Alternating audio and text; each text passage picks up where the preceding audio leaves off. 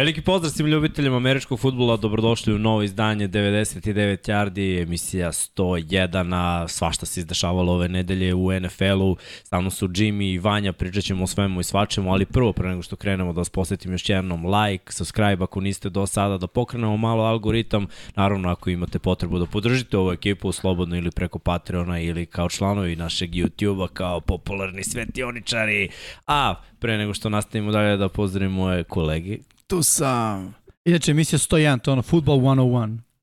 Aha. Da, da. Ajde da vas odmah pitam. Trade, tradeovi, tradeovi, desilo se svašta. U nedelju Uh. Robbie Anderson benchovan na poluvremenu, već u ponedeljak Uveče, novi dres, Da. nova avionska karta, novi grad.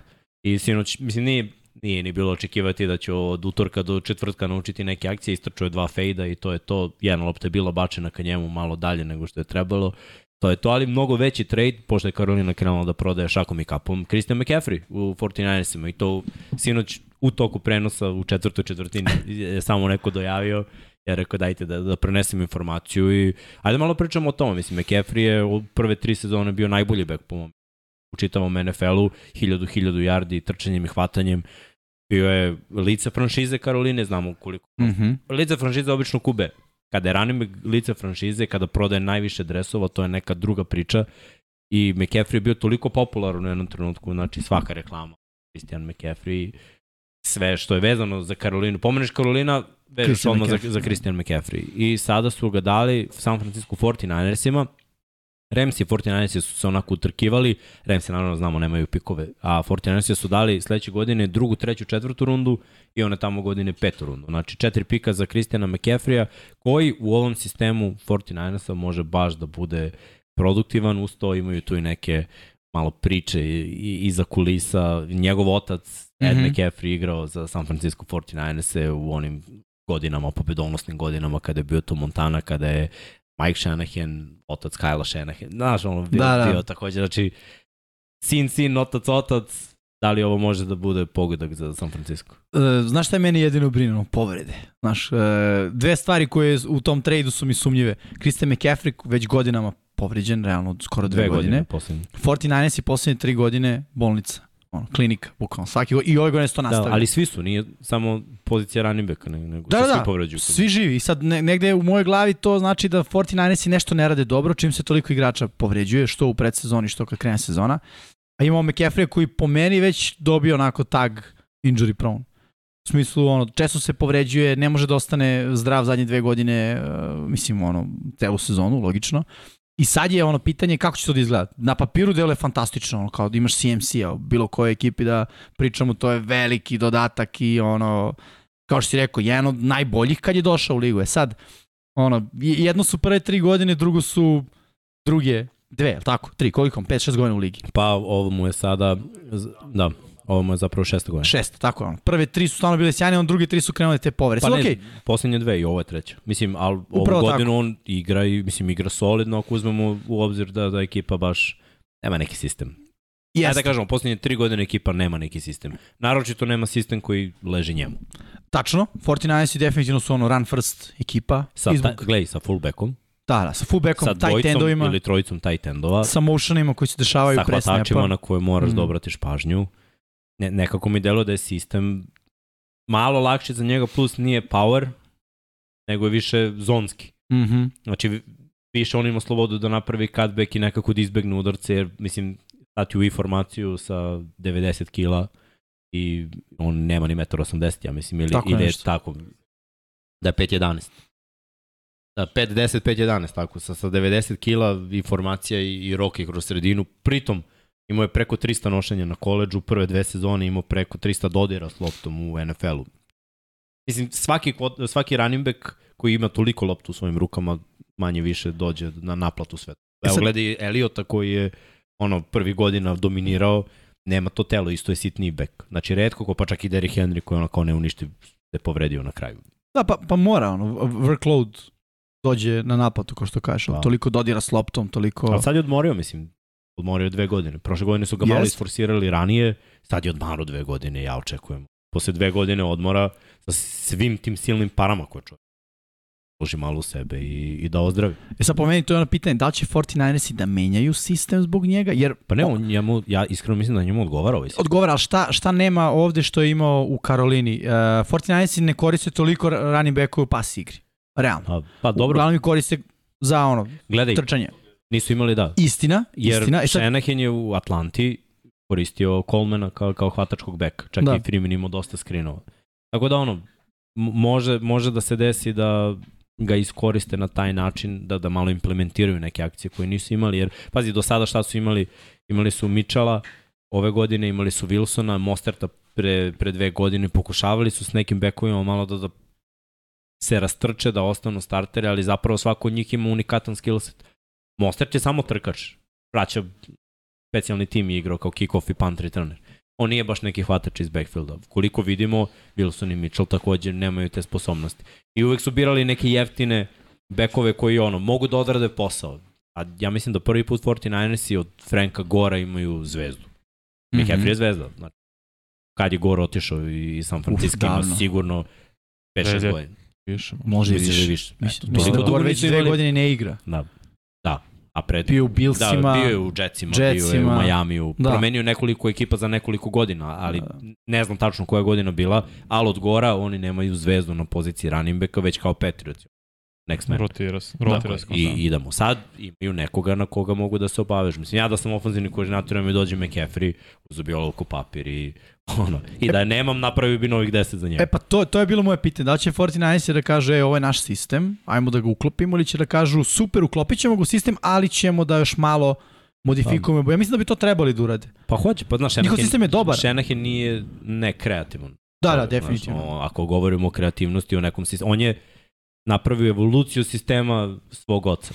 I ti kad Mhm. pogledaš sve koji su od Majka Šenehena Mhm. treneri, sve se svodi na, na, na istu foru, na tim zonskim kretanjima levo, desno, ali on je toliko ubacio motiona, različitih trepova, blokova, pulova, neke stvari koje nisi mogao da vidiš i sad, sad je to sve lepše i lepše. I naravno, mora da imaš personal koji može to da odari. Super Tako kad je. ti možda zamisliš i onda, znaš, ono, gledaju ti igrači kod telad, ono, Što sad? šta sad? Pa, Da. znaš šta mi još ovo govori dve stvari, da San Francisco veruje da ima Super Bowl kalibar roster. Jer ne bi ti dao četiri pika naredne godine, to je četiri pika iz četiri različite rude, što si rekao, druga, treća, četvrta i one tamo 2024. peta runda, da ti ne misliš, ok, ja sam sad spreman da osvojim Super Bowl. A i druga stvar, rekao si, Ramsi su ga tražili, Billsi, negde su se spominjali Chiefsi, što znači ti si direktnim konkurentima za Super Bowl oduzeo jedno oružje koje bi njima služilo. I onda bi, Andy Reid bi isto smislio način kako iskoristi McCaffrey-a do svog uh, maksimum potencijala. Tako da na taj način 49 su sebe ojačali, a i zato oslabili i glavne konkurente. Ja se slažem s tom, oni jesu kandidati za Super Bowl. Pogledaj su stigli prošle godine. Da, sa, Sa- sa sličnim rosterom. I sad, sličnim rosterom i sa ono Garopolom na poziciji QB-a, Da. koji ono ima svoje da. Uspone, ali Mhm. videli smo i tamnu stranu, mislim, ono. pa dobro, bit će tu i, i ove godine Garoppolo, ali McCaffrey ima koliko, jedan, skoro 12 miliona o, ove godine, koje je već plaćeno od strane Karoline, mislim da ima još milion da mu se isplati i sledeće dve godine isto ima po 11, zarez nešto, skoro 12, ajde da kažemo. E, Da. tu će verovatno 49 da, da sednu s njim i da rekonstruišu u, Pa ugovor. bonus. Ma da. je, da, da nekako preprave to, jer opet dečko nije igrao neko vreme, a kad je potpisao ugovor, stvarno je bio najbolji bek u ligi. S druge strane, oni dobijaju ove uh, pikove kom, kompenza, da kompenzije, jer su njihovi treneri, pomoćni treneri postali glavni trener u posljednjih nekoliko godina. Salah kao defanzivni koordinator, pa Mike McDaniel postao kao ofanziv, ko je koordinator trčanja, Mhm. postao glavni Mhm. trener i oni imaju četiri ta pika, a dali su četiri pika Pa tako da imaju Ono. municiju za to. Ne, ne, ovaj, John Lynch radi posao. nulica. pa da. Baš radi posao. Baš radi. GM, ono, svaka čast. Još super za San Francisco što igrači koji su im povređeni vratit će se u nekom momentu ove sezone. Pre svega mislim na Williamsa kao najboljeg levog tekla, na Bossu kao jedan najboljih edge rushera, tako će to da se vrati jer su sad, ovo što Jimmy kaže, klinika je. I Jeste, zato su se da. mučili protiv Atlante. Pa gledaj, tri startno defanzivna linijaša ne igraju, Mm. Da. To, to je problem i to ozbiljno. Mislim. I to, gledaj, ne pričamo ono kao linijaš, nego je Bosa kandidat za defanzivnog igrača godine, Armstead je godine. ono pro bowler, Da. Kinlo potencijal, mislim, to, je to, to su tri linijaša sa potencijalom da imaju 10 plus sekova, sva trojica. I ti ih samo ono skloniš. Koliko god imao dobinu, pritom ko je sve otišao iz njihove defanzivne linije, od onog Superbola izgubili su DeForesta Bucknera, izgubili mm -hmm. su Solomona Thomasa i ti ono sam, samo oda DJ Jones je bio jedan od najproduktivnijih defanzivnih teklova. Znači da, da. I, nje, i njega si izgubio Buko, I ima još dvojica koji su bili jako solidni tu što se tiče produktivnosti. Zna, znam da ono, petoricu su izgubili, trojica su im povređene. Mm -hmm. Od one generacije koja je dominirala kad Pre su dve godine, igrali u Superbowlu, tako je. D. Ford je isto bio tada. D. Ford je bio tu, bravo. Znam, i još jedan je ostao. Ko, još neko mi hvala, rekao si Solomon Thomas, ja DeForest Buckner, D. Ford, mladi Nick Bosa, mislim, mlad bio de facto ruki. I fali još neko. Sjetit će se, nije ni bitno, sve, mnogo igrača su izgubili i nije ni očekivati. Ja, kad sam stavio pik da, da San Francisco dobija, nisam imao predstavu da ni Bo, je pri, bilo priče Ansfred ni Jaru, kilno možda Bosa verovatno i na kraju niko od njih nije igrao. I evo sad za ovu utakmicu protiv Chiefsa, repriza Superbola, kažu Bosa verovatno, a da li će da bude? Vidjet ćemo. Da ćemo sad je da hype vidimo, da. veliki, da. definitivno. Imam sad loše vesti za tebe, sad mi. Ne igra. Ne igra. Ne, out Dobbins. Dobbins, pa dobro, nije ni igramo. A Gas? Nije ni igramo. Gas se vraća. Da, nije se još vratio. Ah, Ima operaciju opet. Da. Nema to, to je, to je ista priča. Ja mislim San Francisco i Baltimore igraju tako fizikalni jak futbol da iste godine kad im je ono bolnica jednima možda nije drugim, ali sledeće godine se ispostavi da jeste. Eto, Baltimore u posljednje tri godine ima dve bolnice, San Francisco u posljednje četiri godine ima da. dve bolnice. Znači to je 10 plus startera povređa. Da, i to je problem i za Baltimore malo izgubio taj identitet jako konstantnog fizičkog futbola, baš zbog tih povreda. Pa da, pa Videli smo protiv Giantsa, sada Giants su igrali fizikalnije njih, zato što ovi više ne mogu tako da igraju, nemaju igrače za to. Ne možda, znaš kad tumbaš mnogo i u toku utakmice pokušavaš da prebacuješ igrače s levog tekla na desne. Jedno vežbaš ti u toku treninga i da, probaju svi da stanu na određenu poziciju da mogu da budu rezervisti. Ali kad znaš da je ovaj 10 treninga i 5 utakmica u sezoni, levi tackle, levi guard, centar, desni tackle, desni guard, da sve to stoji kako treba i da tako igrate utakmicu, ako odradi posao mnogo bolje. A ne ako je ovaj se povredio, ti pređi ovamo, ti se klupi, uđi ovde, pa sad ti stani ovde, da. ovaj će ovde i igraš protiv ekipe koja je zdrava, mislim, ti znaju šta treba da radi. Ne, ne ide to tako. Jako je teško. I da ne pričamo o presingu, gde ono, ubaciš šestog rašera da, da igra protiv s druge strane prvog tekla. Može da se desi dobar i dobar posao jednom ili dva puta, ali drugo je, evo baš za San Francisco, kad stane bossa, on samo da stane već je ono, faktor straha. Jest. Već, def, već teklo razmišlja, ok, mora bude malo brži, ne smijem da ispolim ruke, mora ugo da bude savršen, ne smijem da šutovim. Kad stane neko drugi, budeš u ono, ono, ok, mislim da imamo. Da. Faktor straha, to, to je ono, vrlo važno kad imaš ta, takve igrače. I mislim, pazi, s McAfreyem oni dobiju mnogo toga. McAfrey možeš da motionuješ i na receivera. Zamisli imaš formaciju gde, gde, gde je tipa kao pistol, gde je McAfee na 7 yardi ovde, Jušček u ganu, po, pored Garopola ti motionuješ McAfee-a. Sad Jušček može da trči, McAfee opcija da, da, da fata loptu zajedno sa Samuelom i Ajukom, a tu i Kittle, mislim. Imaju oružje, ono, zastrašujuće. Imaju, definitivno. I ono, Samuel i CMC su sada ono, dual threat, u smislu, hvatač slash running back. Mislim, logično Samuel je receiver, ali znaš, zamisli samo i vidjet ćemo to, sigurno sam ono jednom trenutku u backfieldu Samuel, CMC i Jušček. Mislim, to je stvarno ono... Neka, wild, neka luda Wildcat formacija. Ne zna, Wild Wildcat formacija. Da, zašto ne, mislim. Istina. Samuel radi read options sa, sa McCaffrey. Jest. Koliko puta vidimo drugi timovi da, da imaju takve... Evo ti Tyson Hill kako god uđe u igru, ti nemaš pojma šta će on da uradi. Mislim, jako je produktivan. Zašto ne bi to mogo Dibo Samuel? Dibo je već bacao touchdown, već je trčao touchdown, hvatao touchdown, znači otvara ono, nova vrata kreativnosti. Ajde da kažemo, to, to, to je to što se tiče nekih trejdova ko, koji su ovaj, bili očekivani, najavljeni nakon otpuštenja trenera. Delo je da Karolina ide u potpuni rebuild. Mene delo je da će malo i da tenkuju sezonu. Pa da će biti ono odabrane kalkulacije kako da završe na broju 1 i da izaberu quarterbacka. Mislim, jer ono, kuća je gorela, Baker je dono benzin, mislim. I to ono bezolovne, znaš, on brže plane. Ono. Eto što sam vruć. da, da. I sa, sad, sad je ono, baš pakao Da, ja tu definitivno ne vidim da Darnold preživljava ovu sezonu. Ne, Mislim, do, do sledeće.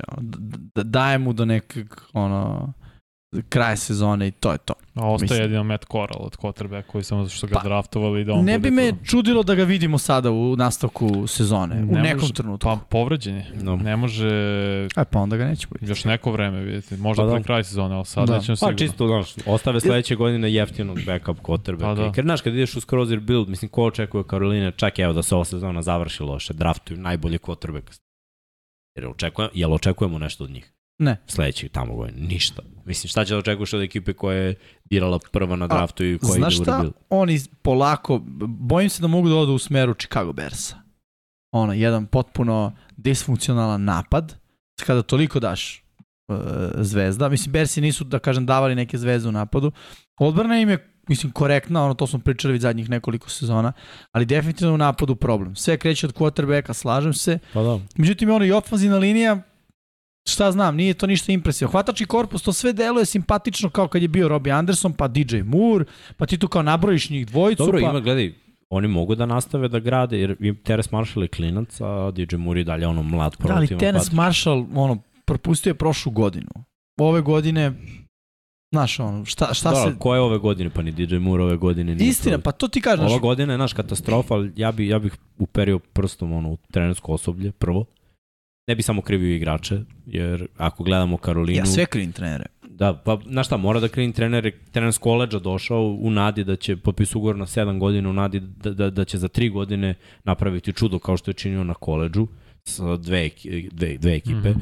Onda je došao ovde i to jednostavno ne ide, mislim. Na koleđu ćeš lako od prosečnog igrača da ono, da ga malo da mu digneš samo pouzdanje, napraviš od njega igrača koji može da ti igra. U NFL-u, mislim, prosečan igrač, prosečan igrač, no, doći Terry Hill i spržit će ga. Može ti njemu u glavu da usadiš, najbolji si koren u ligi, razumeš? Ne, Pa- neće rešiti to u svoju korist. Ali- I dono je doveo trenera iz Giantsa koji su ono propast, brate, ofanzivni, da mu budu ofanzivni koordinatori. Mislim, oni da su znali nešto da rade kako Da. ekipu su imali u Njujorku pa su upropastili. Loš, okružio se lošim Stefom, loš Stef i ostao i sada. Ovo sad što je trenutno ostalo u Karolini isto katastrofa. Najbolje da, da ono, potonu i da biraju prvi na draftu Pa- i sledeće godine je čistka. Mislim da, da, da to jeste. I nekako, evo, ajde da pogledamo nekoliko sezona unazad i ti treneri sa, sa koleđa. Nije to odgovor u NFL-u. Da. Definitivno nije odgovor.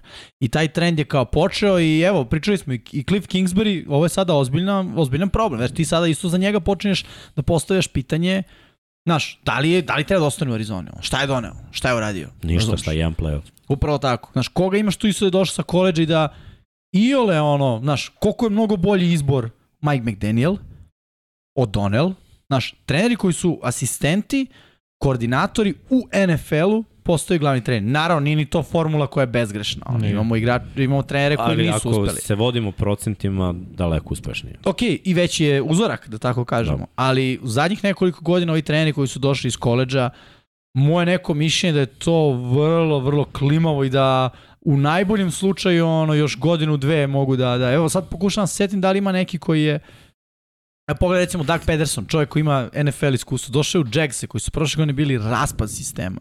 Oni već sad deluju kao respektabilnija ekipa.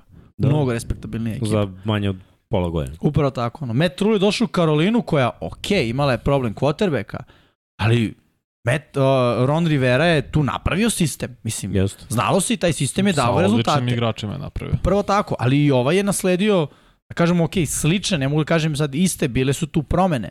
Ali ono, njegov zatak je bio da ono, uveća te promene, da te promene budu još bolje. A, ali eto, nije, nije se desilo. Mislim, ono, Da, pa ne, imali smo nekoliko katastrofa koleđ trenera. Koji su baš ono ra- razneli mm, franšize. Nećemo se vraćati na Urpa Da. Majera i... To, to. ne, ne, fijasko. da, Što se vratimo na Chipa Kelly. o ne, o ne, znači, ne, Eaglesi živio su ono, čovjek i dalje od toga. Ne, ne, ja Eaglesi isto- su dodge the bullet. Isto, isto ne podržavam to, to angažovanje koleđ trenera. Ko, drugačije vodiš momke, drugačije vodiš ljude. profesionalstvo. Treneri ljude. imaju svu moć tamo. Da. Ti kao glavni trener to nemaš ovde. Tako je. NFL-u. Ima, ima jedan čovjek i videli smo da on ima granicu, to je Bill Belichick. Drugo, Ima ajmo da, neko iznad njega. i ajmo da kažemo još jednu stvar, znaš, uh, nivo takmičenja na koleđu. Ti ako si Alabama, ti imaš ono nekoliko loših utakmica. Mislim, protiv slabijih protivnika, značajno slabijih protivnika. I ako si ono, i Clemson i bilo koji od tih dobrih univerzita, ti ćeš u toku sezone imati utakmice u kojima će neko delovati dobro na filmu. U NFL-u to je jako teško. Znaš, mi smo kao otpisali Jackse pre početak sezone, pa je bilo iznenađenje. Čak i protiv Houstona imaš ekipe koje se ono, mislim, muče se. Znaš, Detroit i tako nekada da kažemo ekipe koje trenutno imaju svoje probleme. Znaš, niko ne dođe sa, mislim, niko. Redko ko dođe samo pregazi. Ti Eaglesi koji su 6-0, kako sam ovo a? Ovaj su sa Detroitom odigrali prilično onako, znaš, ok, dominirali su, ali rezultatski gledano Detroit je bio tu. 38-35, 3 pojena razlike. Na koleđu, znaš, takve stvari, ja, ja nekad kad pogledam ono, recimo kvote na koleđu, ono kao hendikep, početak meča 22,5, minus 22,5. Mislim, koji je to ono favorit, čoveč? Tu se pobeda ne dovodi u pitanje, bukvalno. To u NFL ne može se desiti. Mislim, Pa da. ono, pogotovo ove sezone, ja mislim da je najveći spread bio možda 8. Dobro, je. Devet. Mislim, Pa ima da, ove preko godine- 150 ko timova na koleđu. Ove godine je skoro, skoro svaka utakmica na 1%. Da, tako da hoću da kažem da, na primjer, sa taj Chip Kelly, taj Urban Meyer, sve, znaš, oni naprave neke sisteme i recimo pokleknu od nekih ozbiljnijih ekipa u koleđu, ti kažeš, pa dobro, eto, imali smo devet pobeda, mislim, eto, jedan poraz, ko što nas je play-offa, ili dva, ili tri. Nije to strašno, ali kao postoji sistem, pa jeste, ali je takmičenje mnogo slabije. Mislim, respekt za college futbol, ali mnogo slabije od NFL-a. Da, da. Ritam je drugačiji. Sve, ma ima hiljadu, da, da ne ulazimo. Stvarno, da. Stvarno je razlika nebo zemlja. I ovaj, totalno, totalno podržavam angažovanje koordinatora. Mm. Mm. Zaista je to, to se pokazalo. Plus imaš trenere koji su penzionisani. Trenere koji mogu da razviju quarterback. Znaš, na primjer, Sean Payton je u penziji za neku dobru cifru, zašto se ne bi vratio. A Sean da- da Payton bude trener. moraš Saintsima da platiš. On je pod ugovorom sa Dobro, njima. ej, ali ideš u rebuild. Dobro, novi, moraš da novi je vlasnik, Ne, ne, hoćeš da vaskršneš moraš franšizu. da otkupiš ugovor i da zapravo traduješ za Sean Paytona. Dobro, De facto. Ne bi bilo Ali- prvi put da se tako nešto Ne bi. desilo, ali šta dobijaš time? Dobijaš Upravo trenera koji je vodio ekipu mnogo godina u play-offu, trenera koji je osvojio Super Bowl, Pričamo trenera da, koji je u bilo kojoj ekipi koja nema Ok. quarterbacka ko, koji je ono, da, mladog quarterbacka ko, koji je zvezda kome ne treba sazrevanje. Znači ima mnogih timova koji imaju mladog quarterbacka koji, kojem je ono, bi dobro došao čovjek da mu šapću i da, da ga unapredi igrački. I glej, za sedam utakmica James Winston je najbolje izgledao u svojoj karijeri kada je Sean Payton bio trener. Jest. Mhm. Evo već sad izgleda katastrofa. Veruj mi da bi Andy Dalton izgledao isto mnogo bolje da da je ono Sean Payton tu. Sean Payton je ona možda psihopata malo, zna kako žele neke stvari da se odrade. Ja nemam nikakav problem s tim, mislim. Trener koji zna kako treba ekipa da igra, vodi ekipu tamo gde treba da je vodi. Tako da ono, postoji još nekoliko trenera, ali ajde da ne pričamo o tome, doći će doći će vreme za to. Ali da se mi bacimo na ono što je vrlo važno, a to je sve što se dešavalo prethodne nedelje, pa da vidimo Srki neku grafiku, neku E, trans... Ne, ne, Ali ne, ne. pre nego što krenemo, da, ajde da se osvrnemo na one lepe stvari, nije tu Srđan Erceg i dalje, ali ajde ja ću da kažem, mazite se i pazite se i zaista je to i oktobar sada kao mesec eh, gde se onako skreće pažnja na borbu protiv uh, raka dojke, tako da devojke testirajte se, uh, odradite taj screening, uh, momci podržite ih u tome, naravno, a i ono, svake nedelje pričamo uh, o, o UNICEF-u i o toj našoj saradnji koje imamo uh, sa, sa njima. I eto, pozivamo zaista ukoliko ste u mogućnosti da pošaljete poruku 200 ili 500 na broj 9656, pod na taj način postanete mesečni donator uh, UNICEF-a i eto, ajde da uradimo nešto, nešto lepo uh, i, na, i na lokalnom nivou, a zašto ne i na, i na globalnom nivou. Eto, imamo, imamo priliku da kroz ovu akciju uh, uradimo tako nešto. Tako da ono, uh, mazite se i pazite se, definitivno. Ajmo sad na futbol. Ajmo, cepaj. Srđane, Da počnemo. Uf, krećemo od pregleda prethodne, pre, prethodne nedelje, a ovo je bio jedan od derbija, pa da kažemo dve najbolje ekipe u AFC-u. Mislim, mora tako da se kaže. Pre ove utakmice oba tima su bila na 4-1 i ove ekipe bi vrlo lako mogla da se sastanu u finalu AFC-a. Prethodne godine ovo je bio divisional, igrao se isto na Aeroheadu. Ove godine možemo da kažemo da su obe ekipe pokazale u nekim trenucima dominantne partije, a u nekim trenucima da su ono smrtnici. Jedni i drugi. Buffalo je igrao Eagles s Baltimoreom, pobedio field golom ono, u posljednjoj sekundi, bukvalno utakmicu koju su gubili. Izgubili su od Majamija. S druge strane, Chiefs su izgubili od Kolca, igrali su tesno protiv Chargersa, jedan interception za 99 yardi koji je bio pick six mm. -hmm. i im je doneo tu pobedu. I onako, uzmi, oduzmi, razmisli, bilo je egal. Utakmica je krenula, takođe bio egal. Malo traljavo u prvoj četvrtini, 10-10 u drugoj, ono, na polovremenu 10-10, to je Ja sam iskreno više ovde očekivao playoff utakmicu nego što sam očekivao ono 50-50 da bude na kraju. Da. Zašto? Zato što je ono statement. Moraju jedni i drugi da, da pokažu, ok, mi smo najbolji tim u AFC-u. I bilo je grešaka na obe strane, rekao bih da je Mahomes pokušavao da bude onaj Mahomes od prošle godine, isfors, isforsira i po svaku cenu. Možda malo i pritisak da, da, da Chiefs u ovakvoj utakmici stave do znanja Billsima da se ono neće predavati. Na četvrtom downu idemo. Imamo ono pokušaj za gol, idemo na touchdown, znaš, ne, neće check down, ne, neće ono da dovolje field goal, da, da moraju tako da igraju protiv Bills. To su radili Ravensi. Mnogi ekipe imaju paniku, ja mislim da protiv Billsa moraju da daju touchdown. To je jako dobro određen marketing, ja tako bih rekao Billsa, da protiv njih moraš da daš 7 umesto 3, a zapravo ne moraš. Zapravo bi mogao i, i sa dve trojke da odradiš dovoljno dobar posao. To je ista priča kao sa Chiefsima prethodnih da, godina. Ali, mislim, to, to je priča, to, to je ono trač koji se šuška. Na kraju, kada je bilo najbitnije, Billsi, ovo je druga utakmica, tesna derbi utakmica koju oni rešavaju u drugom polovremenu daju 14 poena u drugom polovremenu kada je najbitnije. Allen je igrao monstruo meč, njegova trčanja su na kraju u tom pobedonosnom drajvu bila ključna. Mislim, čovjek je preskočio od defanzivnog beka. Da. Opet. Opet, da. I, i bilo je bilo je dobrih akcija zaista i Gabe Davis je je postao jedna od najubojitijih vertikalnih pretnji u, u NFL-u. Ako vam nije delovalo prošle godine u play-offu, ove Sad godine jeste. definitivno je tako. Chiefs imaju ono, rookie secondary koji ih, ono, mogu da ih košta protiv Raidersa, mogu da ih košta protiv Chargersa. I malo, malo po malo svi timovi sad počinju to da koriste. Znaš, sa Stefanom Diggsom i Gabeom Davisom, ruki cornerback i safety, to baš ne pije vodu. Nekako mi je to bio problem. Opet, bili su na 4 poena od Bills. To meni nekako govori da, da je AFC prilično izjednačen. Da čak i ove neke ekipe koje nemaju ovaj skor kao što imaju Bills i Chiefs i koje su onako dole bi mogla da im skinu scalp je, jer su ono ranjivi. Nije, nema više ono te neke dominacije. Billsi deluju najbolje od svih ekipa, stoji. Pojer je opet imao interception. Mm -hmm. Ali nisu ono, možda stoje jedan stepenik iznad svih drugih. Nije, nije ono kao baš su na vrhu planine, a, a svi su dole daleko, daleko od toga. Slažem se, nije, nije apsolutno dominacija i mislim da je to generalno i dobro. Prvo, dosta i rano, Uh, dobro za Bilse, kažem, dosta je rano da se sad, ne znam kakav futbal igra. I ovo je bilo upravo ono što si ti rekao, pametan futbal sa obe strane. I ono, dobro spremljene odbrane, mislim na ono što, što će da se desi. E sad, s jedne strane Kelsey je nemoguća misija za ceo NFL.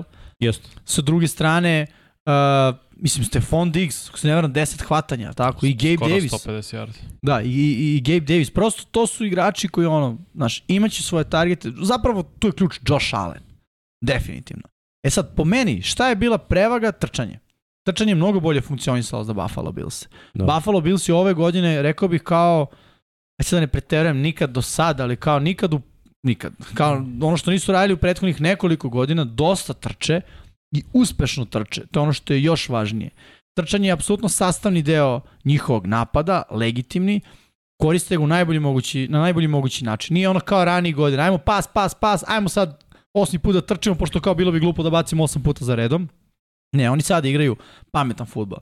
Vrlo, vrlo dobar futbal i kada to dodamo a, odbranu njihovu. S druge strane, Chiefs ok, jeste taj sekundari, slažem se, ali opet 24 pojena dati na eksplozivni napad u, u NFL-u, po meni. Nije to sramota. Nije, no, nije. To je sasvim ono ok. Ima prostora za napređivanje. Ima, ima definitivno. E sad ono, o, zašto mislim da ekipe igraju četvrti down? E, Buffalo, kao što si rekao, ono, ove godine, na prepočetak sezone, no, mnogi ih vide kao broj 1 u celom NFL-u, logično i u AFC-u.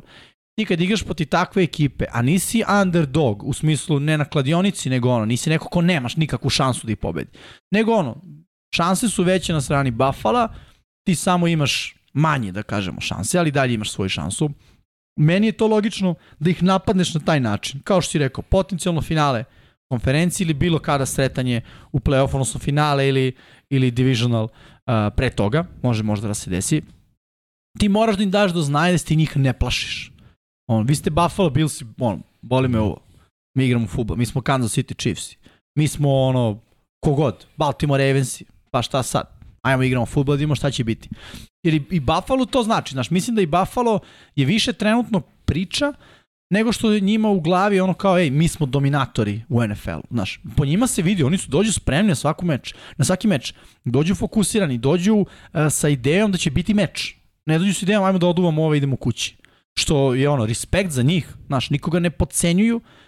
S jedne strane to je dobro jer si kao imaš ozbiljniji pristup utakmici, s druge strane i dalje govori da i oni sami sebe ne doživljavaju kao mi smo favoriti broj 1 za osvajanje Superbola ili ono ekipa broj 1 u, u AFC-u. Treba će vremena, jer porazi bole, pogotovo porazi u play-off. Znaš, ono, Patriote su imale perfect season do Superbola i to ih boli mnogo više taj jedan poraz u toj sezoni nego bilo šta drugo u sezonama kada su osvajali Super Bowl i ne znam kakvi porazi to je. To je ono što se računa, znaš.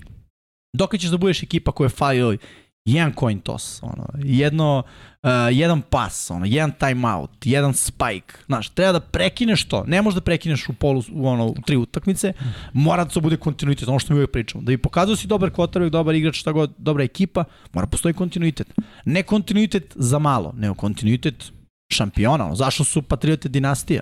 Jer su kon, ono, kontinualno kroz 20 godina osvajali Super Bowl. Da, Pa I opet, da. znaš šta, izvini, Uh -huh. choke moment polako nestaje. Tako je. Jer, Pa da. evo, ove godine je bio samo jedan choke moment, nisu, Protiv Miami. nisu da spajkovali loptu na vreme, mogu su da imaju 6-0. I Mislim, a utakmice nisu ono kao razbili su bil, Remse. Samo to. Ovo ostalo, ok. Mislim da i to je bilo taj primjer protiv Rams samo da dokaže da su mogli to da uradi prošle godine. Da, da. A sada više nis, oni nisu favoriti iz, iz razloga jer prošle godine nisu igrali fokusirano. Igrali su divlji futbal. Igrali su na što više poena. Sad igraju pametno, fokusirano i tempirano. U smislu ne moramo sve da rastorimo. Mhm. Dovoljno je da igramo čist futbal, da mi budemo efikasni i u napadu i odbrani. To će doći što i dolazi. Allen uopšte nema više tih divljačkih momenta. On je potpuno uh, rasterećena igra. Ništa ga ne dotiče. U svojoj nekoj zoni konstantno može grafika Srki tamo pusti. U svojoj nekoj zoni je i ne može, evo pogledaj. Nula interceptiona. Nula. Mahomes Ima je dva. 300, preko 300 yardi, 3 touchdowna.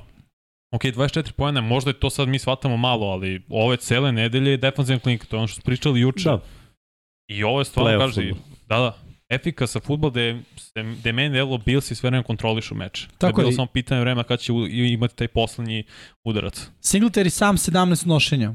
Kombinovano, da kažemo, prva dva Mhm. trkača, odnosno E- Edwards i Lair i uh, Mahomes, koji nije trkač, imaju 13. Manje nego on sam. Ako na ovih je. 17 dodamo 12 Allenovih nošenja, nisu sva bila dizajnirana. Čekaj za jednu sekundu. Mislim, razbili su Steelersi, ljudi Steelersi su imali jednu pobedu do prošlog kola. Pričamo o ozbiljnim timovima. Znači, ozbiljni timovi protiv kojih su igrali Bills i Miami koji imao 3-0, Da, da. Chiefsi koji su imali 4-1 Da, i Ramsi, Ramsi, Re, šampioni. Ramsi u tom trenutku u prvom kolu. Naravno, Ramsi jer su šampioni. Naravno će da razbiju jer su mnogo kvalitetniji. I to se vidi, to je taj moment da ti pokažeš svoju silu. Igrali protiv Pa ruki dobro, quarterbacka. upravo to. I Steelers imaju svoje probleme, mislim, ove sezone. To je Da. definitivno. Tako da, ono, nisu ekipa... Tennessee kojoj... je, mislim, isto na početku sezone raspa tim. Tako je, tako je, tako je. I, mislim ono, i sad nisu ništa bolje igraju u bednoj diviziji gde je Jackson do pre dva kola bio prvi. Tako je. Tako Tako, da Bills i ono, nemaju, imaju, mislim kad igra protiv tako slabih protivnika, normalno će da ih rastave. I mogli su, moglo da bude 50. Ali opet na kraju u drugom polovremenu bilo tempirano skroz, nije bilo potrebno forsiranje. I to je glavna priča za Bills, jer sećaš se nas prošle godine gde je bilo uspona i padova. Izgubili su protiv Jacksona 9-6. To je ozbiljna razlika u amplitudi. Kad ti daješ pre toga na nelju dana uh, Tennessee u 38, onda se spadaš na 6 poena. mm. Šta to znači da nisi konstantan? Nemaš taj ritam, dok sada, kažete, fokusirani su, igraju svoju igru, ništa ih ne dotiče. Samo su fokusirani sebi to je to. Da, da. Definitivno i dalje meni deluje kao najozbiljnija ekipa u, u NFL-u, u Pa, svakom smislu. A e, Chiefsima se ovo kolo vraća, to ćemo pričati kasnije, linebacker Willi Gay, ko bi sigurno pomogao, jer imam najbrži linebacker koga imaju. Chiefsi mogu bi dosta pokrije toga, pre svega trčanje Singletarija. Ali ni Chiefsi sad, ono, sem te greške Mahomesa koji je isforsten, što si ti rekao, nemaju sad jedino to neforsiranje trčanja. Jer imaju, mislim, okej trkače i Ja ne znam dubinu. zašto ne veruju oni Edward Zileru. Me, meni je to nestvarno. Momak Ma- kao ruke ima odličnu sezonu. I to je jedino što smo videli od njega u NFL-u. Ne zato što on I Pančeko isto, mislim. nije... Pa dobro, ajde, ok, meni je on I- onako potencijalni Tyreek Hill. Ono, za tri godine ćemo da imamo njegov potencijal. Znaš, oni njega sad tu šetaju, malo hvata, pa malo... to, ali ne koriste ga dovoljno. Bilo je mečeva gde je on na početku baš Jeste. imao jaka trčanja i odlične poteze, sad sve manje manje. Slažem se, ali to je ono, znaš, Andy Reid je odlučio da je ovo pass first ekipa, Patrick Mahomes spotlight, mislim, ima smisla, naravno nije on kao to odlučio, jer ima Carsona Venca na poziciji quarterback, nego ima potencijalno jednog od najboljih svih, isto svih vremena, mislim, ono, bit će u toj priči sigurno za deseta godina ili kad već, Da. Ali ovaj... E, nije to priča samo ove godine, mislim. Andy Reid u svojim sistemima nikad nije bio power, power run. Nikad. Da, da, da, tačno. Ni u Philly, Da. za one silne godine, ni ovde. Mislim. I Ja uvek- mislim da je samo jedna godina bila, to je bila godina kad imao Karima Hanta, ali znaš šta, Karim Hunt je pravio od dizajneranih trčanja za 5 yardi 20. Mm, I onda ono, mislim, daj mu loptu. jeste. Znaš, ne, ne možeš ni da razmišljaš. Sad, opet- sad Edward Hiller je okay back. Meni je on Ali on, dobar. on dizajna za, za 4 yarda osvoji 4 yarda. To je. Jeste. To je Ali u glavi, u glavi Andy Rida u dizajnu akcije pas za 5 yardi, Mahomes može da napravi 20. I Da ne samo Holmes, nego on yards after catch. Da, da. U smislu, da, da, razumem, razumem šta hoćeš da ide u kažeš. tom smeru i ra- radio je to i sa Vikom u filmu. Jest. Znaš, čim ima kotrbe kako je malo može njegov sistem da, da, da napravi zanimljivim, Andy Reid je Da, da, i sad baš razmišljam, on je u Philly dok je bio, running backovi su uglavnom, jedino Deuce Staley bio onako, a nije ni on bio klasičan power back. A, ne, nije, nije to to. Bra- Brian Westbrook je bio taj shifty. Tako je. I on se baš koristio. Njega je baš baš više, koristio. Više u dodavanjima na skrinu. Da, da, da, to naravno. trčanje. Kao što i sada radi u, u Chiefsima, onako. On je negde to onako doktorirao kao To pristup. je Andy Reid, znaš. An- Andy Reidu treba, mislim i Bienemi koji je ono, pazi, bio u backfieldu trener Minnesota Vikingsa kada je bio Adrian Peters. I sve to nekako naginje na tu stranu Reidovu da running backovi manje trče. Ali- Iako imaju all-line za trče. Da, ali ja mislim, znaš, da, da to nije, da ih to neće Nije, odvesti E, do gledaj, samog kraja. možda promen. Mo, da, naravno, Možda je ono, pr O, to prvu i polovinu govorili. sezone, to očekujem. prvu polovinu sezone, ajde da malo krene Džuđu, krenuo je Džuđu na ovoj utakmici, ajde malo Vaske da, da, da se i on uira, krenuo je i on, znaš da ne bude samo Kelsey. I sad malo ide distribucija lopte, verovatno u drugoj polovini sezone, e, ajde da malo poradimo na trčanju i u play-off uđemo spremni, mislim. Defanzivno da, da se poboljšaju. Tako da ono, jedni i drugi imaju mane, jedni i drugi imaju falinke, Apsolutno. ali jedni i drugi su dobri timovi. Zaista očekujem to da budu mm. -hmm. lagano prvaci svoje divizije. Sad, nakon svega što sam video posle šest kola, ovo su meni favoriti za osvajanje istoka i zapada. Pogledat ćemo i divizije. Mojem poslančan što se tiče Billsa, Von Miller je najbolje potpisivanje u on je u Peljevu. To je taj kalibar igrača gde kada je bitno napravi play. Mhm. Prosto i jednostavno. I liderske sposobnosti. Apsolutno, apsolutno. Vidi, Mnogo će, znači i on koliko sad, njegov doprinos više se vidi u tome koliko fali Ramsima nego što doprinosi, Billsima mnogo im doprinosi. Da, da. Tako da je Von Miller za mene najbolje potpisivanje. Ćemo da vidimo sada divizije, upravo tako, evo ga istok američke futbolske konferencije nakon šeste nedelje, Billsi 5-1, Jetsi, bravo sa dna, 4-2, mislim, prošle sezone dna. Uh, Miami 3-3, New England 3-3. Ovo odjednom postade ono... Pa nije odjednom. Ja RC sam mislio da će, ja sam mislio da, da, da će Jetsi biti na poslednjem mestu, ali sam očekivao od Majamija i od New Englanda playoff, mislim isto kontenderi da budu. I, i gledaj, i dalje su svi ovde playoff kontenderi, jer ostatak, mislim, ajde da govorimo o prvacima divizije, Buffalo će ovde osvojiti istok. Dve ekipe mogu da uđu u playoff iz ove Mhm, divizije, mhm. sigurno. Mislim, bit će velika borba, jer u drugim divizijama isto imamo po dve ekipe koje mogu da uđu u playoff, ali ovde će biti klanje unutar divizije, gde, gde za sada Miami ima malu prednost. Jets imaju jednu pobedu, Patriots imaju 0-1, to je problem. Buffalo ima 0-1 u diviziji, mislim. Poraz od Miami. Ali na, na, oni će nanizati dovoljno pobeda da ostanu prvi. Ostale ekipe će morati da razmišljaju o konferenciji gde vidimo 3-2, 3-2, 2-2 i o diviziji. Mhm. Taj tiebreaker će napraviti čuda. Znamo da ono na kraju posljednje dve, tri nedelje krećemo da, da se Al- gađamo svim tim ono. Ovaj je dobio ovog, ovaj onog, ovaj Iskreno, tiebreaker. M, Ja očekujem da će Jetsi sad malo da naiđu na Zidić, ajde da ne kažem Zid, ali na Zidić. Ništa ono negativno protiv njih, samo mislim da jednostavno sada će se ekipe bolje spremati za njih, znaš. Mislim da pre početak sezone ono dosta uh, na papiru kvalitetnih igrača, potencijala, pikovi prve runde, sve to deluje lepo na papiru, ali znaš, svi znaju da treba vremena da se to uklopi. Fino se uklapaju za sada, mislim, ne, ne, nema šta. Uh, ali mislim da ne pocenjam 4-2, Srđan sad ako gleda, verovatno me proklinje, ali ovaj, ne pocenjujem njihove četiri pobede, samo mislim da je to uglavnom ono rezultat toga što se ekipe nisu dovoljno nisu se pripremale na pravi način. Mislim da sada već kad je prošla ono, trećina sezone, moraš da ih uzmeš za ozbiljno i moraš da se spremiš Mhm. onako, da praviš dobar game plan, da znaš da je Sauce Gardner odličan cornerback, da znaš da im igra po zemlji jako dobra, kombinacija sa... linija brutalna. Kako? Defanzivna linija brutalna. Defanzivna linija brutalna, tako i da ono, počneš da ih gledaš kroz objektiv Roberta Saleha i San Francisco 49ers, jer ovo zaista liči na 49ers iz vremena kad je Saleh bio tamo. Biće još bolje kada budu doletili pikovi. Daj da vidimo zapad. Zapad AFC-a. Mislim, osim Raidersa koji su bili na baju, i koji se raspadaju i Koji su bye bye. Mislim, Denvera ko, koji je ono Prozan. Evo imamo ovde komentare navijača Denvera, žao mi, ali, ali Denver je ono, baš propast ove godine. 0-2 u diviziji, već, to je već ono, dva koraka iza, 1-3 u konferenciji, takođe problem, neke dobijene utakmice nisu smele da, da, da se izgube. Ono, Seattle, Indianapolis, evo, okreni, to je 4-2. To su dve dobijene utakmice. Protiv Seattle fumblovi, protiv Indianapolisa interceptione, mislim. To, to su dve utakmice gde si bio bolji, igrao si ružno, si bio bolji. Da. I ko, koga ovde briga ko igra ružno, ko igra lepo. Pobeda je pobeda, možda da je. igraš najgori futbol ikad i da Mm. dobiješ. Imao bi 4-2, bio bi na dobi prvog mesta. I imao bi opet ma, malo bolji skor u, konferenciji. Bilo bi 2-2.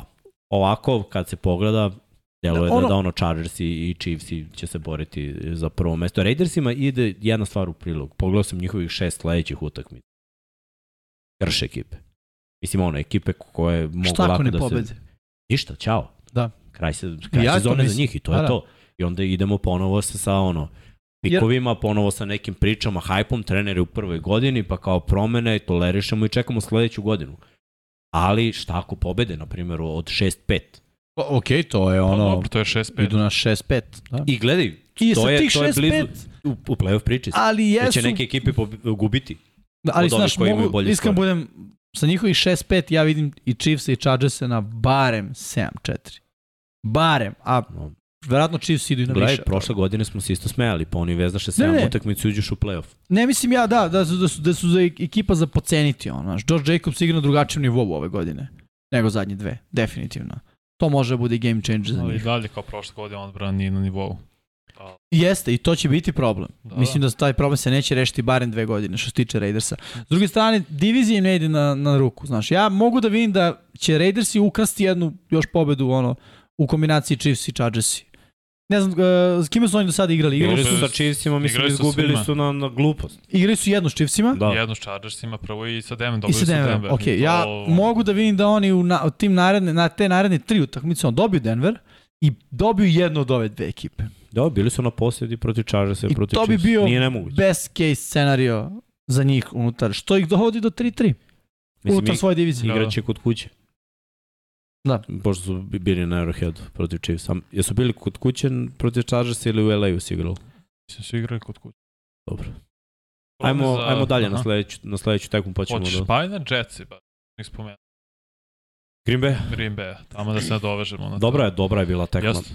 Jets i Jest. Green Bay, iskreno... Sveći se kad smo pričali o tome, ja sam rekao ne bi me začulio da, Da. da. Jetsi iznenade, ali mi samo bilo neverovatno da Packersi dođu nepripremljeni Ne, ne, i na ovaj meč. Znaš šta mi je bilo, ajde, ne pripremljeni to. Nikad ne očekujemo od ekipe koja je imala 13 pobjeda sa istim trenerom. Tri Tri godine godine. imaš 13 pobjeda i onda dođeš, ne, to, to, to nisam uopšte video. Lambeau Field. Ima ekipa koji igraju bolje kući i ekipa, znaš, nekim ekipama to nije bitno. Evo Arizona je posle sedam poraza kod kući juče dobila. Mm. Šta ti to govori? Ne znam da igraju kod kuće. Mislim, njima je sve jedno. Oni su ono ekipa, kad ih krene, krene, kad ih ne krene, ne. Imaš ekipe kojima je ono, kuća svetinja. I ono, To su Packersi. I, igraju kući, dominiraju kod kuće. To su Packersi. Lambeau Field je ono, za, za njih svetinja. I kod kuće, da dođu Jetsi, koji biraju pet godina top 10 na draftu, mm. da ne Mhm. kažem top 5, bilo i toga. I da dođu da te o, ošalave. Dobra reč. A, izmišljamo. Da. Ovo je sramota. Ne, samo to mogu da kažem. Ovo je Jeste. sramota. Trki, izvini, ali ovo je, ovo je sramota. Mislim, e, šta je ideja? 41 pokušaj Rodgers i Da, da. 19 trčanja Dillon Jones kombinacija. Da, ali gledaj, to je ono što je Vanja rekao. Nemaju Jetsi samo brutalnu defanzivnu liniju.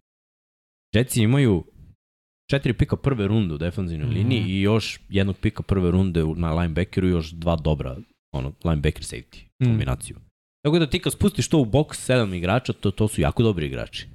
I nije lako trčati protiv ta, takvog front severa. Pazi, na primjer, Packersi nisu neka ekstremno dobra trkačka ekipa. Baltimore je igrao protiv Jetsa. Možemo da kažemo da je Baltimore jako dobra trkačka ekipa. Baltimore nije trčao protiv Jetsa. Baltimore je dobio, zahvaljujući ruci Lamara Jacksona i to što ovi nisu očekivali da će Duvernay da, da se povampiri i, i Bateman.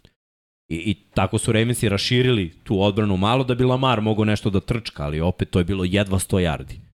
protiv ove odbrane Jetsa. Znači, trčanje nisu ga koristili dovoljno, ali znaš šta, to je back koji trči kada vide te formacije, Jetsi su bili spremni da zaustave to trčanje. I šta je nekada to funkcionisalo za Green Bay? Kad trčanje ne ide, Rodgers ima brutalnu konekciju gde ono, lupam, treći za sedam, ide back shoulder fade za novi prvi down, pomeraš lance, pa možeš još dva puta da trčiš. Ovde je zid Mm. i onda je punt. I onda je problem. Onda je sledeći napad, isto ti kao imaš ideju da trčiš, uzmeš 3 jarde, Rodgers nekompletan pas i sad je treći za 7. I sad je problem, tu nema trčanja više. Sad je opet pokušaj bunarenja i, i pokušaj da, da se nešto uradi. Nemaju hemiju hvatači sa Rodgersom. To smo nemaju, očekivali, Nemaju, mislim. nemaju si, jesmo. Izgleda da samo to ne očekuje Rodgers i... ali, ali smo očekivali da će Lafleur. Rodgers da nadomesti to. Da, da će Rodgers da bude taj igrač koji će, znaš šta, možda ne da, da dobije tekmu, ali da bude ono 27, 23, 27, Ali, 21, da mislim- bude kao protiv uh, protiv Giantsa, na primjer, Giants. ono, jedan posed. Da. O, ovo je Ovo je baš bilo blowout, mislim, Jetsi su ih uništili. Jeste. Osigurano. Garner je prenosio sir na jest, glavi. da.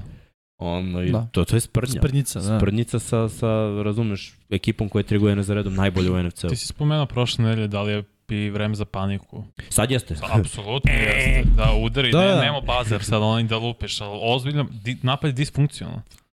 I Pa- nema ni, nikakve ni sad uh, ofanzivne šeme, niti kreativnosti strane Leflera da, da stvori separaciju on, ako pa tači ne mogu onda im stvori neku vrstu separacije da bi se dokazali, toga nema. Pa, mislim, znaš, na koji će način to da uradi? Treba da krene da motiono igrače pre snap. Mm -hmm.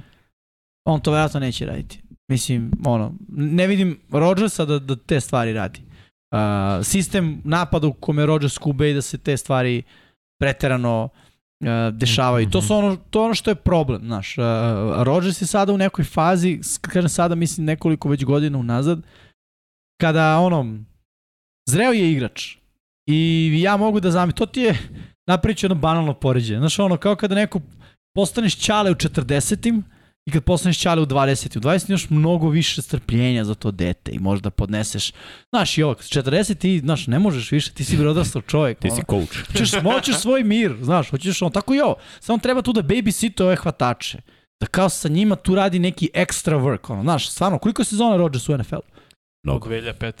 2005. Znači, to je da- 17. Tri nije igrao. Sad ti nakon 17 godina, Od tu treba da, treniruje. sve jedno, ali bacao je loptu, šta hoću Da. kažem, nakon 17 godina provedenih u NFL-u i koleđa i sve, ti sad treba ovim momcima da kažeš, e, ajmo radimo ono off the practice stvari, znaš, ajde se nađemo i da bacamo loptu kao da A vežemo Tom timing. to radi. Ha? Tom to radi. Tom to radi. ali- Russell Wilson nije to radio, još da mu ne ide, ali je to radio. Ok, ali hoću ti kažem, pričamo sad o Rodgersu. Rodgers ja mislim da ono je u fazonu, bacio sam milion lopti u karijeri. Neću da bacim još milion i Da. sto dnevno novih, zato što ste vi nesposobni. Nesposobni. Da. Bukvalno nesposobni. To je ono, uh, digni nivo ti svoje igre. Nisam ja problem, ti si problem. I tu je u pravu, a s druge strane ne možeš nekome da pomogneš tako što mu govoriš ti si problem, nisam ja. Hoćeš zaista da bude bolje. Moraš ti da baciš tih 100 dodatnih lopti, da on isforsiraš sebe, uradiš ekstra korak, jer ako ti nećeš, sigurno oni neće. A znaš šta je Da. problem? On Jer im oni ne se- kaže. Ha? On im i ne kaže, on ih pogleda samo. E, ali to, To je je onaj problem. pogled, znači A, i Mik se priča u prenosi, on samo pogleda i oni znaju.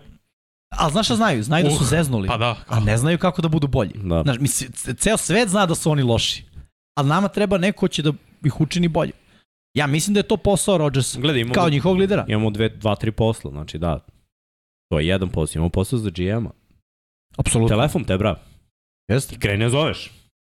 Ima hvatača u Da, ligi. bre, first rounder ima, je čovjek. ima hvatača čovjek u ligi. Traduj. Rodgers je bre posle 17 godina prvi Jesi put ga bacio. potpisao, neće da igra još mnogo. Ono, ako bude sledeća sezona ovako, on čovjek od penziju. Tako je, ja ne znam šta. Je hoćeš da uradiš nešto. Traduj. Slažem Karolina. DJ Moore. Koliko? šta? se. Da, da. Slažem Pr- se. Pik prve runde. Daj ga. Bakhtiarija. Daj pik prve runde. Da, daj ga. Daj ga, ja bih ga dao, realno. E, Mada- ne, ofenzivna man- linija izgleda i sa njim i bez njega grozno. Pa zato ti kažem, daj ga. Put, udarili su Koristi ga devet ga sad. puta, sekali su ga četiri. Mislim, brutalna ofenz- defensivna linija Jetsa, ali mnogo batina trpe. Ja znam da bi Bill Bakhtiarija utopio pre dve godine. Bez problema, ono, kad je u prajmu. Zašto da ne? Misliš šta, on je sad povređen, a zaštićen i kao beli medved. Dajem primer. Ne govori ništa protiv, protiv njega. Ma Njegovi gledaj, nikoga da, da ne tu. otare, nek samo do, do, vedu nekoga, znaš. DJ Moore igra u slotu, igra s polja. Slažem se. returnere, zna se snađu u Odell prostoru. Beckham, pričali smo o tome. Da, to je decembar, to je daleko. Ti moraš sad riziko, San Francisco rizikovao. Daju svoje pikove. Ra- Ramsi to rade, daju svoje pikove. Nema budućnost. Sad zato hoćemo što da je, osvojimo. Da, I zato što je? je sad. Mislim, gledaj, za Rodgersa je baš sad dve godine još ima da igra.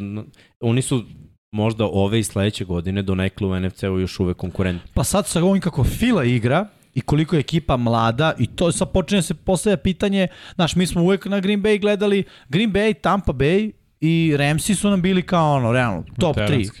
Da, da. Kako? Uh, ok, mislim da kaže veteranski timovi. Da, da veteranski ali smo, znaš, poslednjih par godina rekli, ok, bit će tu. Sad ko će biti prvi, ko drugi, ko treći, kraju regularne sezone nije ni bitno, ali to je top 3 ekipa. Sad se jednom javlja ova fila, sad jednom na tom istoku imaš i, mislim, ne, možda zvuči Giants. čudno da sad kažem, ali Giants i Dallas, mislim, ok, ljudi imaju pobede. Minnesota. Minnesota, jeste, što je već u Green Bayovoj diviziji, što je već ono problem na vratima, na pragu, ono, već, već su, već su obili bravu. Znaš, Da, da. sad je pitanje koliko će... kuća. Da, upravo to, njihova kuća. Tako da, ono, uh, u, u Green Bay definitivno je ono panic mod. Mora da bude. Ako nije, Da. ne piše im se dobro. Ček, šta ćemo sa Jetsima? Odbrana je izgledala sjajno, ali napad pasom nije. Nije i neće to, biti. E, sad, to je Ima, pitanje. ima dosta naš To je nezadovoljstva. limitacija. Ima dosta nezadovoljstva jer, jer taj game plan još uvek nije razrađen. Mislim da su oni otišli dva koraka ispred ranije nego što su planirali. Dobijaju tekme na, na ono defanzivu i trčanje. I nemaju vremena da, da odrade ofanzivno sve što žele. I Elijah Moore hoće da ide. Mims A, hoće da ide. A, Znači oni imaju dva, tri hvatača koje ono, ne dobijaju lopte, jer ono, lop, lopti generalno nema. Samo možeš da budeš, e, nisi mi bacio loptu, tebra, nisam bacio nikom loptu. Bacio 18 za utakmicu. Ono, ja, ja razumem. 99 Sad se ti yardi. ljudi, jesmo dobili, mislim, šta, Ja je cilj? garantujem da je više bacio tokom utakmice na sideline nego što je bacio. Da, kaže, ima je samo 99 yardi pasom, Zach Wilson. Mislim da je bilo 108 da je pisalo. Ja 108 na kraju. Da, ali u svakom slučaju 10 Malo. kompletiranih, Da, da. 18 pokušaja. Da. Ej, ako je to recept, 110. ako je to recept za pobedu, ja nemam nikakav problem s tim. Ali, Ali Dešavaju se problemi, da. Elijah Moore imaju. tako je. I opet, pitanje, mislim, ja sam pročito šta su Jetsi rekli, i ono, prvo, i GM, i šta, šta je rekao Salah. ne. I nije zadovoljan. Ej, kući malo oladi glavu, pa kad se vrati u facility možemo da pričamo. Mislim, Dobro, slažem se, si pokazao da bez njihovih hvatanja možda pobeđuješ. Tako je. Pritom, gledaj, ko su opet, to oni je trener? To je trener koji ima sistem, trener koji je bio u ekipi koja ima sistem i koji neće uopšte da sluša takve stvari. Da, da. Znaš šta, ono, usijane mlade glave i ti ćeš da meni pričaš kako ja vodim ekipu. Ja smo dobili, imamo 4-2, sej tu i ćuti. Da, Nećeš da. da, sediš i da ćutiš, neću da te tradujem. Pa sediš tu cele godine i nećeš uhvatiš ništa do kraja godine, pa ćemo onda da, ono, da, da vidimo šta i kako. I veruj mi, mladi igrači su istripovali svi da su zvezde. Ko je Elijah Moore? Šta on ima u svojoj karijeri? Ništa. Razumeš, neki Da, da, da. hvatač koji je pro bowler može da kaže ono, hoću te, ne sviđa mi se ovo. Šta si ti uradio, druže, u svojoj karijeri? Što ima boljih ispred njega. I Corey Davis, i Garrett Wilson. Nebitno, ej. I, A i- ali I da je najbolji u ekipi Jetsa, ništa nije uradio. Razumeš, i da Pa nema da. nikog ispred Trenutno njega. i relevantan. Jest. Kao, kao, ne znam da kažeš. Da li bi bio bolji u nekoj novoj ekipi? Šta, to je sad kao upgrade u odnosu Potencijal. na ovog Dopsa, u odnosu na ovog Ko onog zna? u Green Bayu. Možda da, potencijal, možda jeste. i 100% ne. Taj Elijah Moore dođe u Green Bay, ništa nije zagarantovano. Možda je Dobbs verzija Tako 2. je. Inače, oni hoće i Claypoola. Mislim, i to je sad neka priča s tim, što ne znam koliko je Steelersima u želji da, da šalju dalje svoje hvatače, jer su već ostali Ali ja bih dvojice. mogao da vidim to. Pa nije, nije Meni nemoguće. Claypool je delao dobro samo prve godine. Pa dobro. Nakon istina. toga, ono... Da, sad je, sad je uhvatio touchdown za, pa za dobro, jeste, ali nedelja broj 6. Znaš, pre Dobro. toga nije postojao. S kim igra, s Trubiskim i, i sa Piketom. Jeste, sve to stoji, ali ono, opet, znaš, s druge strane, očekuješ neku produktivnost od, od njega. Pa, znaš šta, od Pittsburgha sam mnogo očekivao, ali nade mi polako padaju, padaju u vodu. Ali dobro, ajde da kažemo da, da ima, za Green Bay ima bar 5-6 imena koji su slobodni agenti ili mogu da se traduju, da dođu da pomognu Rodgersu za, za Jetse. Dobija se, ali i dalje ofanzivno možeš da poradiš na playbooku, da ga proširiš, da bude nepredvidivije. Sad će ekipe više da ih gledaju. Pa Što to- je idealno tako je. da promeniš nešto. Znači, ono, više play action ako ideš Ali heavy znaš šta run. mislim da, da ne možeš baš, da, znaš, ne možeš da odjednom... Uh, Ne možeš odjednom. Gledaj, da- da, ubaci da- da, pet akcija play actiona za neko dodavanje, za hvatače. Ne, ne, slažem se, Gde je što- više kro, crossinga, da, da malo iskoristiš te tvoje hvatače sa loptom u rukama. Ko je svako, od njih, svako od njih ima dovoljno talenta da kad mu daš loptu lupam na 10 yardi u prostoru, to bude 50 yardi. Imaju te igrače, ali oni ne koriste. rute su ono tu da ih uhvatiš, čovjek je oko tebe na metar, tackle i kraj priče. Možda nemaju dovoljno kvalitetnog ofensivnog koordinatora da razvije to. Pa, znaš šta, Salah je sa sobom doveo, ono, ce, ceo, ja mislim da je brat Meta Leflera tu kao Pa dobro, ja, jedan od, znaš ono, ali opet to je sve i, i copy-paste.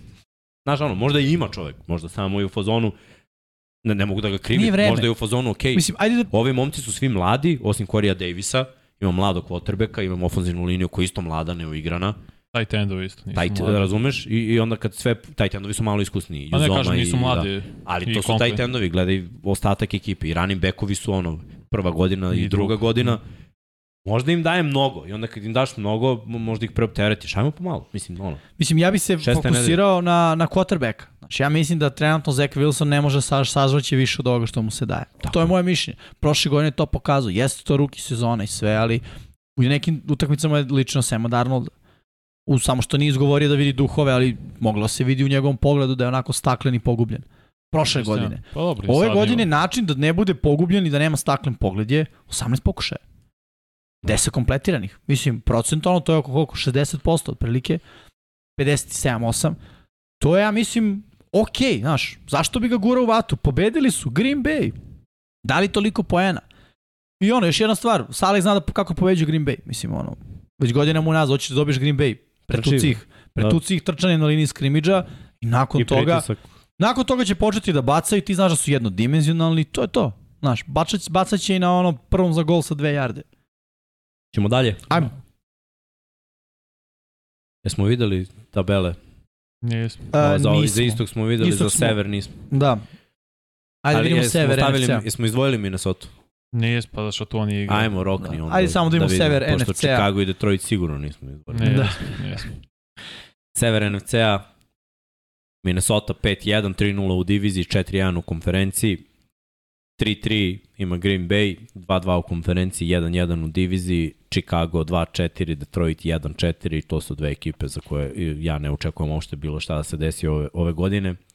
Osim eventualno nekih 5-6 pobeda, jer bili su blizu, mislim i jedni i drugi. Chicago je mogao da dobije ovaj poslednji Thursday night, Detroit je bio tu na ono, ono, dve utakmice još. Mislim, ono, aj računamo po jednu, dve pobede više da su imali, izgledalo bi drugačije, ali zapravo ništa se ne bi promenilo. I dalje je to ono, Prošle, više lošeg ne- nego dobrog. prošle nedelje sam vas pitao da, da Dana Campbella.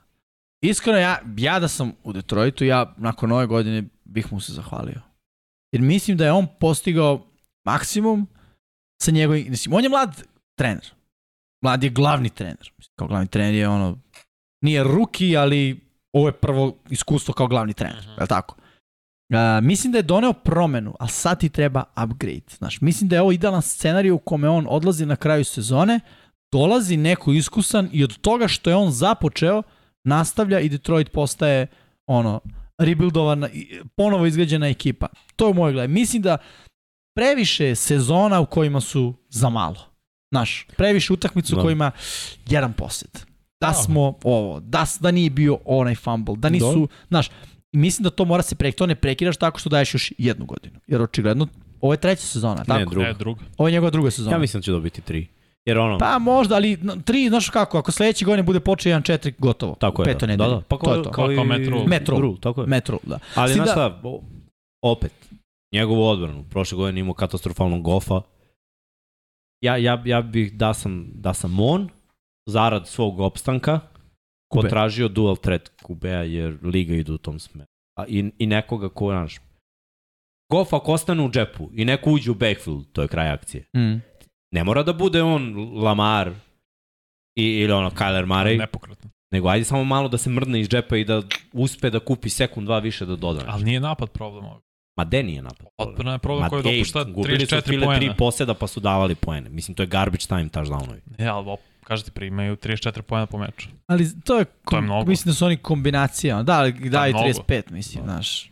Mislim, Sad je to davali manje, su sad, mislim, da. dali su nula New Englandu i taj prosek je pao u Na vodu. 28. Da. Koliko već, ali opet, mislim da nije napad toliki problem kao što je odbrana Pa i kako ne nije možeš da su imali nula nikog. na tekmi? Gledaj, kad god jedan napad ima nula na tekmi, napad je problem. Bravo, prethodna četiri su imali 35.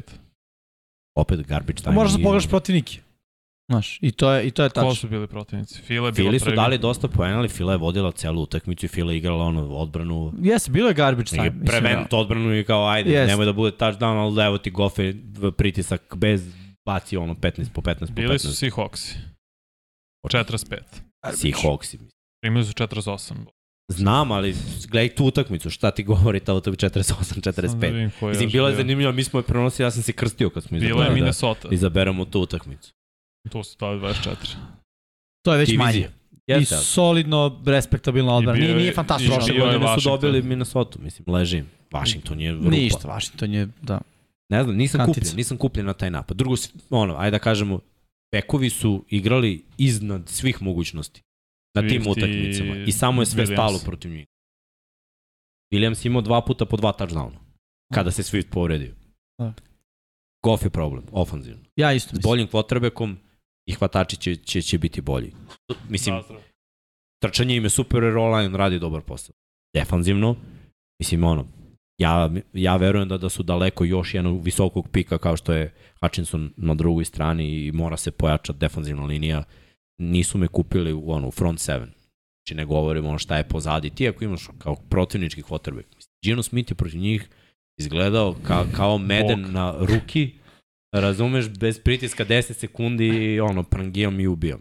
Nije Gino Smith toliko dobar, mislim da se ne lažemo, ali nema pritiska. Kad nema pritiska, Goff izgleda dobro. Mislim, Mm. i on je dao 45, jer, razumeš? Da, I Philly 35 jer Da. su igrali prevent. od- Ne, znaš, ne, niko ne, ne prilazi. Ako ti imaš ceo dan u NFL-u kao QB, to ti je ono 7 na 7 trening.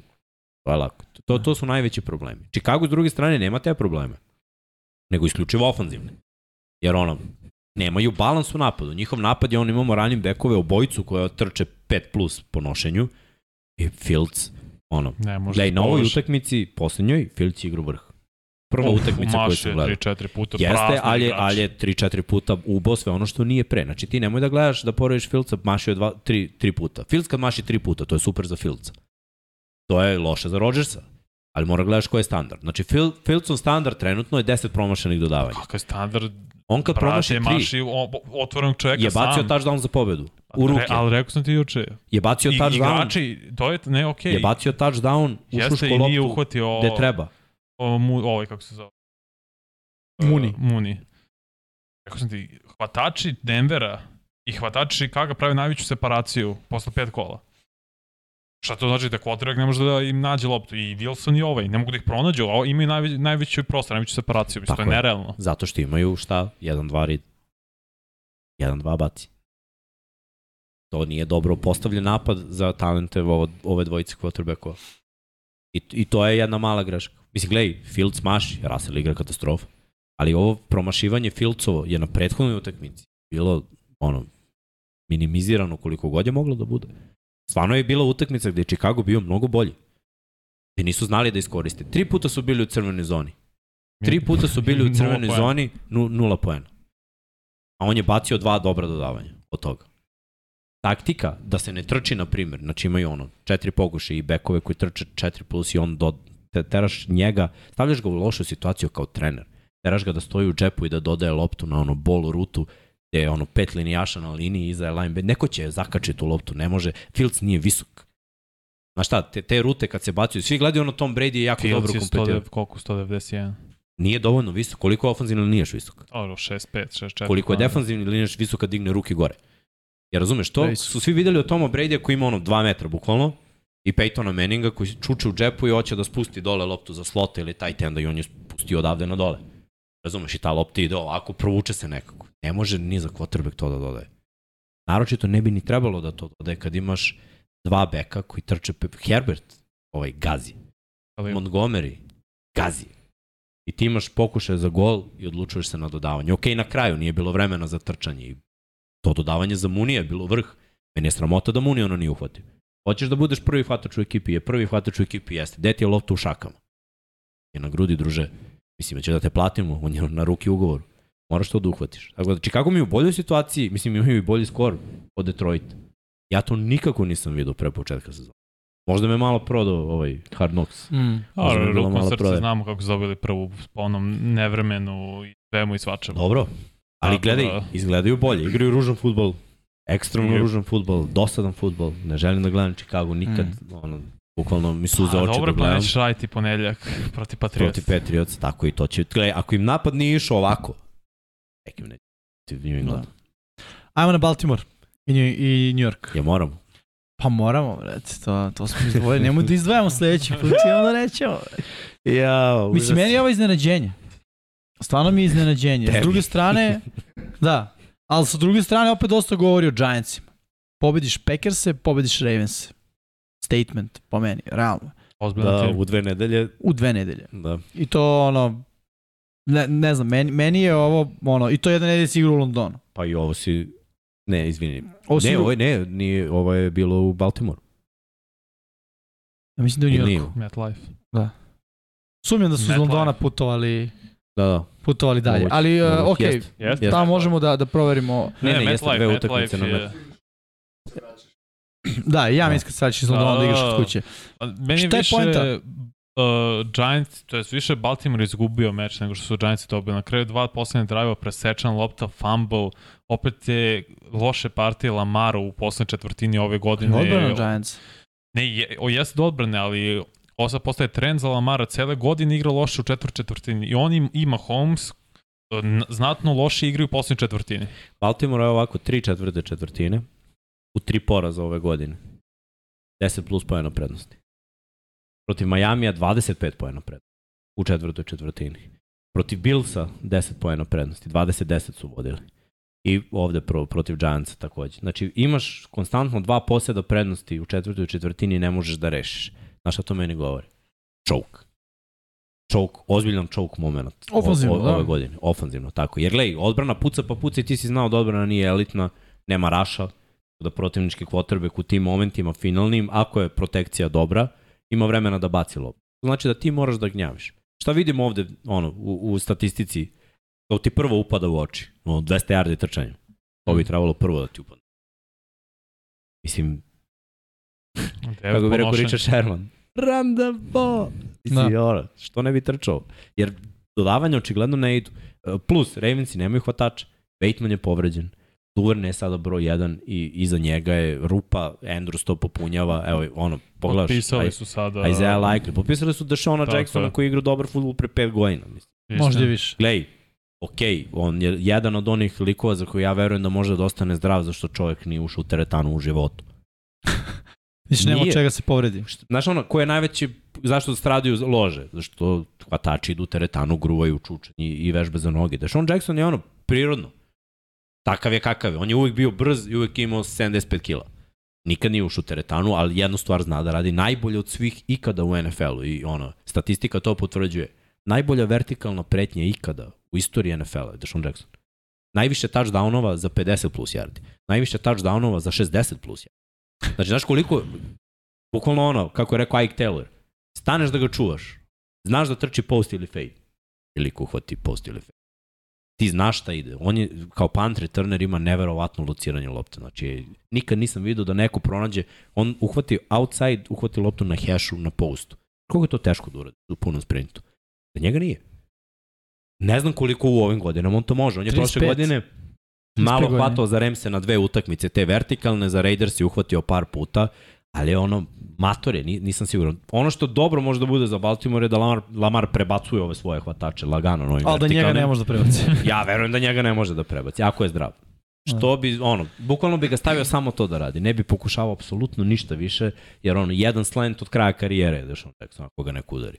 Samo ga stavi, samo ga stavi ovamo levo i vertikala burazeru i jedan safety ode s njim i jedan corner. Da. To je ono što, ću, što, što sigurno gledaš, jer Deshaun Jackson je takav hvatač. Ali to neće rešiti probleme Baltimora. Problemi Baltimora prvo su online. Gde su ih, zašto su Giantsi ih prebili? Zato što opet ne igra Stanley, odigrao je jednu utakmicu, pa opet sad ne igra, pa se povredio Mekari, koji je rezerva rezerve desnog tekla. I onda ti kad kombinuješ tako, Moses isto se povredio prošlu utakmicu, i stavljaš rezervnu ofanzivnu liniju, a heavy je ono prva ekipa i hoćeš da rezerve igraju pass pro. A ne ide, brate. Jednostavno ne ide. I išlo je u prvom poluvremenu dok Giantsi nisu shvatili, ok, ovi su ranjivi, udri, guraj, idemo samo jako, neka bude pritisak. Lamar ima ono, sindrom heroja, on mora da bude heroj, da, da radi stvari koje ne mora da radi. On je bacio interception, znači ovako, bio je 6 minuta do kraja, Mm -hmm. ekipa ima prednost, ti imaš treći down za mnogo yardi i na šta je bilo najpametnije? Bežiš, trčiš sa strane, padneš u terenu. Bude sek, imaš pantera, daš im loptu na njihovoj polovini i veruješ da tvoja odbrana može da ih limitira na Mm. field goal ako gledamo ono 60-70 yardi da, da je ostalo do end zone, da bude takav draj. Ne, ti, ti dodaš loptu preko terena, znači trčiš desno, bacaš u sredinu, defanzivni back reaguje i sad je to drive od 20 yardi. Te je ono manje više moment na njihovoj strani, napad je već dao jedan touchdown i dođeš u situaciju da moraš da juriš rezultat da vodio si celu utakmicu. Nije prvi put. I to je sad onako ma, malo pitanje zamisli cele Grega Romana, zamisli Lamara Jacksona da mora da bude heroj jer traži ugovor ili, ili ne znam šta. Trčanje ne ide, rekao si Jackie Dobbins se operisao, mm. -hmm. Gus Edwards nije. Kenyon Ali Drake je je odigrao super, ali ovo je prva njegova utakmica da igra super. I išlo je trčanje, da, ja sam rekao, prvo trebalo bi trčati više. Lamar je opet top 5 trkač u, u ligi, kao quarterback. Ima 450 yardi. I se opet odlučuješ za nešto drugo. Giantsi ove godine igraju gube, četvrta četvrtina, it's Danny time. Money time. Mani, da, Ej, da. Bukvalno, na, na, ja, ja ne verujem kako oni to lepo tap, tap, tap, tap, postepeno, smireno. Danny Dimes izgleda kao Josh Allen. E, ali hoću ti kažem, meni najveća zvezda Giantsa Dable. Jeste. U svakom smislu. Jeste. Najbolja Gle, Dable- energija. Dable je znao kako da pobeđuje Da, da, da. I sad im je pokazao. Ok, čekat ću. I opet, i bili su dobili Baltimore u četvrtoj četvrtini isto. Znači, Da. ceo taj pelcer uz- kako igrati protiv Ravensa, Tu je. tu je. Znaju Postoji, kako. postoji rec, pa to što smo mi pisali na thumbnail, The Dable Show. Baš Ne bi Dable. oni ovako igrali i nisu igrali ovako prošle godine. I mislim da je ovo trebalo New Yorku kao gradu. Znaš, jedan ovakav trener, znaš, on bre, emo, e, e, baš je emotivan, znaš, on na kraju utakmice, ajmo, idemo, pobeda, znaš, to je, to je ono meni, mislim, sušao su protosu, na primjer, Toma Koflina, koji je bio ono, ravna linija. Mator već. Mator, da, da, i potpuno drugi neki principi, ali mislim da je ovo, što je, ovo ono što je trebalo Giantsima. Uh, sećam se kad je Ruben pričao, Tom Coughlin ima sat koji je namerno a, ide 10 minuta napred. I on zakaže sastanak u 4 i ti kao dođeš u 4.00, po njegovom satu isto u 4.10. Ti si zakasnio, kicked out. Ono. Ćao sa sastanka. Jer to je bio taj old school princip. Da. ono. Ne, ako, to mora se znaju stvari. Ali to je malo, čini mi se onako ispuštalo i limitiralo Giants. Giantsima treba show. Mislim da Dable je baš ono show. U svakom smislu. I limitiranog quarterbacka stavlja u odličnu poziciju. Running backa koji je dugo bio ono, povređivan, potencijalna zvezda, onda kažemo CMC uh, scenario, ovo je ta sezona, realno, ovo je preporod u svakom smislu. Online igra mnogo bolje. Online igra mnogo Mhm. bolje, Taj o- tendovi imaju igra ruke, dobro. taj tendovi koji igraju dobro. Znači, o, o, oterali su hvatačkog taj tenda, uzeli su klince koji blokiraju i trče. Da. I ono, očekivanja minimalna, ali, Ali to je okej. znaš, pre, pre, već su sada premašili očekivanja. Tako je. Hvatači, znaš ko igra? Richie James i Seals. Tako je. Ono, Odlično, igraju super. tako je. Igraju Kenny Golladay ne postoji. super. Da, I to je okej isto. ni oni to ni. Ali ova je ekipa koja radi posao.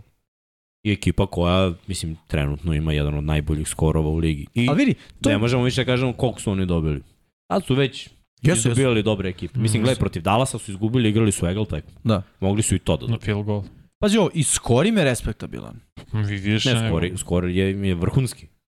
Pa ko ima Skor im je idu u 5-1? play-off. Da, da. već, već sad, posle Da, šest da. nedelja, Oni- oni, oni imaju pola pobeda od Tako play-off.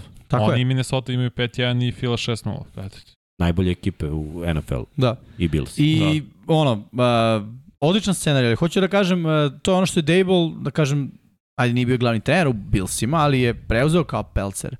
Ne trebaju ti super zvezde da bi bio dobra ekipa. Ono, proceni šta tvoja ekipa, šta igrači mogu individualno da uradi, stavi ih u najbolju moguću poziciju. Ja mislim da on to sada zaista radi sa, Baltimore, sa uh, New York Giantsima. I to je ta Potrebna priča o ti je hvatačima. jedna super zvezda. Gledaj, On je imao jeste. u Buffalo Da, Diggsa. a nije ga imao prvo. Nije ga Nego Nije je ga, on ne, napravio doveden celu ekipu i pokazao ljudima, ok, zamislite šta bi uradio da imam Tako je. Pro Bowl hvatač. I to će sada, isto ta priča će da bude u Giantsu. Na Mhm. kraju sezone šta god oni uradili i da ne uđu u playoff, on će već zagolicati mnogo ljudi da kaže, ok, zamislite kakav bi bio QB Danny Dimes da mu dovedemo pa, lupi Bekama. bilo, lupi bilo koje ime. znaš, ono, nekoga ko je, ne Beckham, nekog ko može da bude tu još dve, tri godine.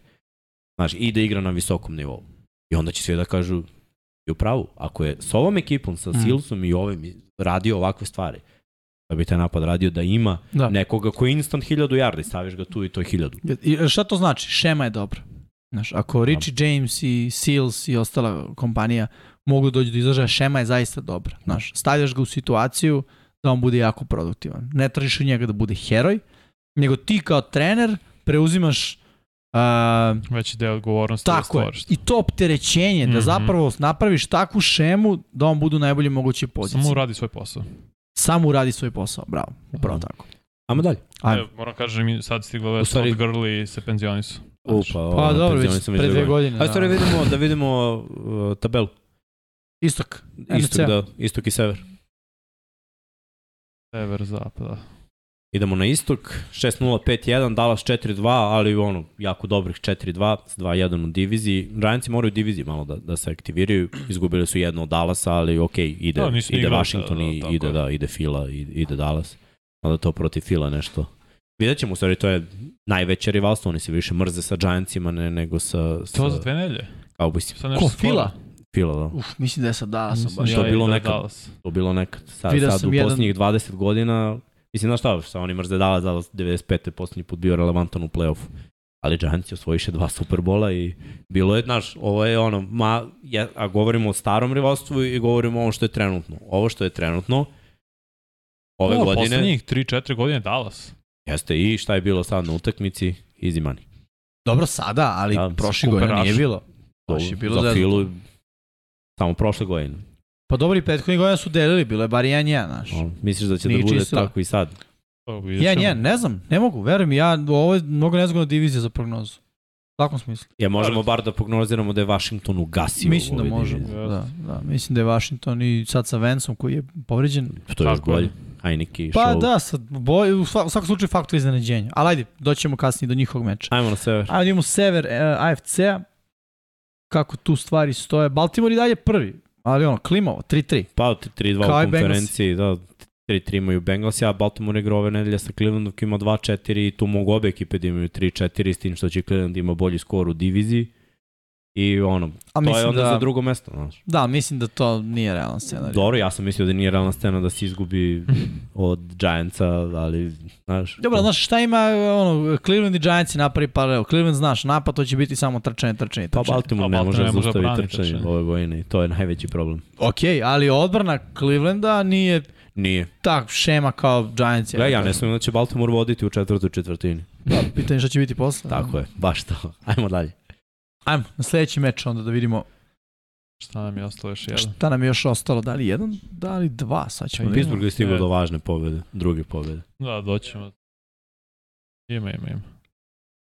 To je Fila protiv Dallas. Da, najbolja, Pa je- Jedan druga, od pobedu. najbolja druga četvrtina ove godine u istoriji NFL-a pripada statistički Eaglesima koji... Čekaj, čekaj, ove godine... Ne, ne, u ove godine koliko mečeva daju je najviše u je. istoriji NFL-a 112. postignuti poen u drugoj četvrtini. A, okej. Znači, u drugoj U, u celom izdominiraju. kolu, to misliš kao, jel? Ne, ne, Ne, ne, ne, u istoriji šest NFL-a mečeva. niko za šest nedelja, nije u drugoj četvrtini. Da, dao poena onoliko koliko poena Da, koliko da, je Fila Kaže, dali su 112 pojena. Evo sad su dali 20. Znači, Fila u drugoj četvrtini ti je kao Golden State Warriors u trećoj četvrtini. Ali, je. znaš šta, jeste ono, podatak koji ti deluje nebitno, ali onda kad pogledaš šta su Golden State Warriors radili pet godina zahvaljujući toj trećoj četvrtini. Znaš, gube 10 na poluvremenu, ide treća četvrtina, vode 20. Mm. I deluje to ono kako, brate, pokušavaš da ih čuvaš. Tako i Filu pokušavaš da ih limitiraš u toj drugoj četvrtini. U prvoj, slabo, nekad ni ne daju poene kao ni ovde. Bude onako, ispituje se. U drugoj četvrtini krene trčanje, krene play action, Jalen Hurts krene da prangija, hvatači prave čuda, ofenzivna linija gazi, odbrana grmi, imaju intersepšene. Ono, otvori se Pandorina kutija i onda Fila napravi razliku i Da. Šta je ovde prva stvar koju ja primećujem? Dallas kad pobeđuje, Cooper Rush baci do 20 lopti. Dallas kad je izgubio, Cooper Rush je bacio 38 puta. Ono. Nije Da. to to. Mislim, Nije, Cooper Rush ima u sebi dva, tri dobra drajva, kvalitetna drajva i, na, i više nema od toga. na, na, misliš generalno ili Generalno u jednom meču, ne, u jednom meču, Pa, za, bilo zato kažem, znaš, ako preostali drajvovi dominira trčanje, ja kad smo pričali o ovom meču, ja sam rekao Tony Pollard može da bude ono, čovjek odluke, sa ovih 44 jarde nije bilo tu prostora. Jer ono, od Eliota očekuješ da igra, ono tradicionalno igra dobro protiv File.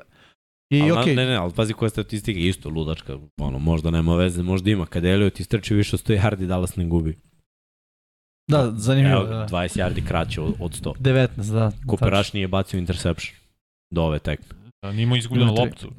Bacio je tri, mislim, a opet si ga stavio se, ja opet kažem, Dallas ove godine meni bio kanta, jer meni CD Lamb nije broj jedan hvatač u ligi, nemaju opcije, uh, taj tend im je rezervni, znači ni Schultz nije igrao na ovoj utakmici i onda kad uzmeš šta su oni sve imali, ovo nije mogla da bude, nije smela da bude defanzivna zamisla. Fila ima jako defanzivnu liniju, znači quarterback je pod pritiskom. Fila ima brutalan secondary. Mm. Nemoj da bacaš hvatačima koji, mislim, Slay je ono, broj jedan korner u ligi. CD Lamb nije broj jedan hvatač u ligi. To nije mi smeč koji tebi leži. Tvoja ofenzivna linija je igrala dobro iznad očekivanja, ali ima mnogo igrača koji su tek stavljeni na te pozicije. Fila ima četiri medveda u defanzivnoj liniji, ono, Jeste. i igraju besno. Stvarno igraju besno. Singleton, koji je bio u Fili prošle godine, koji, koji ono je otišao u Denver sada, je pokazao kako linebackeri File mogu da igraju. Oni su prošle godine doveli ovog momka, poseti me kako se zove, ruki što je bio. Ti, uh, prošle Edwards godine, tako. da, TJ a nije bio Edwards. ruki prošle godine, mislim je bio pre prošle Aha, godine dobro. ruki, ali u Ali- slučaju mlad, da. Ali ove godine popunjava tu defanzivnu, kao da im treba da, da je popuniš, onda doleti i on. Ne, i, ne, i, sve je brutalno ove godine, stvarno, baš sam gledao. ne, ne možeš ti da čučeš i da čekaš da se CD Lamb ili Noah Brown otvore da bi dodao to. Nema vremena. Plus, s druge strane, ti ne stvaraš onaj pritisak odbrobene, kao što si stvar u prethodnom meču. Zašto? Što Fila ima najbolju ofenzivnu liniju. Stoji. Čak i kad je Lane, Jackson, uh, Lane Johnson izašao s povredom, nije to ništa promenilo Nije. sad.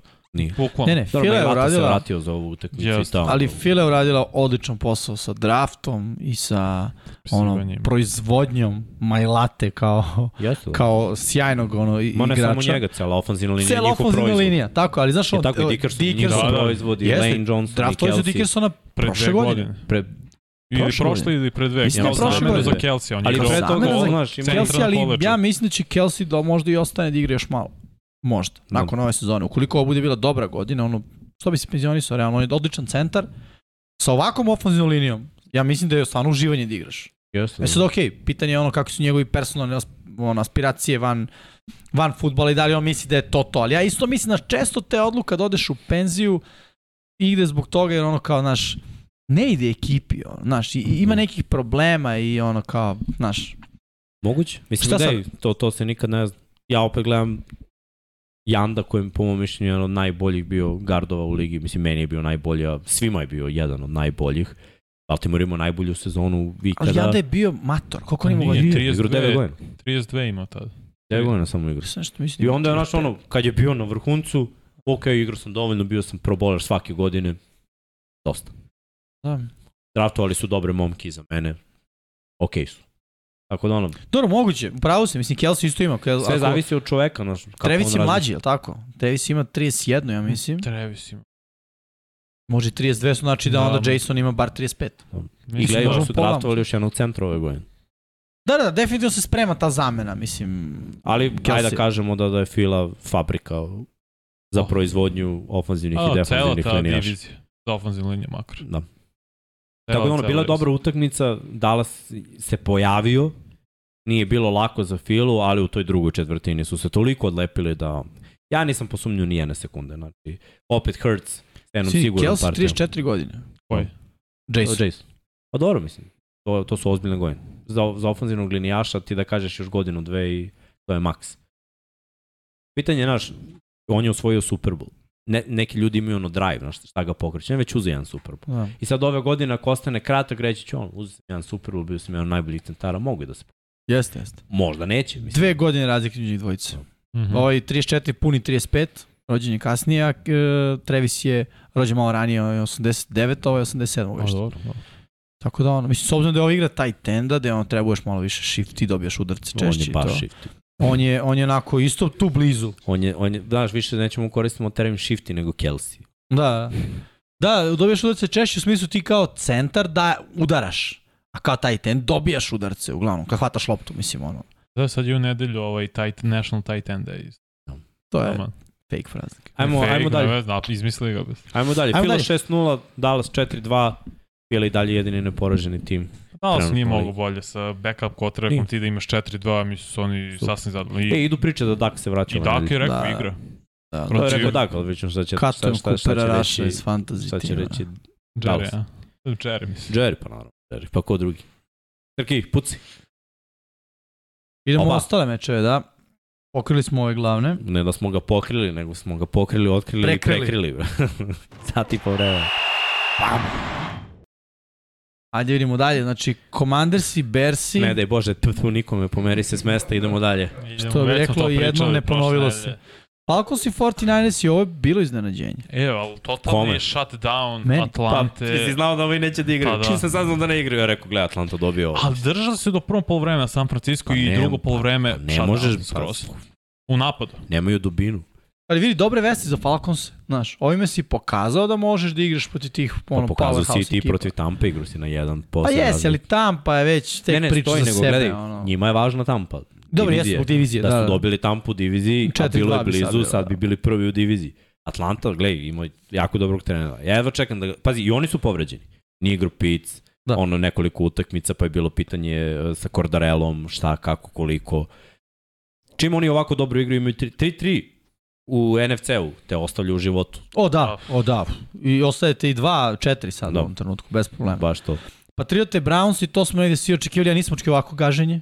Da budem ja, pa ja sam izabrao A Bill zna, Da. bre, Bill, A Bailey trčanje. Bailey Zapp igra kida. brutalno E, e, ali žao mi je što će Mac Jones startovati u ponedljak, iskreno. Mislim da je igra, zaslužio igra Zappi. brutalno kad kao uzduš u obzir sve, ono, da se njega ništa nije očekivalo, da je ruki, da je ovo, da ono, a brojke su baš Dobre ono, su. average. Ima 300 yardi, Gledaj. Ima dva pa imao je, ali nije na ovom meču, ja mislim. Jesu, imao. na ovom. Na ovom meču ima 300 A, yardi. izgleda baš dobro Zepi, a mislim odbranu radila, ono čant. Odbrana kida. No. Zajedno Opet su 70 našli yardi. novog, novog kornera koji ima. Uvek. 4-5 to je to. interceptiona. za- Ej, ali to postoji priča za Beličika, on bazira svoju odbranu na jednom cornerbacku. Ha, to smo pričali prošle godine. To je to. Ne, sve funkcioniše, ovaj, trčanje najviše funkcioniše, a to je u stvari identitet Patriots. Ramonde Stevenson, ono. Sećaš se kad su njega iskopali pre, kad beše, godinu, Tri. dve?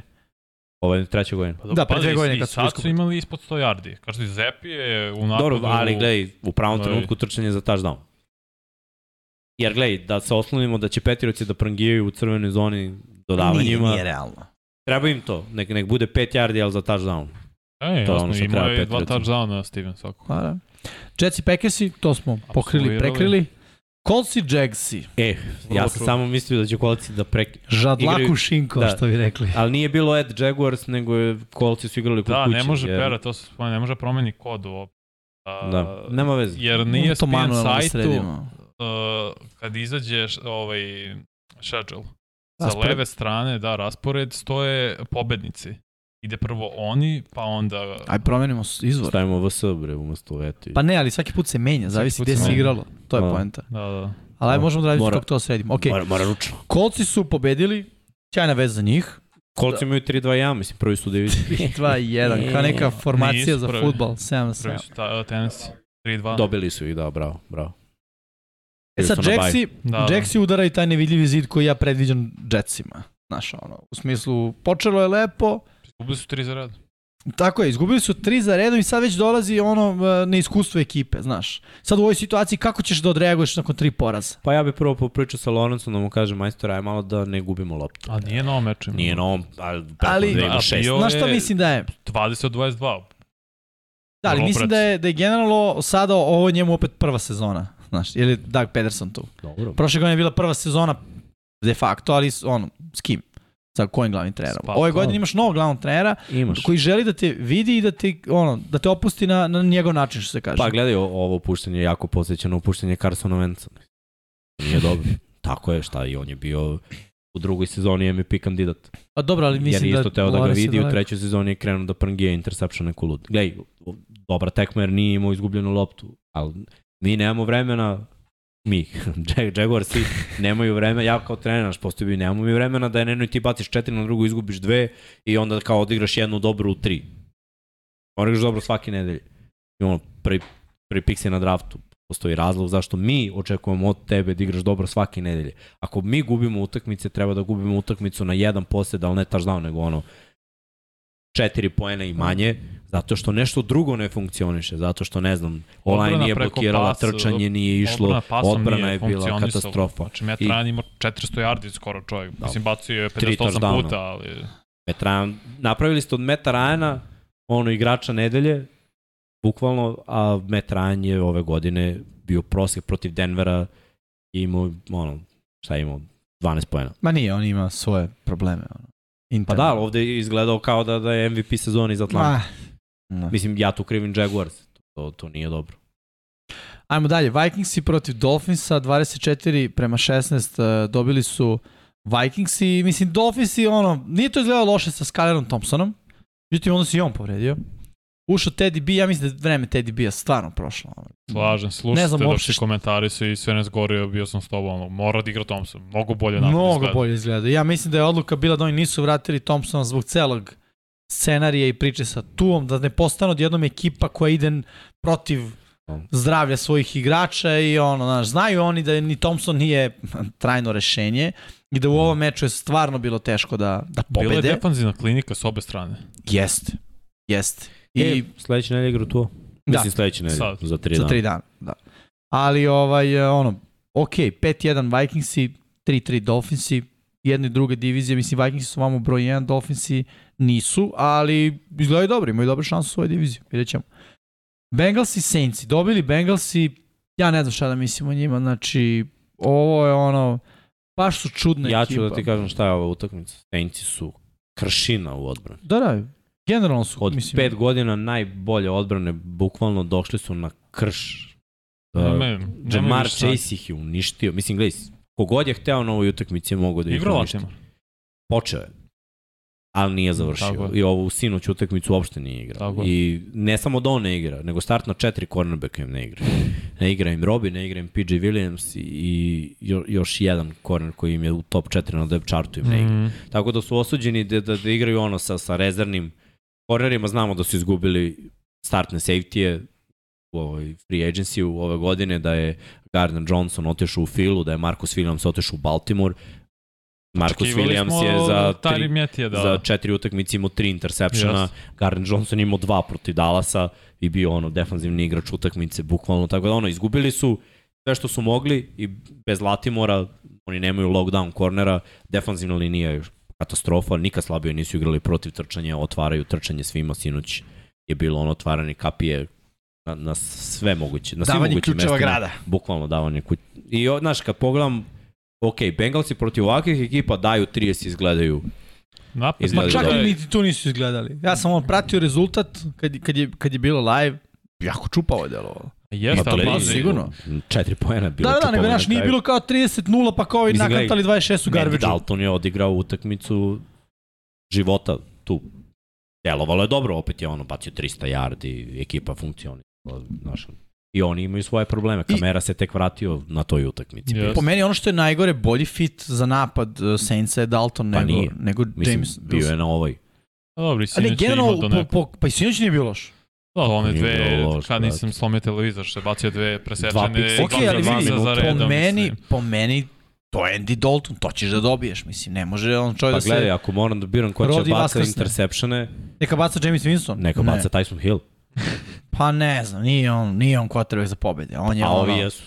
Zato Pa, mislim, vidi, nisu, ali, znaš, ja pre vidim da će Andy Dalton da razvije bilo kog hvatača, ne zato što je on fantastičan u tome, nego zato što je prangija, nego James koji će donosi odluke da ono... E, kao oni tvoj što računa brzo, a netačno, tako i ovaj baca brzo, ali neprecizno. Da, Baca puno, baca puno. ali u, u, u ruke da, protivnika. baca puno kompletiranih, ali svima. Da. Da. Jedina pozitivna za Bengalse i to što sam i rekao juče, nijedan dopušteni touchdown odbrane čitave godine u drugom polovremenu. je Zatvaraju okej. ekipe. Jeste, zatvaraju ekipe, ali Zatvaraju ekipe u drugom njihovi polovremenu. problemi su ove godine ofanzivno. Ali Mnogo ide više. bolje. Hm? Ide bolje. Problem je što trčanje ne ide. Nisam Uopšte. kupljen. Iskreno nisam kupljen. To, E, to, je, to je moje ono mišljenje. Da. Deluje mi kao ekipa koja će se raspasti vrlo brzo. Uh, ajmo dalje, Giants i Ravensi, to smo Prošli. zapravo prošli. Steelers i Buccaneers. Ko je ovo video? Pa, ono, šta, daj da mi prorekne sudbinu. Nisam, nisam video nikako zato što napad Steelers je toliko bio loš. A Buccaneersi, Buccaneersi imaju, mislim, dobru odbranu. Steelersi da daju 20 nakon onog debakla protiv Billsa, delovalo mi je malo nestvarno. Opet, s druge strane, ta odbrana Steelersa nije toliko dobra bez TJ Watta i delovalo mi je da Tampa može da se provuče i ove nedelje na neki ono bedni rezultat. Ono, 18, 14, S korigami me 13. zanima, se ovo desilo nekad. 2018 je zvuči prilično redko. Mislim, Nije- nije 18 bio- generalno Nije kao... bio skorigami. Da. Ali imam užasan problem što, to s tebi rekao, što Brady je uradio, on otešao Ma. u petak na venčanje Robert Krafta, u subotu je propustio trening, ono, mislim, Ej, Vok, on Brady prolazi težak period u životu. ne zanima me stvarno. Ako Mene je zanima, on, meni je žao. Meni je, on je izabrao ovo. Ako on je u tom fazonu, ja futbal, samo futbal, na nap i odem ovo uradim. Ne može. Pa izvini, ne može da igraš grozno, igraš Dobro, ja sam najgore. pitanje, što, šta je problem? Mislim, za taj petak i to je. Pa ne, Problem je što to nikad nije radio pre. To je tačno, to jeste. Pa nikad se Kraft nije ženio pre. I da, da je... Jeste, jeste Ja- jedno. U, Ovo je drugo. petak. Da. Ja. I on čoveče, petkom su Da. jeftinije svadbe, ne mogu da da si milioner da se ženiš petkom. Da, dobro, kapiram subotom, Ne, ne, ovo nije zbog bilo venčanje, bila je proslava jer su se venčali. Nije bilo venčanje. pa- Pa dobro, ajde, da. Mislim, stvarno mene zanima. Opet treš tebi posla u petak. futbal Da. Glavna stvar i to pričaš i ti Ne to znam, ne brate, ja ispoštuješ nisam sam. radio prenos kad se Jimmy ženio, mislim. to ti kažem, razumeš? Razumem. Daj se prioriteti, bre. Nama, Da. problem je što ovo nije vlasnik tvog tima. Ne, ne, Brady nije, Igra nije, nije tu. grozno. Nije tu. Nije tu. nije Definitivno nije tu. Ne, ne Sva idemo... kritika za ovih 18 ide njemu. On uh, kritikuje ofenzivnu liniju sve, brate, kritikuj sebe prvo. Pa dobro, kritiko, on je rekao svi nismo igrali dobro, znaš. Dobro, on kritikuje ofenzivnu liniju, Gle, To je Ali kadar- pred svima. Kritikuješ pred celim svetom. Znači, svi su Pa to znam, ali nije. Brady rekao kameri, dođi vamo, dođi Ne, vamo, e sad ću ja da im kažem. On čovjek priča, mislim, ma? Nema veze. A dobro, kamere, Ej. kapiram da ima tri kamere na ima sebi u svakom 100 trenutku. kamera, ali to se ne radi tada. Ej, Nije, ne slažem se s tobom. ofanzivna linija je samo kritična u ovoj situaciji. Drugo, ako ofanzivna... Ajde ovako. Da mi dođe Mitch Trubisky i da sam ofanzivni linijaš i da mi kaže igrate loš, što kaže Jason Kelsey, nabio bi ga u kantu koja je na sideline u tim rečima. Ono, našao bi kantu za džubriju, Dobro. ubacio bi ga unutra. Koliko Super Bowlova ima Brady? Ma, ali ne, ne, ne, nemoj me prekidaš, samo mi odgovori na pitanje. On Ima šest Super Bowlova, sedam, pardon. ima sedam, tako je. Ne, ali to je- oni, je, ali gledaj, to je- osvojeni. to je Neko- koliko ima bilo-? Nebitno. Šta je bilo pre dve godine osvojio? pa, okej, ali šta radiš sad ove godine? Ove Pa godine linija ove pokušavaš, godine? pokušavaš da motivišeš ekipu. Nije prvi put. Ovo je bilo 2010. New England isto ima ovakve probleme sa ofanzivnom linijom. Isto, Ja si isto, isto ovako... da, isto, iz- isto, identično. Molim ti mi Identično. da vidim. Hoću. I, gledaj, te godine su igrali jako loši, odjednom je, bilo je pitanje da on ono više nije taj, da je prošlo mnogo godina, da ono 10 godina igrati na visokom nivou u NFL-u, već mnogi te godine su ono, uzeli Super Bowl. Ne, Nisu. ušli su u Super Bowl, a posle toga sledećih 5 godina je krenuo da igra dobro. Neko mora da motiviše ovu ekipu Tampe. Uh, deluju mi lenju. Ofanzivni koordinator mi je problem. Ne trčalo. Pokazali su da mogu da trče. Fornet je, brate, Đule. Yes. Ispucaj ga sa 7, nemoj ga staviš u shotgun da ima 5 yardi zalet. Da igra 7 yardi, pusti Brady ispod centra, daj mu zalet. Niko neće da obori Đule u punom sprintu. Mislim, hoće da će da boli, realno. Da. I gledaj, niko ne voli da boli. Mislim, da se ne laže.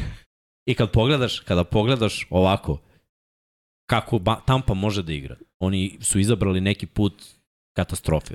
To je put, izvini, O- bivšeg je. koji je Yes. ofazni koordinator. Igra meden čovjek. I postavljaju se, postavljaju se tako da ovo ne može da bude uspeh. U ofenzivnoj liniji koja je u rezervnom sastavu ne leži ovo što je postavljeno. I to je pokušaj da, da ih ti nekako ono, nateraš da igraju bolje futbol. I ja verujem da će odgovoriti svi bolje ne, nego što su igrali do sada. Ne igra Brady dobro daleko od toga, igra i on grozno. Ali gledaj, ako nešto znamo o Brady, to je da je on najviše samokritičan od svih. Znači on sigurno, on je izašao tri puta pred ono, medije i ono rekao, da, igram katastrofu. Ono, i, i ne, nije što će dobro. kaže da igram super. Kao. Ne, ne, ali znaš šta, svestan je da igra loše.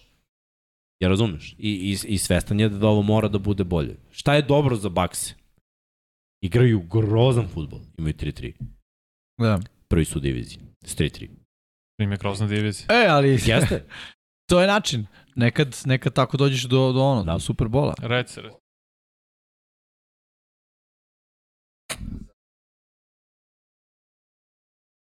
Zato što... Zbog divizije. Zbog Zbog divizije. divizije. Ovi imaju ono, arch enemy u vidu Minnesota Koji Vikingsa, 5-1. Da, koji, 5-1. će, koji su 5-1 i koji osjećaju krv. Da, Znaš, mirišu krv. Ali zašto? Ko, ko vam odmiriše krv Tampe? Saintsi. Oni od svog mirisa krvi ne mogu da, da, Da, mirišu Karolina i ništa Duri drugo. Bill, Karolina i Duri a Bill. Atlanta je Ok, ono- Atlanta tu kan, ali Znaš i oni zašto, su ono, Zato što, uh, znaš zašto? Zato što Tampa ima rešenje za svoj napad i imaju odgovore. Tu su Mike Evans, tu je Godwin, mislim ko, ko će se vratiti. Ofenzivna linija isto će se u jednom momentu sastaviti i bit će zdravija. Green Bay nema rešenja u svom napadu. Nemaš Mike Evansa, nemaš Chris Godwina i to je problem. Problem meni za Brady što njemu nalazimo opravdanja što igra loše, ne- a ja prvi kanalim uh, Russell Wilsona opravdano, isto kanalimo Ali Rodgersa druga, opravdano. druga, ka- to su druge kategorije. Pričamo O o, je- sedmostrukom osvajaču Superbola i pričamo o Russellu. Wilsonu koji ga je osvojio Okej. jednom i ko Zahvaljujem. se Ali ne priča pričamo samo ove i Rodgers. Da, Rodgers, okej. I Ne, to on ne. ga osvojio jednom. Okej, Uz ali- svo poštovanje. To je bilo. Stvarno me zanima šta je znam bilo. je Sam pričao ali o oni šest mečeva ovih Oni godina. dalje igraju, to mu je rezime karijere, je razumeš? Znači, ti Ali pričamo o ovoj sezoni, ne, pri, ne zanima šta je uradio. Pa dobro, aj pričamo o sezoni najveći Russella ikad. Wilsona. Grozan. Hoćemo pričamo. Ja, ja pre kažem grozan. koji skor ima Aaron Rodgers? Da. Isti kao ovaj. I Ko je? više ga kritikujemo nego Tom. Jeste. Ne kritikujemo ga više. Ne, ja ga kritikujem više. Iz Ja prostog ga razloga što sam ti rekao. ba- baš- Brady, ja sam siguran da Brady radi dodatne stvari sa svojim hvatačima. Ovaj ne radi. I ne zanima ga. Znaš, okej, Brady stoji, Mislim ima da bolje. Brady ne radi, ovo stvari baš to pokazuje jer nije bio tu u petak i subotu. Jer ga nije zanimalo. Pa dobro, okej, petak i subota nisu cela sezona. Da, nije mislim. su pred. Da. Da su pobedili, meč. mi bismo rekli, eto, čovjek nije tu petkom i subotom, E, pa za dva to me, pojena. ali to je stvar. Zato što su izgubili, zato kritikujemo. Da je slučajno Pa, ne, nekim čudom, a nije. igra grozno. Ja mislim i nedelja mu nazad smo pričali da Tampa nije to to, da napad da, ne izgleda nije. dobro, da Pa postoje gledaj, napad probleme. od početka sezone ne izgleda dobro. Da, da. Oni su rasturili Dallas na field golove. Rasuli su na igri ovog Trčanja. Forneta. Tako je, ali opet, to je recept, to treba raditi. Oni to ne rade. Mislim, ne mogu samo krenuti kao Brady i Lodge. Mislim, brate, ako možda trči 150 yardi po utakmici, trči. Ponavljam, ono, zvučiš kao pokvarena ploča, trči, trči, Da, da. trči, trči, Ali, 150 mislim, trči, mislim. To je formula. Ali ono, to, točak postoji. Izmišljenje. Nema potrebe da Nema potrebe, izmišljamo o, u, u kruglo je i okreće se i, I radi. pomoće, mislim, daj. Remsi protiv Panthersa, rebuild. Vrlo važno za Remse koji tek imaju probleme i tek treba kritikujemo sve koji igraju u Remsima, ali protiv ovog protivnika. A taj protivnik, mislim, čeka i Bakanir se. Znaš, Da, svako ko naleti na Karolinu u sledećih mesec dana piše W. To, to je moje razmišljenje. Ništa se neće promeniti. On, oni sada, znaš kako je, zamisli kako igračima drugim u slačionici, čoveč, otišao je Robi, otišao je McCaffrey. Njima je prvo pitanje u glavi neko je sledeći protivnik, ko, ko sledeći će bude tradovan. Već imaju ono ko je trener, da li je ovo pravi trener, ova sezona je ono već Da otišla. kažem, Steve Wilkes je sada ne, internet ne znam, nego znaš šta, u glavama igrača ovo je već piše propalo. Yes. Niko tu sad neće da dođe ono koja mu ovo je naša nedelja, ma je. Ovo, Da. ono, Pritom i Wilkes mi ne kao neko će baš nešto da ih motiviše. tako Pa je. nije imao je svoju priliku, ono jedne godine u Arizoni. Pa baš ih je motivisao. Da. Ajmo, Seahawksi A, protiv Cardinalsa, Gino Smith. nije se desilo u drugo polovreme za Arizonu, Da. A Seahawksi, ono, prosek, nije ovo bilo ništa posebno. Pa Kenneth nije, ali- Walker je bio Da. konačno Tako je. zapažen da Seahawksi imaju naznake jednog running backa preko 100 yardi scrimmage Mm. i ono, Touchdown. trčao je, trčao je lepo, je. baš, baš lepo na ovoj utakmici i pokazalo se da, da Seahawksi unutar ove divizije i tekako i šanse. I da, na kraju Bills i Chiefs i to smo već jel te pokrili, a nije na kraju, izvinjam se, na kraju onog prethodnog slajda. Uh, Eagles i Cowboys i to smo isto pokrili, Chargers i Broncos. Kako grozan meč, si morao to da Broncos su ove godine magnet za grozotu. Yes. Mislim, pa, kako, Gledaj, ja baš... znaš šta najjače prenose to protivnicima. Da, Na, dobro, vidi, i Chargersi su ove godine ekipa koja, ono, vi ćete igrate bez veze, igrat ćemo mi. No? Znaš, vi ćete igrate dobro, ajde da se mi mislim da malo... oni nisu trenutno sposobni da igraju što najgore lep futbol. Prvo Denver, kad je krenuo 10 od 10, bilo, stvarno sam pomislio, vidi ga, ovaj sad je krenuo da igra protiv moje ekipe, da čač sam znao. I on drugo polovreme, 3 od 11, 15 yardi. 15 yardi. Ti ne možeš stvoriš kroz, kroz vazduh, to je neverovatno. Koliko je puta bacio Herbert? Put. 57. 57. Da. He- Znaš šta je i raz... nije bacio touchdown? To je, naj, to je najviše ikada. Da, da, to je najviše kada si Da, probao odbrana 57 Denver- puta. Denvera, odbrana Denvera Bro. je jako Ma dobro. znam, ali Ne. 57 puta, čoveče. Ne, ne, to da, to je previše. Prosječno previše. NFL, u prosječnom NFL imaš oko 60 akcija. Znači on je sam, oni su igrali to je ono, previše. ne pass ne, first, pass on. Ja, znaš što je jedini blagoslov? Što, problem Chargersa je rešiv jer je zdravlje problem. Mislim da je Nije, njihov, Lindley nije igrao. njihov Allen problem je nije trener. igrao. Staley je problem za sebe, to je ozbiljan Tako da problem, to ali nije rešeno određene tako stvari u napadu mogu da idu na bolje kad budu zdravi. Jes, ali znaš šta su najpozitivnija vest? 4-2. Ni krivi ni dužni. Ni krivi, ni dužni, 4-2 u diviziji sa Chiefsima i deluješ kao sigurica broj 2 u Da. toj diviziji. Mislim, igrao si blizu protiv njih. Bio si bolji na tom meču protiv njih. Da. Jedna greška tvoja Da. je zaslužen zašto si izgubio, tako da ono. Ali Da. ovaj meč stvarno je bio teško za gledanje. Ba, baš se igra pro, prosek futbol širom, širom NFL-a. Znači, Jako ne, nema, prosek. Evo, da se vratimo kroz sve ove utakmice, izdvojit ćemo tri ekipe koje su ono, imale misiju. Ove nedelje zanimljivo bili su i Remsi to, Eaglesi su bili to. Pogledaš nazad i ono, koje ekipe su izašle na teren, morale su da pobede, igrale su dobar futbol bez greške i na kraju je bila razlika veća od jednog touchdowna. Znači, bukvalno ono, dve, tri ekipe po, Pa po evo, kolu. Eaglesi. Eaglesi, Remsi i A bio si nije bilo... Nije bio, da, bio je Da. posle Ali četiri. su odigrali da. i klinički Odigrali su okej, da, ali mogli su i da izgube. Znači, ali oni nisu bili favoriti. Znači, govorimo ono, Jesu. pa, blagi Vanja nije, šta si mogao da, Ali je stavio Minus jedan i po, ruku, ajde oceci ako pobedi Ne, Chiefs, ali ne bili su favoriti u gostima. To je nije mala stvar. Znači, kod kuće je bili Ah. favo, o, ve- mnogo veći favorit. Ne znam. Ne znam, nisam siguran. Sa Chiefsima ja nikad njih ne bi A- otpisivao. Slažem se. Njih, ono, baš. Ovde sam otpisao Dallas pre početka utakmice i Karolinu isto. I gledaš, imaš mnoge druge utakmice. Gledaj, ja, ja sam otpisao i Steelers, ali je Tampa failovala zato što igraju loš futbol. Kako i još mnoge ekipe koje su bile Mhm. favoriti na ovoj utakmici protiv ekipa. Znaš ono, da imaš recept kako da ih dobiješ i ti to ne pretvoriš u delo. Znači, ko je kriv? Ti.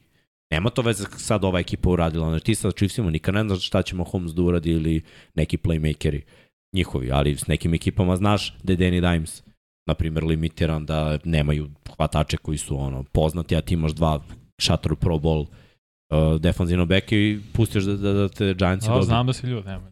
Ja sam ljud, ali gledaj, ali to, to je, šta ti to govori? To, to je ono prosek ekipa. Igra loš futbol. Zato ima 3-3. Green Bay. Da, Ne možeš da dozvoliš da te Jetsi sa ruki kotrbe koji je ono, bukvalno ruki ekipom i, i par još nek dobrih igrača izmaltretiraju za 17 razlike. Mm. To tu govori, da si prosek ekipa. A mi na vesele teme. Nisu Da. još. Heroje? Ne? A, dobro, Jeste. hero jeste. Ah, to je Hero je vesela vesela tema. tema. Ajmo da imamo ko, koga smo izabrali za heroja, posle Pš, pš, Jokera pš, i na kraju tragičare. Heroj nedelje moj Josh Allen. Uh, uh, razlog, mislim, ono, kogod je gledao meč, mislim da je ono jasno zašto, jer uh, zaista deluje kao ono najstabilniji šraf u tom napadu Buffalo Billsa, ne samo napad, celoj ekipi koja deluje inače generalno dobro. I ove nedelje ono što smo rekli, preskakuje ljude i trčao je i bacao je i ono, dobra utakmica. Nije prodavao lopte, tri touchdowna, ako se ne varam, Mhm. pasom Tako je. i ovaj ono, mislim da vodi ekipu baš onako kako treba. Meni je Dustin Hopkins, kicker Chargers. Nije e, ovaj Hopkins u sinoć hvatač, savršen 4-4 field goal i do ekstra poen, 13 poena. Ali naravno u toj faznom Chargers on se povredi, neće ga biti do decembra, tako više nema ni Pa naravno da se kikera. povredio kad ga je Rovit. kreten terao da šutira sa napuklim mišićima. Strašno, Četiri field gola. strašno. I zato i heroj, što on pobedio ovaj meč. Pa jeste, ali neće mislim, biti do decembra. Kako možda, ja ne znam, ti, Jezio. ti treneri, mislim, dečko je zaslužio, mislim, ozbiljnu kintu, ali ti znaš da, da je povređen. Znači, ne samo da mu kvadriceps napukao, nego isto je go zadnju ložu u želji da ne kompenzuje toliko iz kvadricepsa, ne, nego je nateguje. Onda svaki šut su bile grimase i valjanje po zemlji i ti ga pošalješ sledeći put da šutne 50 A još yardi. jedan. I još jedan. I još jedan. Užas, užas. Ovo je, če, ovo je četiri sajta. Ovdje. Užas. Mislim, dođi jednom na teren da šutneš 40 yardi da, vid, da vidiš koliko treba zapneš. Ma idi bre, ja kad sam šutirao par puta kick-off, zagram mnogo 10 minuta pre toga, bukvalno. No, zamisli si istegnuti mišić. Da, man, grozno. Užas. Moji heroji su Giantsi jer, mislim, igraju brutalno ove godine. Znači mora da izdvojim ceo tim, i ofanzivno i defanzivno. Znači sve ide nerealno. Znači, ovo je san za, za Giantsi. Za New York. Mogu ja se nadovežem na Srkevo Jets defense. Mislim, za New York imati dva relevantna tima posle 2011. To je godina kada su Jetsi bili u finalu AFC, a Giantsi osvojili Super Bowl. Ono 10 godina.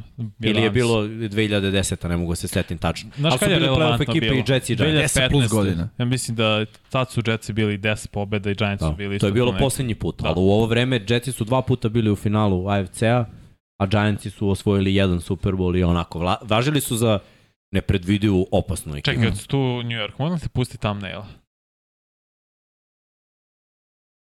Kakva godina za New York? Da, da. Za razliku od prošle koja je bila ne kanta, nego ono, uh, kako se to kaže, uh, deponija. Ja, pa ne čisto.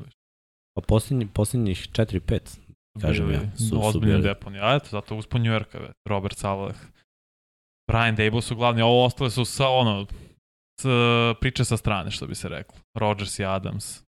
Konekcija koja je nestala. Ni jednom ni drugom ne ide nešto. Očigledno, ovi mu se muči u Raidersima 1-4, ovi se muči u, bez njega u Packersima. Jer ovo drama u DC u Washingtonu, to je više za Dana Snydera, za vlasnika. Hoće drugi vlasnici da ga izbace iz ligi, da ga nateraju da proda tim.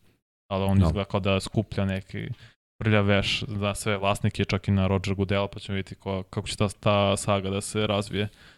I poslanje o tvom heroju. Priča o Jalenu.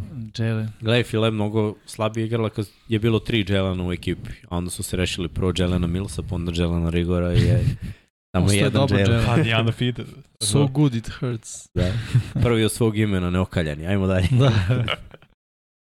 Jokeri, meni, meni je odbrana Eaglesa. Mislim, okej, nije napad Dallasa, jeste kuperaš kotrve, kao ali momak ima četiri pobede u četiri prva starta u NFL-u. Uh, z- zašto su mi oni Jokeri? Jer on, na papiru sve to deluje dobro, ali ono, ne samo ove nedelje, već nekoliko nedelja, ali eto, meni je ove nedelje onako baš to bilo uh, značajno. To je ono, znaš, pokazali su, bilo je uh, showtime, definitivno, što se File tiče.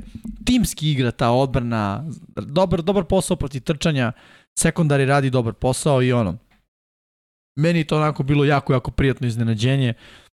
Ne kao za ovu nedelju konkretno, ali kad igraš protiv Dallasa, a ono, šansi Philadelphia Eaglesa, to ima svoju, svoju težinu.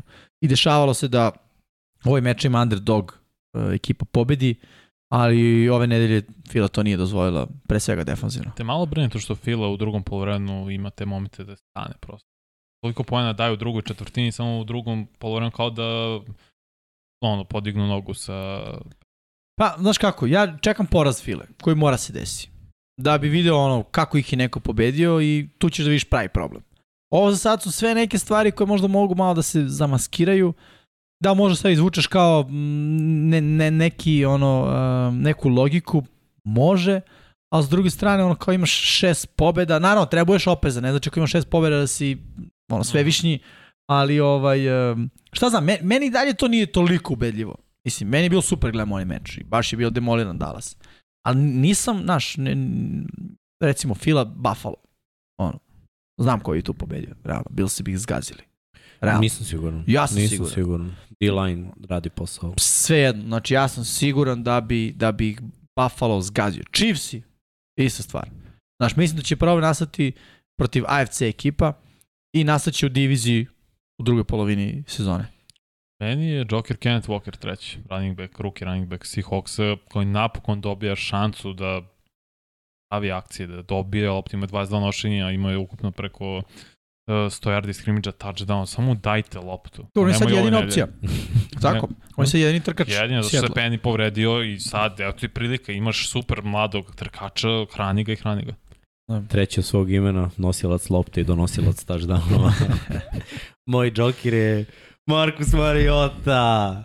Igrač nedelje u NFC-u sa skromnih 100 yardi dodavanja, ali tri touchdowna i pobedom Falconsa. Mislim, Paci, Tri ukupno touchdown. Dobro, Da, Tri je dva tri. istrača. mislim. nema veze. Sa 100 yardi teško je bilo da bacio 3, ali kad je Kelsey s 25 mogu da uvati 4 da. Upravo si, trebao sam da naglasim. Ali opet, tri touchdowna od 28 poena, on je za, zabeležio 18. Malo li, na usku poću. Da, I Srkev je Von Miller. Mislim, ono, kad je bilo najpotrebnije, izvršio je pritisak Von Miller, ali ovo je, ono, možda malo i donošenje nekog prisustva da ovakve stvari koje se nisu dešavale za Bill se sad se naprosno dešavaju i možda i Millera. E, pa ima Jeste. dva, dva seka ima i sad. Ima, I da. četiri puta udarima Holmes pored toga. Tako. A? Osetilo se njegovo prisustvo.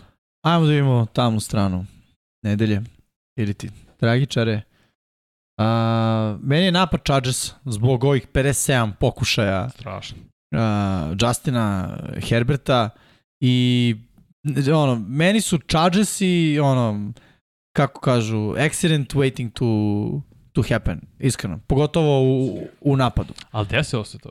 Pa desilo se, ali znaš, i dalje... Desilo se ona blamaža protiv Jacksonville 38-10, ta greška protiv Chiefsa po kojoj se izgubio meč. Tako je, zato, zato, zato i kažemo ovo, znaš, meni su oni udaljeni, ono, i jedan play udaljeni od katastrofe, svaku utakmicu. Svaku utakmicu. I ovaj put je bilo, ono, 57 pokušaja, nema touchdowna, čoveče, ono, boži, gledaš ti utakmice druge, ono, pratiš ti futbol, mislim, pitanje za, Staley. za Staley-a u smislu Forsiraš 57. Herberta koji ima i dalje problem sa rebrima. Ne, nije to, nije zdrav. Ne, ne Pa može. taj čovek deluje kao da živi u nekom Disneylandu, realno. Pa Dustin Hopkinsa, tako? Da, isto. Kroz pričamo? povredu. Čovjek kroz povredu. Ti gledaš meč. Ono. Šta radiš, bre? To je neki paralelni univerzum u kojem su ovi ljudi svi zdravi i igraju neke druge meče. Mislim, pa zar ne? Moraš da se zapitaš. A to je onaj general koji žrtvuje svoje na bojnom polju. Ja ne znam kao, ko je. Rokni strele, ali tamo su naši rokni strele. Užas, užas. Tako da ono, me- meni je to onako, ok, pobeda, ali pff, da li želiš tako pobeđuješ, realno? Mislim, pobeđivat ćeš ovako neku, neku ekipu, ali šta ćeš u playoff ako dođeš do njega? Da. Ajde da dođu do play-offa. Ajde, Ajde, prvo, ajde. ajde. prvo to. Russell Wilson, stvarno grozno. Jedan kroz jedan. Grozno. Ne, ne, 15 yardi pasom ti. Drugo polovreme plus produžetak. Mašiš, imaš samo jedan dri, ti gledaš u jednom pravcu slobodan igrač. Znači slobodan, ti ne gledaš u tom pravcu. Ja znam zašto, mislim, ja sam baš razmišljao o tome. Mislim da je Russell Wilson uh, quarterback koji je ono high to low ridovi. I ti kada si high to low, ti prvo gledaš duže rute, kad njih nema gledaš pliće rute. E sad, ako je plića ruta prvo otvorena, ti si, no, 3 sekunde kasnije to vidiš i on, to više nije otvoreno. Pa Mislim. sve zavisi, znaš, od, od playbooka. Mislim, od postavke akcije, gde oni još mnogo moraju da rade, da, da njega stave u situaciju koja je njemu odgovarala. Koju on, ja mislim, u Sjetlu imao zapravo samo dve, tri godine. Sve ovo ostalo je bilo malo improvizacija njegove da je on kupovao vreme jer je pucala ofenzivna linija pa je on bežao na stranu i onda imao hvatače koji su znali da idu u pravcu njegovog otvaranja. Ovde u Denveru trenutno to ne izgleda dobro. A opet, kad gledaš kako je dizajnirana akcija, taj play side, nije ovo da ga branim, nego on samo gleda da uradi, da bude ono kao dobar vojnik, da uradi ono što mu je zadato da uradi. A od njega se očekuje kao potencijalno top 10 quarterbacka, da ne radi ono što je uvek nacrtano i da se striktno drži ko pijan plota, već ono, druže, doveli smo te da pogledaš i backside, malo da improvizuješ, da nađeš hvatača, da kompletiraš dodavanje. Šta, šta ja već sada vidim, to je ono, Russell Wilson u Sijetlu, ima smisla. Russell Wilson odlazi iz Sijetla, dolazi Gino Smith, mi svi kao piši propalo, Gino Smith deluje respektabilno. Sad je to ono pitanje, da li je to bio Pete Carroll ili je bio Russell Wilson? Sjetimo se na draftu osporavan, nizak, svašta je tu bilo, da kažem, protiv njega. Došao u Seattle i ja mislim da, da je istorija sad trenutno pokazuje u bilo koju drugu ekipu da je došao, ni blizu ne bi bio. Dobro, gledaj, Russell Wilsona koji je, koji je sad. Opet moramo da slušamo i drugu stranu priče. Sad ajde, malo se zadržavamo ovde na Wilsonu, ali neka. Uh, gledao sam podcast Richarda Shermana i Marshona Lyncha. I uh, bilo je tu još mnogih igrača Sjetla iz Legion of Boom te, aha. Mhm. koji su pričali o tome da ono, franšiza i Carroll su išli u smeru guranja Wilsona na to da on od quarterback treba bude lider. Znaš, ono njihovo. Američka Quarterback priča. mora bude kapiten, quarterback mora da bude lider. Imao si najbolju odbranu u ligi dve godine i ti si rasporčao odbranu da bi ti Wilson bio najbolji igrač, ako je, jer je bio hejt u sločionici u smeru odbrana Wilson. Ali znam, ali opet meni je Wilson baš Gledaj, nije enigma. On je, on je Ti igrao, gledaš on je njegove igrao dobro. post-game konferencije. Čovjek kao da nije završio meč gde je odigrao sramotno loši da je ekipa izgubila. Znaš, on kao u fazonu let's roll, kao let's, Let's ride. ride. Bronco ne... Nije to rekao. Sad, Pa sad nije, ali je rekao pre dve nedelje, mislim, daj, ne mora da se zezamo. Ono, Znaš, o čemu se radi? Radi se o biznisu, Jim. Ma znam, ali... Prodaja. Ok, prodavat ćeš još ovu godinu i posle si ćao. Nisi, Ja ne bih volao da prodajem. Nisi ćao, brate, kada pro, gledaj, mnogo slabiji quarterbackovi koji su prosek dobiju šansu za šansom za šansu. Ovo je njemu zapravo prva neuspešna sezona. Ne računom prošle je bio povređen, operisu se i znaš, op- operiše šaku koju on baca, šta očekujemo, mislim, moramo da budemo realni. Ovo je godina kad je zdrav, naravno nije zdrav jer igra sa povredom ramena bacačke ruke i igra sa istegnutom Da. zadnjom ložom, ali opet očekivanja su veće. Ja iskreno, većinu krivice, kad imaš vrhunsku odbranu, Pa moram kažem, pre dve, tri nedelje nisam vidio protiv dovoljno dobrih ekipa da igraju. Sad su već igrali protiv par ekipa koje rade druge stvari. I ako si ovako uspešan protiv Chargersa koji po mom mišljenju imaju načina da te rastave ofanzivno, nije im bio dobar game plan, ti moraš da odgovoriš svojim napadom. Keket ne zna za ove akcije. Keket je po meni najveći bast pomoćnika koji postaje glavni trener i nema pojma šta radi na ovoj. I opet, pomoćnik koji ne zna šta da radi ofanzivno ima strah i sumnju u sebi. McMahon šutira sa 60 yardi. Ti odbijaš da šutneš potencijalni field goal koji te stavlja u situaciju da pobediš, jer se plašiš da ćeš da daš Chargersima loptu. Taj šut bi bio 57. Da, za McMahonu su to izvodljivo skroz, mislim. Igra se u hali. Da. Mislim, A imaš dobru odbranu. imaš najbolju odbranu. Da. Zašto to ne radiš? To je to je još jedan od razloga i onda bi priča bilo, mislim ne bi bilo kao Russell je odigrao dobar meč, ne, ne bi odigrao dobar meč i Denver igrao loše ofanzivno, jedna su od najgorih ofanzivnih ekipa. Najgori su. Da, i ne mogu da uperim prstom samo u quarterback. Nije on izabrao akcije. Znači, on igra katastrofa. Moraš da ga staviš u situaciju da igra bolje. Moraš Pa da staviš ali- sve ove igrače u situaciju da igraju. Imali su Jeste. jedan onaj lep release kada je Lučić dao svoj prvi touchdown u, u NFL-u Mhm. i, i krenulo je malo vertikalnije, pa je uh, Hamlet, Kemler. Hamler uhvatio, brate, isto vertikalnu vertikalno dodavanje. Znači, krenuli su da koriste malo ono što ra, funkcioniše za Wilsona. I odjednom, uš, ajde da batalimo to. To nije dobro. Pritom ima ovu celu situaciju sa uh, Melvinom Gordonom, koji se skinuo za utakmicu i isposmatrao. Bench. Mislim, gledaj, ja da sam trener i da mi running back ima mnogo famblova, bi mu pre utakmice rekao, druži, imaš pet famblova ove sezone, imaš 50 famblova u karijeri, sad sedi i gledaj. Ili, ne znam, kupi super lepak i zalepi na polaktice, ne, ne, ne znam šta drugo ti kažem. Ali, Ali da mu ne je- kažeš. Ali rekao je Hackett da će sad biti starter. A to je još gore. Zašto će biti star, zašto ga ben... Znaš, šta je uradio kao sad se iskupio jer je sedao jednu utakmicu. Mislim, ako je problem famblovi, onda Latavius Mare treba bude starter jer je igrao dobro na ovoj utakmici. Znaš, meni to deluje kao da on ne zna da vodi ekipu, nema uopšte kon, nema ni poštovanje, ni, niti neki sistem. Tu je Denver u problemu. To je ono što i kad je bio angažan, to sam rekao, ja nisam vidio da je Hackett ikad zvao akcije u Green Bayu. Što je to radio LeFleur. I što je Rodgers menjao. I čak, je Rodgers i sam rekao, ja sam nekad ignorisao LeFleur i zvao svoje akcije. Što samo znači da Hackett ništa živo nije radio. Ali, pošto ga je Rodgers užasno gotivio i sve to, znaš, kao ajde možda ipak nešto zna. To ti je taj faz. Jedan problem vuče drugi problem. Ajmo da... Budo, si- moji su Ravensi tri, ča, tri četvrtine, četvrte vodiš, 10 razlike plus izgubiš tri utakmice. Nema šta da se doda. I napad i odbrana moraju bolje, a Srki, amin, brad. Thursday Night Football ukinuti ako će ove ekipe da igraju. Ili izabrati dobre ekipe da igraju, a ne ono po svaku cenu Mm. u napred određivati. Mislim, to treba bude ono, promenljiva isto. Ako si izabrao u desetoj nedelje da igraju dve krš ekipe i ti ono u sedmoj vidiš da su te ekipe ono jedna pobeda. Ko igra sad? U osmu nedelje. I znam, bilo je, bila je najava Baltimore i Tampa. Tako. Ali gledaj, to su ekipe, ono, prosek, ali da kažeš da postoji neki hype. Denver, Indianapolis, Vašno Chicago. San Francisco, da, Washington, Chicago, Denver, San Francisco. Baš su izabrali ekipe, ono, ne. I utakmice su sve bile 20 poena. Mislim, gledaj, Ukup. Tampa i Baltimore igraju loše. Će biti više od 20 poena. Ako ne bude, stavljam ih ovdje na, tra na tragičare i brišemo ih iz statistike. Ali možemo idemo dalje. Mo- A, ćemo da, ja mislim da idemo najave. Prognoze od Prognoza za prethodne nedelje. prethodne nedelje. Pa ajde, okej, ajde, možemo i naše prognoze onda od prethodne nedelje. Da vidimo koliko smo loši i koliko ste vi dobri, pošto nas derete ljudi. Bravo. Svaka čast. Nije čim ja smo dobri. A? Čim ja smo dobri. E, A kako smo koliko su dobri. ljudi bolji od nas? Pa nisu bolje as drugi, vrate, u našoj... Ovoj, Ma ne u našoj, brate. Te. ne u našoj, u 99 jardi po ja sam drugi, šta sam dobri. Broj dva. Da. Bravo.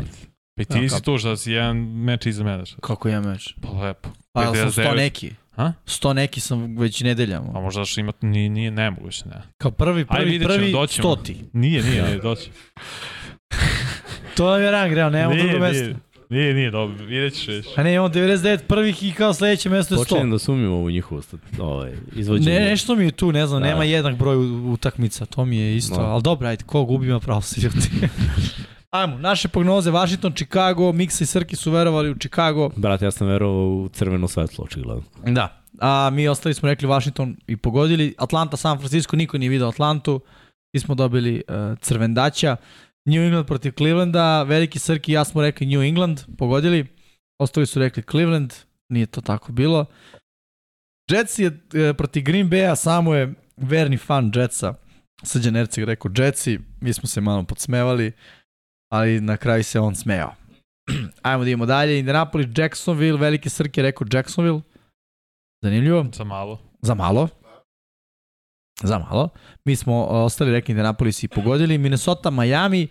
Uh, Ersig i Pablo su verovali u Miami. Nije se desilo. Jokica ostala otvorena. Uh, Cincinnati, New Orleans. Uh, isto. Pablo i, i Srki verovali u New Orleans. I, i on se nije desio. Uh, Giantsi protiv Baltimora. Uh, Erceg i Pablo ovoga puta kontrom su pogodili. Oni su rekli Giantsi, mi smo ostali svi prognozirali na Baltimore i mi smo promašili, oni su bili u pravu. Dobar pik. Uh, Pittsburgh protiv Tampa, niko nije vidio Pittsburgh, svaka čast Steelersima. Ramsey, Carolina, svi smo rekli Ramsey, svi smo uh, bili zeleni. Pogodili Seattle, Arizona, Miksa i Veliki Srki su rekli Arizona, ipak je Seattle odnom pobedu. Buffalo, Kansas City, Erceg i Pablo rekli Kansas City. Oni u, u tandemu kontriraju, to je baš zanimljivo. I nisu pogodili, ma dajde, ovo je bilo stvarno ono, moglo je da bude, nije, nije kao da je bio neki no-brainer. A, nisu pogodili što tiče Kansas City Chiefsa, s obzirom da je Buffalo odneo pobedu. U, ovo crveno na kraju. Pa, baj. je. Baj. Dobro. Fila Dallas, svi smo rekli Fila, bravo za sve nas. Chargersi, Denver, svi smo rekli Chargersi i tu smo isto svi pogodili. A što se tiče semafora, prognoza, Vanja je na mestu broj 1, bravo Vanja. 63% ako zaokružimo na, ovaj, na cele brojeve, 59 pogoraka, 35 promašaja. Ja sam 62%, odnosno 61,7, 58 pogoraka, 36 promašaja. Erceg na mestu broj 3. Ovo je ono kao kad se neku formuli probija sa ono loše pol pozicije od zadnje dve godine. Sada na solidno treće mesto. Da, 54 pogoraka, 40 promašaja, 57,45% uspešnosti miksa na mestu broj 4. Tu je Dahće za vratom Ercegu. 52, a, 52 je pogodaka, 42 promašaja, 55,32%. Pablo na petom mestu, 49 pogodaka, 45 promašaja, a, 52,13% uspešnosti i Veliki Srki sigurno šesto mesto, a, 46 pogodaka, 48 promašaja. Ti jedin imaš više promašaja nego pogodaka. Ispod 50%. Ajde, moramo malo da te vratimo u igru. To su bile naše prognoze prošle nedelje. Ajmo sada najavu ovog kola i ako budemo dobri, Evo ima još ovo, kaže... možda završimo. 99, uh, ovaj, A da, liga. Pool, da vidimo... Ne, ne, ajmo sada da vidimo kakva je trenutna situacija, pošto je ovo nakon odigranog a, šestog kola i ove jedne utakmice, je tako? Da. Pa da, vidiš šta je drugih čoveče, mislim, zanimljivo. Bata je prvi, bravo Bato. Gde žuriš Bato, bre? 62 pogotka, 32 promašaja, 62,5%, je tako? Ne, Uspešnosti. to je poena kao. Pa oni to računaju. Pa da su oni bi jedna, jedna je bila nerešena, pa to je kao pola poena. A, okej. I dalje imamo na drugom mestu 9 ljudi, bar da ovde vidimo. Da. Ne znam da li ima i više. Mislim da nema. Pošto prikazujemo samo top 10. Metal Crumb, Žikas, Defunctus, Gangula Lagano, Nemac 30, Nixi 97, Sajder, Slavko ili Šlavko. To mi neko može zvuči. Ovako. Slavko, pa F stoji. Može i Pa Slavko. možda ovako pride. Da. Šta radi, brate? Ši dobro. I Fanja ili Vanja, takođe na mestu broj 2. Svi imate po 60 pogodaka, sad neko je pogodio 30, pro, 34 puta promašio, A Metal ovaj prvi, Crumba. da, mislim da on nije odigrao možda prvi meč. Jer A ne to možda ne odigraš. E, Kompjuter ti dodeli, ja Meni nisam odigrao prošle nedelje. Meni nije birao, ja kad sam jedno nisam Može je se odigrao. promenio nakon Pa prve nedelje moguće, pravila, tako to moguće. sad vu- vuče kao neki, neka zaostavština. Da. Ok, da si tu, bro, šta hoćeš, brate? gde smo mi? Do, vidi čoveče, ispod stotkice sam, lepo. Pa iz, ove relje se odigrao dobro. Pa, da, Zapravo se 10 odigrao najbolje. Da, da, Da, da. 10 od, koliko je bilo? Oče, 14. tako. I leta jedna napravi. Jest, jest. Bio si ispod mene prošla o, na ovome i sad si gore. Vanja je najbolji od nas, to drugo mesto. Uh, ja sam na 18. Uh, Mihajlo 40, uh, Miks, Miks 42. mesto. Veliki Srki 87. Erceg 214. Bolje delo Erceg čoveče u našim prognozama nego ovde. On tu Nije igra delo neke... isto. Isto ima 54, samo ti srđan veliki od dela je mnogo bolje. A, okej. Okay. Da, onda ti kompjuter malo... I Dom. Pablo 603. mesto od ukupno, koliko smo rekli? 709. 709. Da. Bravo ljudi. Cool. Možda sledeći godine napravimo onaj neki, kako se to zove? Um, kao, um, smislit ću ga. Smislit ću ga, ali imam ideju.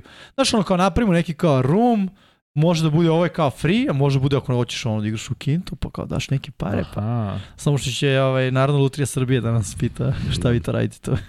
Samo oni. pa, oni su da, jedni od, verovatno. Ajmo, ajmo dalje. Ajmo dalje. Idemo na najave za um, ovu nedelju. Pa dobro, to je deo najava za, za, za naredno kolo. budemo radili sve utakmice. Pa Da. onda. Počnemo od toga. Imamo mečeve koje smo izdvojili, ajmo taj Thursday night, imamo Da. grafike, jel tako? Da, ima za Thursday night. Ajmo, ovaj Ajmo. Thursday night je bio bolji. Mnogo. Mnogo bolji. Držao je, držao je pažnju. Jeste. Mislim, 76 poena i Wow. krenulo je, krenulo je jako dobro za Saints ofanzivno, tri drajva, stigli do, do crvene zone, pojavio se Kevin White posle nekoliko godina gde je bio nevidljiv. u. Da, ma nije u Chicagu. Ali jedno hvatanje.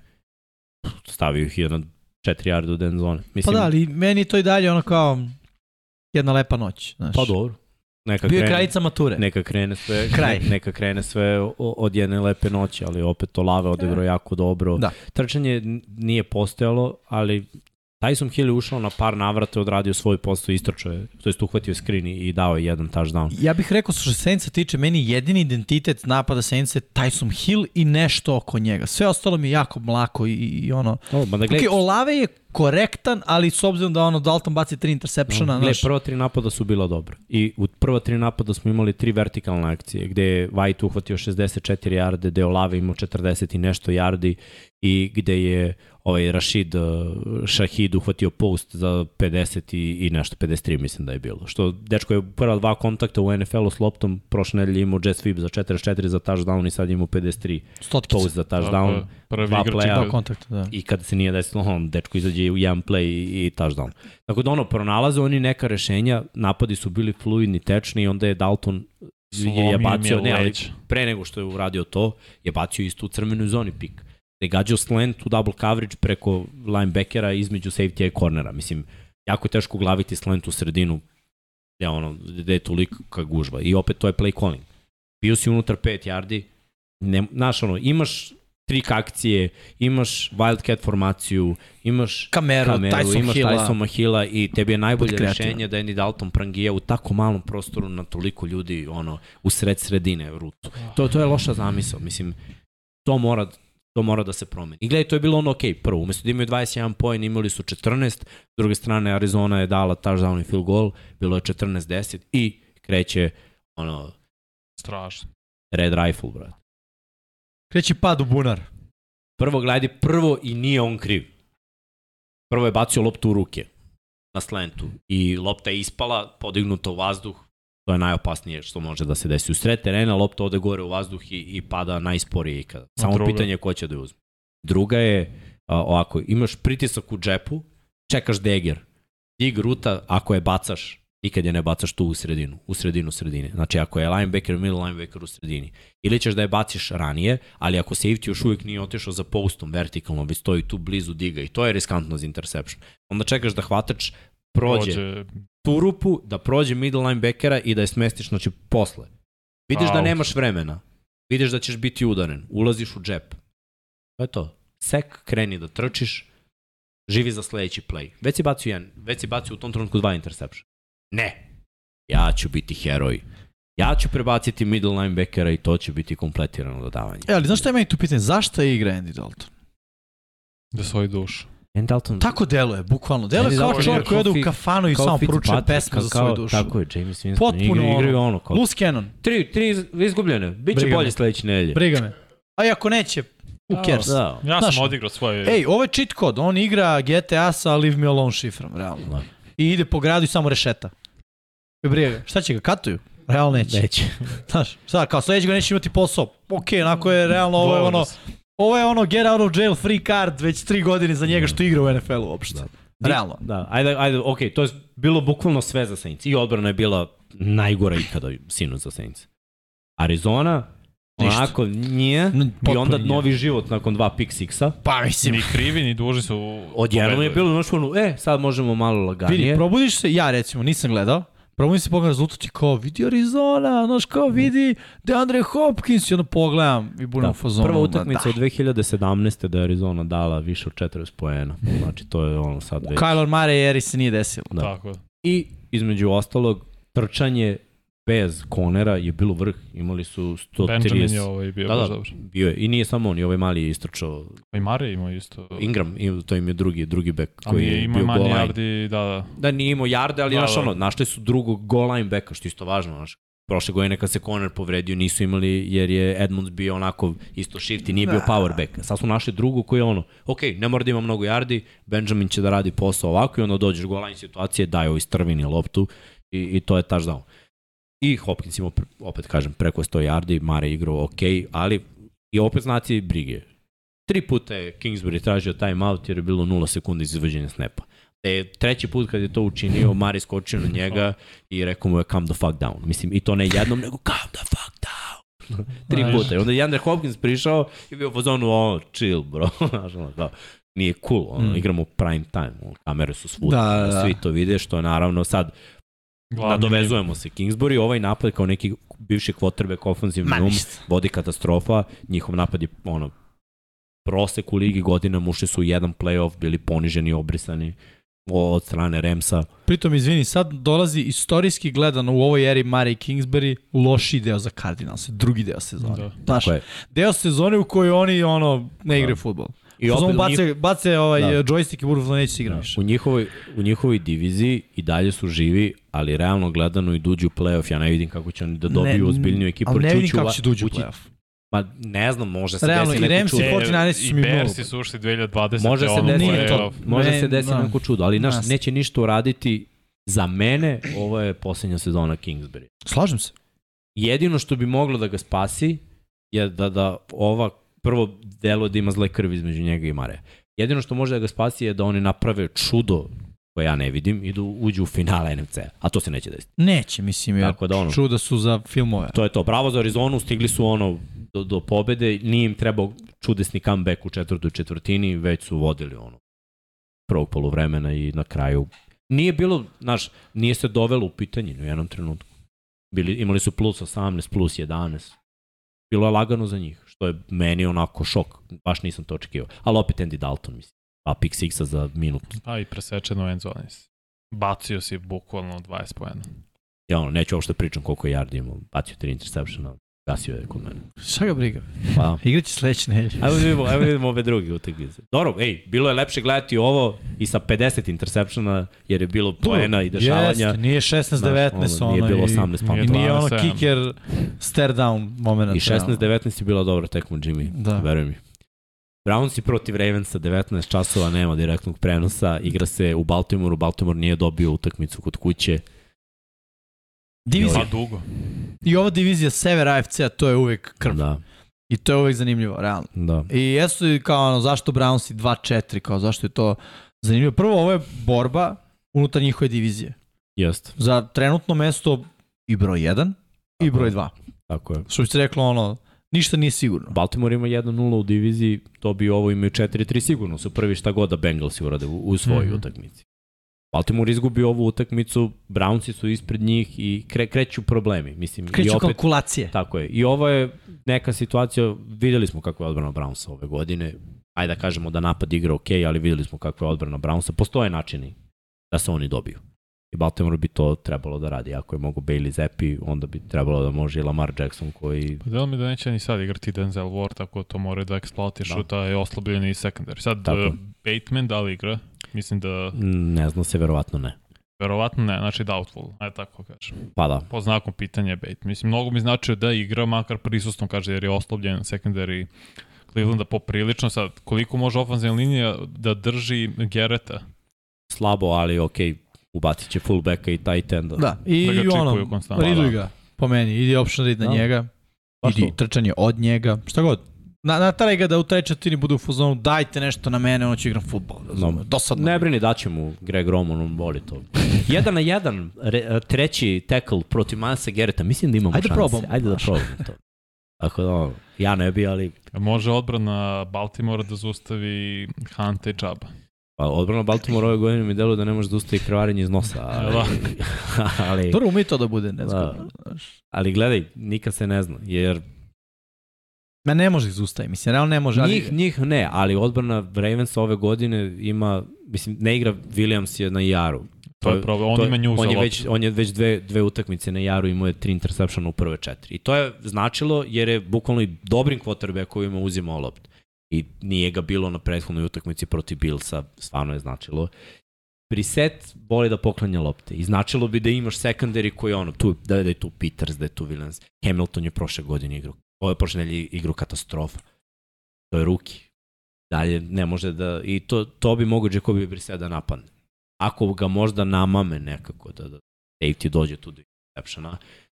Pa onda Čabe Peters, bi bilo 80 yardi trčanja ako Brissett odluči da, da bude hero i, i baci intercept. Ali znaš šta ja mislim, prošle nedelje protiv New, uh, New England je odlično zaustavio Čaba. Imao ispod 100 yardi. Ma, on i Znači, Hunt su imali ispod 70 yardi zajedno. Upravo to. Mi- Ovo nije ta, znaš, teško, teško da on i Hunt u kombinaciji dve nedelje za redu imaju ispod mora, 100 yardi. mislim Chargersima je trčao, su trčali, Da. ali, ali ono, Chargersi su našli, ok, nek oni trče, Da. ali ovo ostalo neće da funkcioniše. Mislim, ok, pr- proradio je dva, tri puta Mari Cooper, kog će ovde čuvati, mislim, bolji korner. E, Da to se je zapravo i glavni duel. Peters, Peters i Amari Cooper. Amari Cooper. To je ono što mene zanima. Da A sad možda ključ za Browns jeste da li mogu da iskoriste Nedžokova. I koliko mogu da ga iskoriste. Jer ovo, ta sredina Pa. Baltimora je upitna. Jeste, jako. I, I mislim ono, ja verujem da će ovo biti 1%. I biće tesno. Nije ovde Baltimore uopšte veliki favorit. Ove godine Baltimore igra prosek futbola, Brownsi su povređeni i igraju dobro kada od njih ne očekuješ. Mislim, gube i oni utakmice, ali ne, ja mislim da gube utakmice zato što im je odbrana šuplja. Više nego zato što, što na, njihov napad sa vrhunskom odbranom bi imao bolji skor. Što kako ja ovo vidim? Ja ovo vidim kao meč u kome Brownsi moraju da se vrate na ono što rade dobro. Ovo je divizija. Znaš, zašto da rizikuješ da igraš na QB ako je tanan? Ajmo trčimo, može se trči protiv njih, aj sipamo dosta poena na taj način. Što se Ravensa tiče s druge strane, ono, slična stvar, znaš, nije ovo elitna odbrana, ajmo da ih napadnemo. Tako da, po meni, ovo bi trebao bude on high scoring game. Iako na prvu loptu ne deluje tako. A, dobro. Igrali su pre par godina high scoring game. Da. Ne vidim tu 40 poena po ekipi, ali recimo Oko 20. Preko 28. Ne, ne. Mislim da, Ih. da, da, mogu da vidim da neko bude ono, Bi- Biće lepo 35. gledati to ako bude tako. Mislim, gledat ću svakako, ali vidjet ćemo. Ajmo na sledeću. Mislim, dobro, ovo je jedan od derbija. da, A, I ovo je divizijski derbi za prvo mesto. Kolci protiv Titansa. Titansi su već rešili jednu na, na, na ovaj kulturu. A ako mene pitate, rešit će i ovu drugu. isto. Jer Kolci i ove tri pobede, ništa. To. je. ono, ja, jako tanke pobede. Koji su dobili? Dobili su Chiefs, Jaguars i ko je bio treći? Denver. E, da. Pazi, Tennessee je dobio 4 za redom protiv Colts. Realno imaju njihov broj. Imaju, da, da. Ne, ne može Prošle Colts- godine ih očistili, ove godine ih dobili isto. Postavka igre Tennessee je zdravija od Colts. Jest. Coltsi baš deluju kao muval tegli. Ono, aj probam, ne ide. Ok, aj probam opet. Ne ide ni to. Možda promenim, promenim. Ovo ide. Dobro, aj probam opet ono što ne ide. Jer ko zna, Mm. možda ovaj put E, upali. Jonathan Taylor igra. To je po, i Himes. To isto. jeste dobra vest. Jeste, to I- nisam znao. Da, Ali, nisam ni ja. ali Da. opet i da igra Tennessee Titansi u onim situacijama kada on ne bude trčao, kada bude Matt Ryan uzeo loptu, tu imaju prednost. I- I, Matt Ryan ne igra dobro pod Defensivna pritiskom. linija Tennessee, to je njih trojica, prvo imaju skoro 12 sekova. Bez Harolda Landrija to je, Tako je. to je bravo. To je baš bravo. Jeste. E sad, s druge strane, isto šta mislim da je zdravije za Titans je game plan. Biće bolji game plan za, za kolce nego što mislim da kolci mogu da postaje game plan za, za Titans. Ono, ko što rekao, deluje mi baš onako Znaš, ja ne znam da će, sumnjam da će oni biti u fazonu. Oni ove godine imaju dosta problema u odbrani, kolci. Povređen Leonard opet ne igra, mislim, Tako je. najbolji ti Da. defensivni igrač ne igra već. Tako je. I očigledno je samo što je najbolji defanzivni igrač. On je očigledno stup te odbrane, u Da. svakom smislu. On, kad je ono igrao prošle godine, kad je bio zdrav, to je stvarno bila ono, elitna odbrana. To si mora da im, da im priznaš napad, se mučio, imao je svoje kikseve, ali odbrana je uglavnom bila na visini zadatka. Sad to nije slučaj. Sad to nije slučaj. Sa druge strane, ono, šta im ide na ruku je kao, imaš Tenehila, koji ono, Koji nema baš opcije. des, i nema opcije i decision making je, pff, ono, Je Burks i dalje povređen. Mislim da, ja mislim da jest. Da, I katovali su Gordona, tako da ostaju Westbrooka, Kina i Woods. Tanko I- je. Sa time to znači Derrick Henry do iznemoglosti. Pa dobro.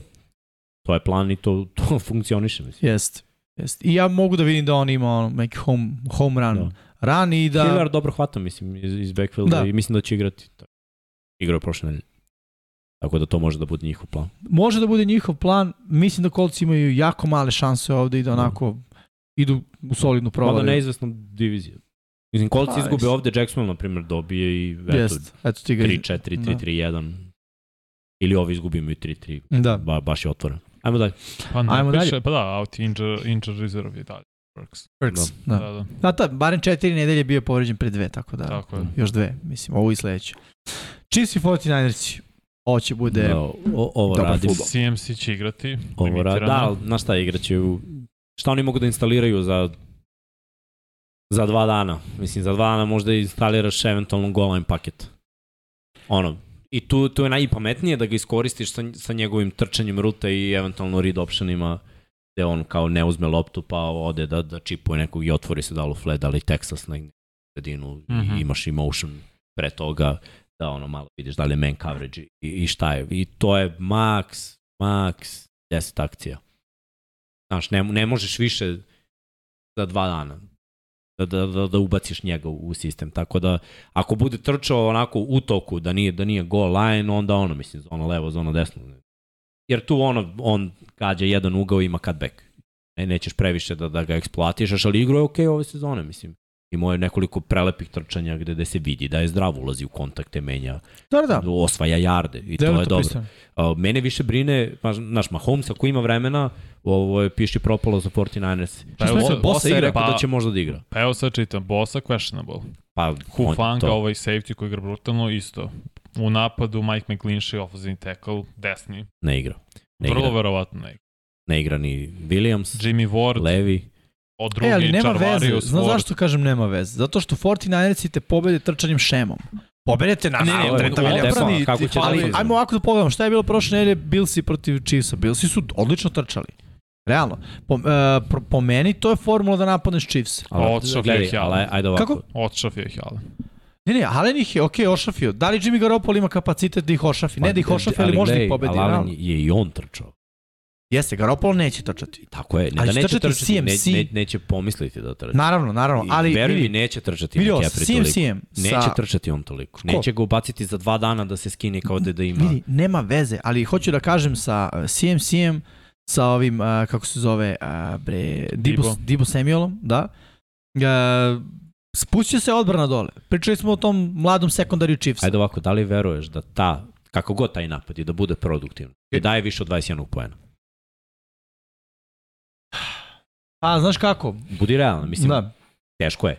Znači, odbrana mora da limitira Chiefse na oko 20 poena. To bi bilo okej da odbrani ova, ovoliko povređen. Gledaj sad ko ne igra sve u odbranu. Armstead isto vrlo vratno neće igrati. Armstead, Kinlo, možda boss. Mhm. Ne znam, ako budu igrali super, ima šanse. Ali izbaciš o, ovu trojicu, meni je to veliki problem. Plus secondary, Jimmy Ward, Charvarius Ward, Da. da. Hufanga isto. To su tri startera. Znači ti tehnički izbaciš i uh, ovaj uh, Al-Shair linebacker. Alshire već ne igra neko vreme. Izbaciš sedam startera iz odbrane protiv Chiefsa koji igraju dobro u napadu. Jeste, ali ja bih tu rekao da li oni mogu da limitiraju uh, Kelsija. To je ključno Pa pitanje. ne mogu. Ko će da ga limitira?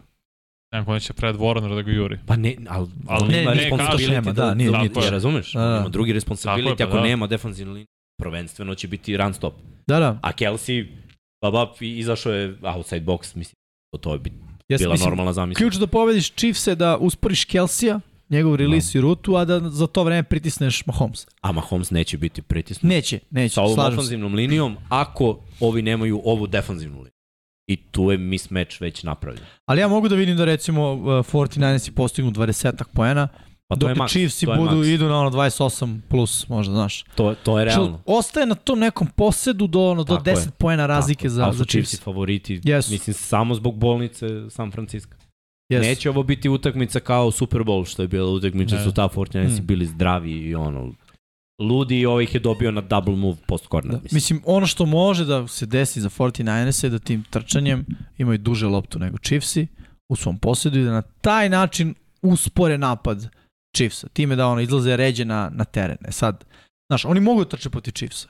Ja to stvarno mogu da vidim. Uh, da, li, da li mogu da trče dovoljno da se sve ovo desi, to će biti ono Da. ključno pitanje po meni. Da. Chris Jones mislim da će imati ozbiljno dobar dan. On je najbolje ocenjen defensivni igrač ove godine. Plus vraća se Willie Gay, tu je Bolton. Naš secondary Bolton je gromio. formiran Chiefsa. Upite, ovo, pardon, front seven Front je po, da, a secondary je upitan. Jeste, ali taj front seven koliko god delovo formiran, trči se protiv njih. Ne, Znaš. trči se, ali uh, fali sad dva startna tekla 49ersima. I McLinch i Trent Williams. Sve jedno, ti te teklove možeš da... Ne ono, može Trent Williams da... Ne, ne, njega ne možeš pojedinačno, ali šemom možeš da neutrališeš Može, to što sad, nema. I da imaš beka koji sve vreme naviku A čekaj, na zašto misliš da McCaffrey ne može da bude instaliran? Malo je vremena. Nema veze, ali Malo vidi, vremena. zona je zona svuda. Glej, nikad, jeste, ali nikad nisam vidio da tipa neko bude tradoman u petak i da igra u nedelju više, Četvrtak večer. a kad je stigu, mislim. Stigao On je jutro. tradoman, znači on je danas stigao tek Da. u San Francisco. Znači možda je danas odradio trening. I sutra će odraditi trening u nedelju. Nema treninga u nedelju, već igra. Znači da. dva dana treninga. Ja verujem da, da je bolje da ga iskoristiš ako stigneš do crvene zone u tim situacijama i da mu daš nekoliko nošenja. Znači to je po mom mišljenju 10 kontakta s loptom, Ko je tu opcija broj 2 sada na running backu? pa mislim Ili taj ko je bro... Opcija kogoda je. Wilson je ono Mitchell je Je zdrav? za sezonu. Wilson. Pa koliko, koliko može da bude zdravije. Da. Znaš, to je to. to Dobro, je nije opcija. ni on loša opcija, znaš. Nije, nego ono, to je to što imaju. To je to što imaju. I uzimaće Dibo par nošenja, verovatno Jušček par, par nošenja, ali nećeš ti s, to, s tim napadom. Mislim, gledaj, i cele ove sezone ti s tim napadom nisi dao 20 plus. Tu si oko 20. Poslednje što da će odbrana da, da spusti protivnika, Da. da. da daš ti 24, oni daju 20. Chiefs neće dati 20. Chiefsima se otvara ovo. Da, idu na jer je- 30, ja. Znači, ako Mahomes ima 5 sekundi, to, to je igra, igrarija za Mahomes. Jeste, jeste. Ćemo dalje? Ajmo. Jel imamo još jedan meč koji smo izdvojili? Nemamo, zato što ima dosta mečeva koji su vrlo Ne. slični zapravo. Ok, ajmo da vidimo ostatak. Nije. Šta nas, Jesu, šta nas čeka u, u sedmom kolu, da najavimo i ove ostale mečeve. A evo. u 99 yardi 101 ili ti broj 101. Pričali smo već Senci Cardinals i to je odigrano. Dobar Thursday night ove godine. Napokon. Eto, moram kažemo, Falcons i Bengalsi su na sport klubu HD u, u 19. u nedelju. To će biti prilično... Te, BJ Terrell ni Case Hayward ne igraju. Ok, meni je recimo čudno da nismo izdvojili ovaj meč. Da, dobar je meč. Je da bude Tri, dobar tri, meč. tri, tri. Realno, Meni je Gledaj. Falcons i vrući. I, I ovo je potencijalno, pazi, ovo je potencijalno prvo mesto u diviziji i za jedno i za druge. Da. Bengals je dobio, Baltimore izgubi prvi, Falcons je dobio Tampa izgubi prvi. Tako da ono, ima, ima neku ja ne težinu. stvarno Atlanta sa pola sekundarija, to sa najboljim igračem sekundarija može neko pruži otpor. Bengalsima ne. koji ide napad mnogo bolj, iz bolje i bolje. Ne ide trčanje, ali napad kroz vazduh ide. Ne, mislim da je to baš forsiranje, ali ok, meni će ovo biti isto zanimljiva, zanimljiva utakmica. Lions, Si birao Atlanta? Hm? Si birao Atlanta? e, ne sjećam se. Pogledat ću. Sve je moguće. Da, sve je Sa ove moguće. godine sve je moguće. Ova noć ima čudnu U stvari moć. nije sve moguće, ne bi bilo Lionsa protiv Cowboysa, to je sigurno. Da, Ak da, se to vraća, isto, mislim. zvanično igra Da. i mislim Pa nema vratio bolje se ili ne? Protiv najgore odbrane. Tamo. Da. Da, i kod kuće. Da. To je ono baš dobra stvar. Takođe u istom terminu nedelja u 19 časova Colts i Titansi, to smo već pričali, najavili, nažalost nema tog prenosa. Packersi protiv Washingtona. Evo je nedelja za Packersi da stisnu ne panik, nego onako mekani restart. To je ono kad igraš PlayStation i on zabodi ti kaj restart, to je onako, tek sam pokrenuo igricu, nema rizika, neće mi se izgubi nikakav save. Mislim da sad imaju šansu to da urade. Heineke kao faktor iznenađenja, Može malo da im pomuti planu u nekom prvom poluvremenu, mada Packersi su poznati po tome da ne prave adjustment, nego ono u fazonu radimo. Napad ne pravi nikakav asmen u drugom polovremenu, bukvalno. To je tačno, da. A ni odbrana nešto ne deluje baš uh, spremna da, da, da se nešto previše. Ali kažem, ovo je nedelja u kojoj ako se ne spreme za ovo, onda stvarno piši propalo ovu, ovu godinu. Maco, prilika. Da. Uh, Baxi protiv Panthersa, ovo je isto prilika za Ovo- Tampu. On nije prilika, je već rešeno unapred. Uf, polako. Znaš zašto samo kažem polako? Ne, zato, Ajde. što, zato što ovo možda bude ono 18-14, 18-10. Ko će da, PJ Walker će da baci za Neće PJ Walker, ali ono, Chaba Hubbard. Chaba Hubbard. Čaba Kapa protiv fronta Buccaneers.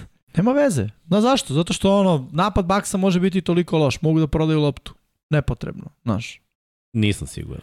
Protiv, Ne, ne, ja protiv ne- ove Karoline nisam. Slažem se, ali ja ne vidim da... Nakon ove nedelje prethodne, Karolina je, znaš šta, evo, uzmi samo u obzir ovo.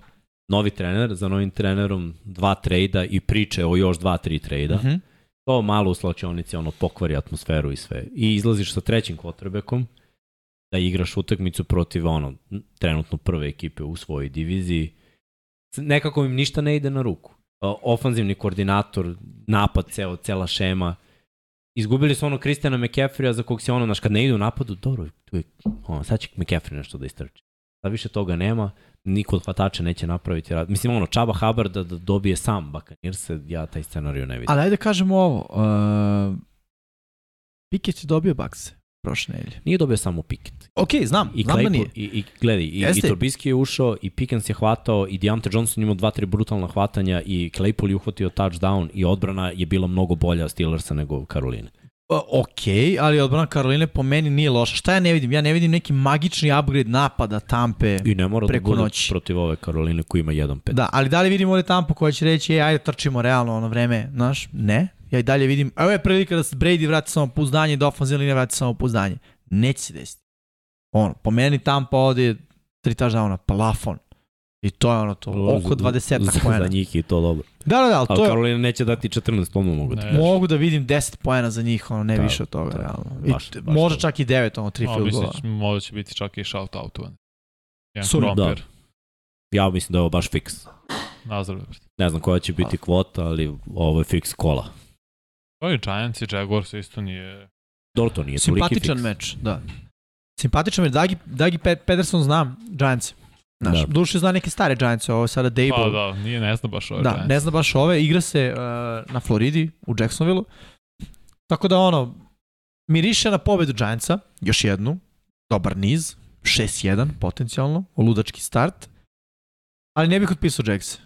Ne bih definitivno otpisao uh, Jaguars se ono, mogu da im pomute planove, jer sad, znaš, očekujem moment da uđe voda u uši, što bi rekli No. Giantsima. Realno, pobedio si ono ekipe koje nisi trebao da pobediš. Znaš što će ovde biti ključno? Jaguars su broj 3 odbran protiv trčanja. To znači da će Barkley do nekle biti limitiran, što opet znači, ok, Daniel Jones. Je možda baciš 300 yardi. Ne možeš, možeš istrčiš je- 70 i da baciš 180. Znaš da je je jednom samo bacio 300. preko 200 yardi ove sezone. Ali nema potrebe. Znaš, ne, ne, nije znam, bilo ali potrebe. to će biti ključ, jer, kaže, Jackson može zaustaviti trčanje sad na Daniel Jonesu da izvuče ostalo. Uh, jeste. I to će biti pravo pitanje, ono, Mhm. naš, o, ne toliko Daniel Jonesu, tu znamo skoro sve, nego o Daybolu.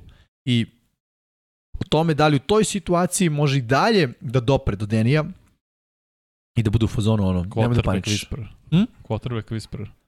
Da, da, da, upravo to. A, Browns i protiv Ravensa, to smo već pričali, takođe nedelja 19 časova. Nedelja 22.05, Jets protiv Broncosa. Kakva šansa za Jetsa odu 5-2? Ovo je isto potencijalno zanimljiv meč.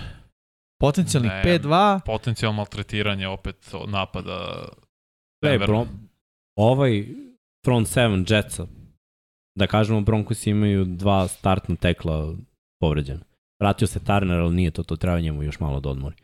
Ali ovaj, bez, bez uh, Bolsa i, i eventualno be, bez Turnera, Russell i ovako već ima problema i napad ne funkcioniše i trčanje protiv Jetsa, rekao sam već mnogo bolje ekipe nisu trčale protiv Jetsa, što znači Russell dodavanje. da, Videli smo kako to izgleda, ne deluje dobro na papiru za Broncos, osim ako se nešto drastično ne promeni. S druge low strane, game. vrhunska odbrana uh, Broncosa, Jetsi moraju da, o, ovde low scoring game, Da. nekako kao fix, ono zakucano i dva, tri poteza, dva, tri dobra drajva, to može da prelomi ono, ko- ko će Da, da, da. pobedi na kraju. Mislim da je ovde između dve ekipe, ono, jedan touchdown.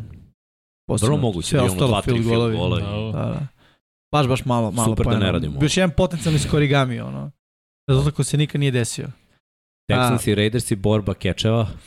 Neko će ovde do druge pobede u sezoni, a ja Možda. verujem da će to biti Raidersi. To verujem ja, sad stvarno proti Texanu. Mada Singletary, ovaj uh, rookie cornerback nije dozvolio ni, nijedan touchdown do sada. Stingley. Stinge, Stinge, da, rekao Stinge, Stinge, hvala. Jeste, ali znaš šta, Raidersi ne Hoću moraju da... vidim njega i Adamsa. Da, to ne je, moraju da prangiju toliko. Ja, ja da sam McDaniels, ja bi ovako, Jacobs, koliko si imao u zadnje dve utakmice, Da. da. drži na 300 yardi, Burazir imat ćeš 200 na ovoj. Da, da. Pa Da, sa Baja još dolaze tamo. Da, da, ja mislim da ovo mora da bude Jacobs gaženje i time otvaranje prostora za hvatača. Play action, pa malo Waller, malo, Jest. malo Adams. I da počneš, upišeš ovde dvojku i Tako je. gradiš. Što mi se rečeš, imaju, niz od šest. imaju šest lakih utakmica, stvarno Raiders. E sad na njima je da, i- da, ne, da ih ne naprave teškim. Da, Da, ne budu ono prodavci. Mislim, u teoriji njima i su i Cardinalsi bili laki u prvom polovremenu. Da. Pa Teoriji. se nije desilo.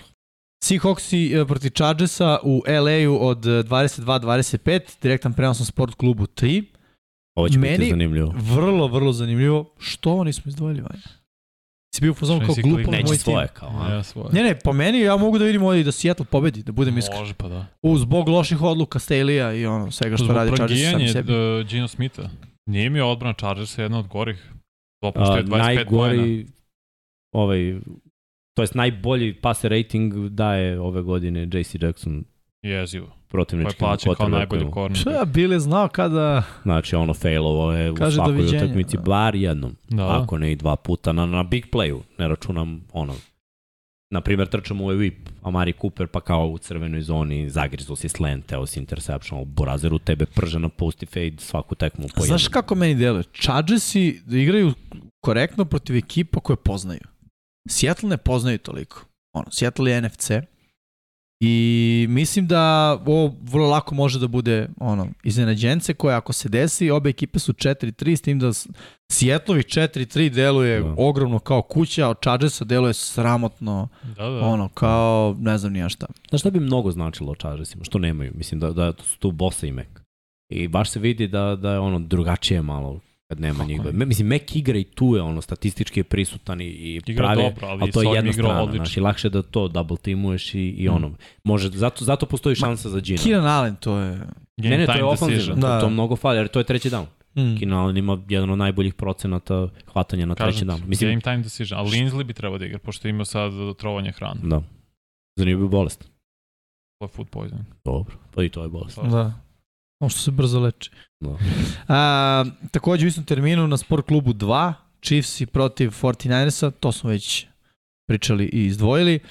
Sunday Night Football Steelersi protiv Dolphinsa u Majamiju. Solidno zanimljivo, mada ako se Tua Tua vrati, neće da bude neko ne znam kako sad gaženje, ali Miami Mnogo ima Miami. dobru šansu. Da. Ako igrate kladionicu, Tyreek Hill plus. Koliko god Derek yardi. ima po tri meča preko 150 yardi. Brat ima 700 yardi posle šest Strašno. kola. Nestvarno. Neće ga zaustaviti. Da, neće ga Niko. zaustaviti. I Ja secondary je mislim Steelers. da će to na kladionici da bude ono, prvi put posle duže vremena da će granica bude preko 100. Vadl ima 500, ovaj ima 700. Nestvarno. Nestvarno. Znači, ono, za šest kola. Da. Imaju 1200. ono. Bolest. I Monday Night Football utorak od 2.15 direktno na Sport klubu 1. Inače Sunday, football, Sunday Night Football takođe direktno Sport klub 1. Bersi protiv a, New England Patriota. On deluje kao pobjeda za Patriote. I kao još jedna ono klinika Bill Belichick protiv mladog quarterbacka. Ono, Da, da. rušenje To, je, sneška. to, to se nikad ne dešava dobro. Da. Da. Za, za, ne završava dobro za da, da, ono koja kao, mlada. sine želiš da igraš u NFL-u. Razmislit ćeš posle ove utakmice. Da. Da li Mi- to pravi izbor? Čim su završili ono s nulom Detroit, gde da Goff ima neko iskustvo, može misliti šta će ovde biti. A kao Detroit je dao 35, to smo Da. rekli. Da, da. Na Chicago ovako ne baju, može da da 15. na baju Eaglesi Eaglesi, Ramsi, Vikingsi, Billsi. Billsi, da. i Vikingsi. Da. Dobro, hoćemo li naše prognoze za ovo kolo? Ajde, ajde, mogli bi. Šta Naše teo? prognoze za, za ovo kolo. A, Andy Dalton prodaje. Ne samo lopte i Arizona. nas dvojica, brate. Da. New Orleans Ubio nas. protiv Arizone, Vanja i Miksa su rekli New Orleans nisu bili u pravu. Uh, mi smo svi izabrali Arizonu i to smo kao fino pogodili, mada Andy Dalton nas je Dobro. spasao. Hvala Atlanta Brazeru. protiv uh, Cincinnati-a, Srki, odnosno Erceg je izabrao Atlantu, mi smo svi ostali rekli Cincinnati. Nije nemoguće. Nije, to je meni vrlo... Zaslužuje vrlo- Atlanta bar par više, ali što kaže Vanja, ako uzmemo povrede Atlante, a to sam ja onako se nekako vodio da bi, mislim videli smo Sinci protiv povređenog New Orleansa, bilo je lakše, verujem da je i Mm. ovo lakše sad. Detroit protiv Dallasa, samo veliki Srki veruje u Detroit. Mislim da ti je ovo baš ludo. Da, potvrđuješ. Ne mora, brate. Indianapolis, Stvarno, stvarno ne mora. Nije to put do 50%. da.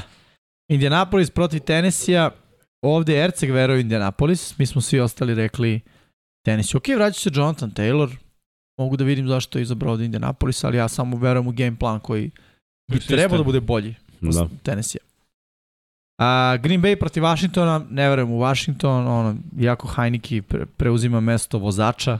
Posle dva poraza vreme je da se dobije nešto Yes, za Green Bay. Green Bay mora.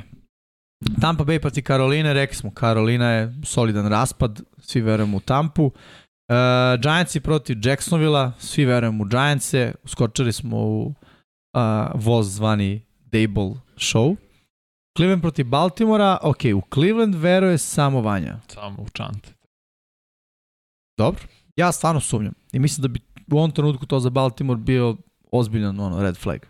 Da ih dobije Cleveland. Isto, kao i za Green Bay, da, da ono, u posljednje tri utakmice tako odigrao, ajde kao Baltimore je dobio bar Cincy, ali Da. ovo je ono, mora da se pobedi. Jetsi protiv Denvera, svi kažemo Jetsi. Dobro, Jet, imaju jet, jet. 4-2 igre. Green imaju Gang. način. Da. Houston protiv Las Vegasa, niko ne vidi kao Houston kao... Mislim da, da je ovo Pobednika. trebalo nekog, izvini što te prekidam, istaći, jer ovo je prvi put da smo svi izabrali Jetse, a radimo emisiju tri godine. I Srki nije tu. Da, znači ono, subliminarne poruke. Nešto se menja ovde u kosmosu. Otvori vrat i vidi napada sneg možda. Seattle protiv Chargersa, ja i Pablo kažemo Seattle, vi ostali kažete Chargersi. E, rekoh već, ono, mislim da Chargersi imaju način do sebe povrede. I ono, Dovoljno sve će pol. Ne, Da, ne da. treba im više. ne mislim u tom smislu nego ono kao Da, da. igrački. Uh, Chiefs protiv 49ersa, samo Pablo veruje u 49erse. Svi kažemo Kansas City. Ono, šta znam, može i da se desi da, da 49ersi dobiju. Nije mi nemoguće. Pittsburgh protiv Majamija, a, a, a, a, u, u ovde smo 3-3. Miami kažemo Vanja, Srki i ja, dokle Miksa, Veliki Srki i Pablo kažu Pittsburgh. To tačno Miksa? Jes, nisam znao, nisam znao da će tu da igra, ali nema. Ok. Chicago, New England, niko nije Pa, birao imaš Chicago. pravo da biraš, da menjaš, brate. Svako od nas ima po jedno pravo da promene. Neka. Da, upišeš u četvrtak, neka bude. Neka bude. Šta kao, mi smo kao neki sigurice. Maršimo iz nedelju u nedelju, katastrofa. Dobro, šta, si imao ispod devet. Pa dobro, može da se promeni. A, to je to, tako, pokrili Da, da. smo sve Da, da. ove važne segmente. Da li imamo vremena za neki kratak Q&A? Imamo. Pa možemo. Ja. E, inače, ajde, da odgovorimo odmah na pitanje, Mhm. pošto nosimo majice ovako sebično, a ljudi pitaju gde su majice, kad će biti majice i šta će biti s majicama, a mi ono kao ništa. A majice nisu na, sajtu. storu u poned, do ponedeljka. Da, Znači u ponedeljak sigurno, a do ponedeljka to znači možda i nedelja. pa ne verujem. Ne ponedeljak. znači u ponedeljak će na, na sajtu. Nemoj lažemo narod. Ovaj, tako da majice ovaj, zbog nekih vaših protesta da su previše skupe, Pošteno, pošteno, dobro. osluškujemo glas naroda. Mi, što mi stalno slušamo glas Da. naroda, znači sve je ovo zahvaljujući vama, tako da smo odlučili da ono maksimalno izađemo u susret. Ovaj, sa, maksimalno izlazimo u susret sa minimalnom zaradom za nas, ali nema veze, mi smo zajednica i tako treba bići 2100 sigurno do kraja ove godine. Ili 2099. 99. Što je možda onako... Dobro, ti ćeš da vraćaš taj dinar. A ne Dom Pavlo ovde da mi plače.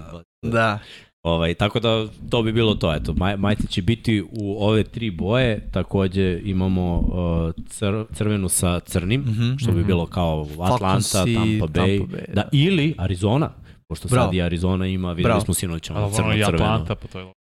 Da, prek smo Atlanta sam Atlanta, rekao, Tampa, Atlanta, i Arizona. i, i Arizona. Tri ekipe. Da, to je to. Da, da. Ja mislim da je to to da više nemamo crvendaće. Pa možda i 49ersi. Ali, Nema i Crno. Oni Nemaju, su da, zlatno. da, da, pa više je bilo belo kao i crveno. Pa da. Ali dobro, Da. okej. tako da, je samo te četiri imamo za sad. I, i imamo Srkeve. ovu belu sa i ljubičastu sa belom. I imamo i žutu sa... E sad, sa ko je toliko ljubičan? Tamo. Minnesota i Baltimore. Baltimore, da. Ali, Ne, za Baltimore sam znao, tražio sam dodatke. ja, užas. Da, ovo su Jetsi, takođe su Eaglesi, i Eaglesi. I nisu Packersi, realno. Ali Jesu. ono, mislim, Mogu da mogu da budu. budu. Da. I imamo žutu sa tamno-zelenom, to su Packersi. To I su da. definitivno Packersi. trebalo bi da imamo black and yellow. Da, po Steelersima. Jesu stigli Steelers. Steelersi? Stvarno ne znam, nisi to Tom Bubble treba pitati. Da. Ovo što Vanja nosi? Chargers. Chargersi i Ili smo rekli da možeš nešto. A, Pa nemaš. mogu. A Moguće, Rams u da. nekim Ne ludim snovima. Ne, te, teško. Mislim, Ali, da. ali ovaj, da. Može bude LSU. Ne LSU, Nije UCLA. UCLA, UCLA. da, bravo. UCLA. Da. UCLA. Da, Da, da, da. UCLA, a da. Dobro, eto, to, to smo vam odgovorili, tako da... Treba da govorimo na sajam, sajam knjiga počinje. Da. da. Tako da kreće u nedelju? u nedelju od 23. do 30. i štand je otvoren od 10 sati. Sad ne znam da li je do 7 uveče ili do 8 i mi ćemo biti u određenim danima. Mislim, Samo ja neću biti, nažalost, pošto Da. idem na odmor koji se zove Medri mesec. Kada krećeš? U nedelju baš. A, pa. U nedelju baš, tako da naredna dva petka neću biti ovde, ali bit ću sa vama u misli. Lepo se, lepo Da. se provedi. Kad se bude vratio Preplanova. Cigi, Cigi Jim. Da, da. Tako da ljudi, e, sala broj 4 bit će jedan veliki štand 99 yardi, tu ćemo moći naravno kupite knjige, da igramo igrice, bit će mikse, a tu sad zavisi kojim danima. Da. To još treba da napravimo raspored i javit ćemo naravno napred na društvenim mrežama i sve, ali da znate ono, od 23. počinje. Da, da. I dođite. I da kažemo da imamo knjigu Tako i je, planirane uskoro. promocije NFL dinastije koja je, Tako je. got, ono, prevedena, rešena i eto, ako volite američki futbol, ako želite da pročitate ono bestseller o najtrofejnijoj franšizi i u stvari za 20 godina najproduktivnijoj franšizi u svim profesionalnim sportovima Da. u Americi, to su New England Patriots i priča je o tome. Ja bih dodao samo, ne morate budete fan New Englanda uopšte, Da. zaista. Priča je fantastična, jer ono, govori o tome kako je građena franšiza, šta se dešavalo, neke onako zanimljive detalje sa tih i sastanaka i odluke koje su donali, koliki su tu zapravo Kako je rizici. Robert Kraft došao uopšte da bude vlasnik, to je Upravo luda to. priča. I ono, e, super je stvar, kažem, jeste o Patriotama, ne morate da budete zaista fanovi Patriota, ono, da, da bi knjiga, na kraju dana to je ono knjiga, treba je uh, pročitati bez ikakvog, uh, bez ikakvih predrasuda u smislu ne volim New England, ne volim Brady-a, Krafta, Beličika, sve to stavite po strani, čitajte knjigu o ono, uh, jednom velikom uspehu koji je, koji je ostvaren i zapravo ključ je ono da, sazna, da saznamo, dobijemo malo više detalja kako je sve to teklo, šta se dešavalo, Nije ovde knjiga. cela ta uh, kontroverza oko ono Beličik, Jetsi, cela ta priča. Ne znam, meni je ona, ona, ona priča oko, mislim da je bio u pitanju Bill Parcells i njegov odlazak. On je bio u, u Patriotama, tako? Bio je glavni trener, ja mislim. Ja mislim da Kad je jeste. završio sa Giantsima, misliš pa je preporučio Bila da Tako Bill je. dođe iz Cleveland. Da, da, da. Da, da, da. No. Tako da ono, zaista je super, super. Ja sam uh, čitao ono kad smo krenuli sa celom pričom oko prevođenja i to i kao dobio sam nekih ne znam ja koliko, 50 strana da, da pročitam i bio sam u fazonu daj mi još. Daj mi još. Ili ne može da staneš. I to sam krenuo čitam u ponoć, čitao sam do pola dva ujutru bez ikakvih problema. Kao 50 strana čitam sat i po vremena. I šta smo još rekli, donećemo Sony, Tako da se da. opet Da, da. malo meden. Meden, da- da, trke. Što da ne? Isto, da Dobro, nosimo bit će i da naravno Playseat, knjige bit će sve koje su svega, tako je. Infinity Lighthouse. Tako da, eto, to, to će biti. E, sad se ja bacam pitanja. na, na brzinska Da neka čekiramo. pitanja. Da li će Da, da. Denver dovesti Seattle do top 10 pika? Kako je krenuo, hoće. Vrlo moguće da nije bilo za očekivati, ali Seattle sa jednim dobrim skorom će još da ima i dobrog pika. Tako bar izgleda. Tako bar izgleda. Do, dosta je tu trenutno uh, nefunkcionalnosti u napadu Denvera. A, kad će biti na sajtu ponedeljak, jel znate koliko će koštati knjiga? Ja ne Ja znam. ne znam. Mm, Ne znam, ja iskreno. Mislim, bit će sad za sajinski popusti svakako za sve knjige, tako da će Da, da, koštiti sad mnogo manje nego što će Bravo. koštiti u Viš kako imaš, normalnom prodaju. kako imaš dobre informacije koje skrivaš od, i od nas i od drugih. Znači, bit će popust. Znači, to je ovako. je. popust, popust, popust. Da. da. Samo 1099 dinara. Ali ako naručite odmah, dobijete i... Naravno, šalim se. Idemo dalje, idemo dalje. Priča se o Del Beckham u Kansas City u mišljenje. Pa, Ma, povezali je- su ga sa svim živim, sa pet, on je rekao pet ekipa. Oni ga jesu povezali sa svim, ali on je rekao pet. Rekao je Ramsey, ne ne, rekao je Ramsey, Green Bay, Chiefsi, Baltimore i Nebre i Billsi. Bills. Billsi, to je pet koji ih je on nabrao. A ljudi, to je Odell tek će u decembru igrati. To je još mesec i po dana. Da. To proleti ovako. A vreme je Mislim, vidi. Ptica ja da sam Buffalo, ne bih to radio. Znaš, mislim da ništa protiv Bekama, pokvarilo bi ono što trenutno imaju. Znaš, to su još jedna usta da se hrane. Znaš, nije da njima fale oružje u napadu, ono, pogotovo ne hvatačke opcije. Imaš sve, imaš tri dobra hvatača, dovoljno. Taj tenda, Imaš li tri dobra hvata? pa imaš, imaš McKenzie, Ja, ok, ali mora neko bude broj tri, mislim, ne možda imaš tri to ne bi startera. bio Odell broj tri. Pa zašto Odell nije broj 3? Znaš, to bi morao da balansiraš se između Dixi. Onda opet, zašto bi sebi u decembru opet hvatao ritam?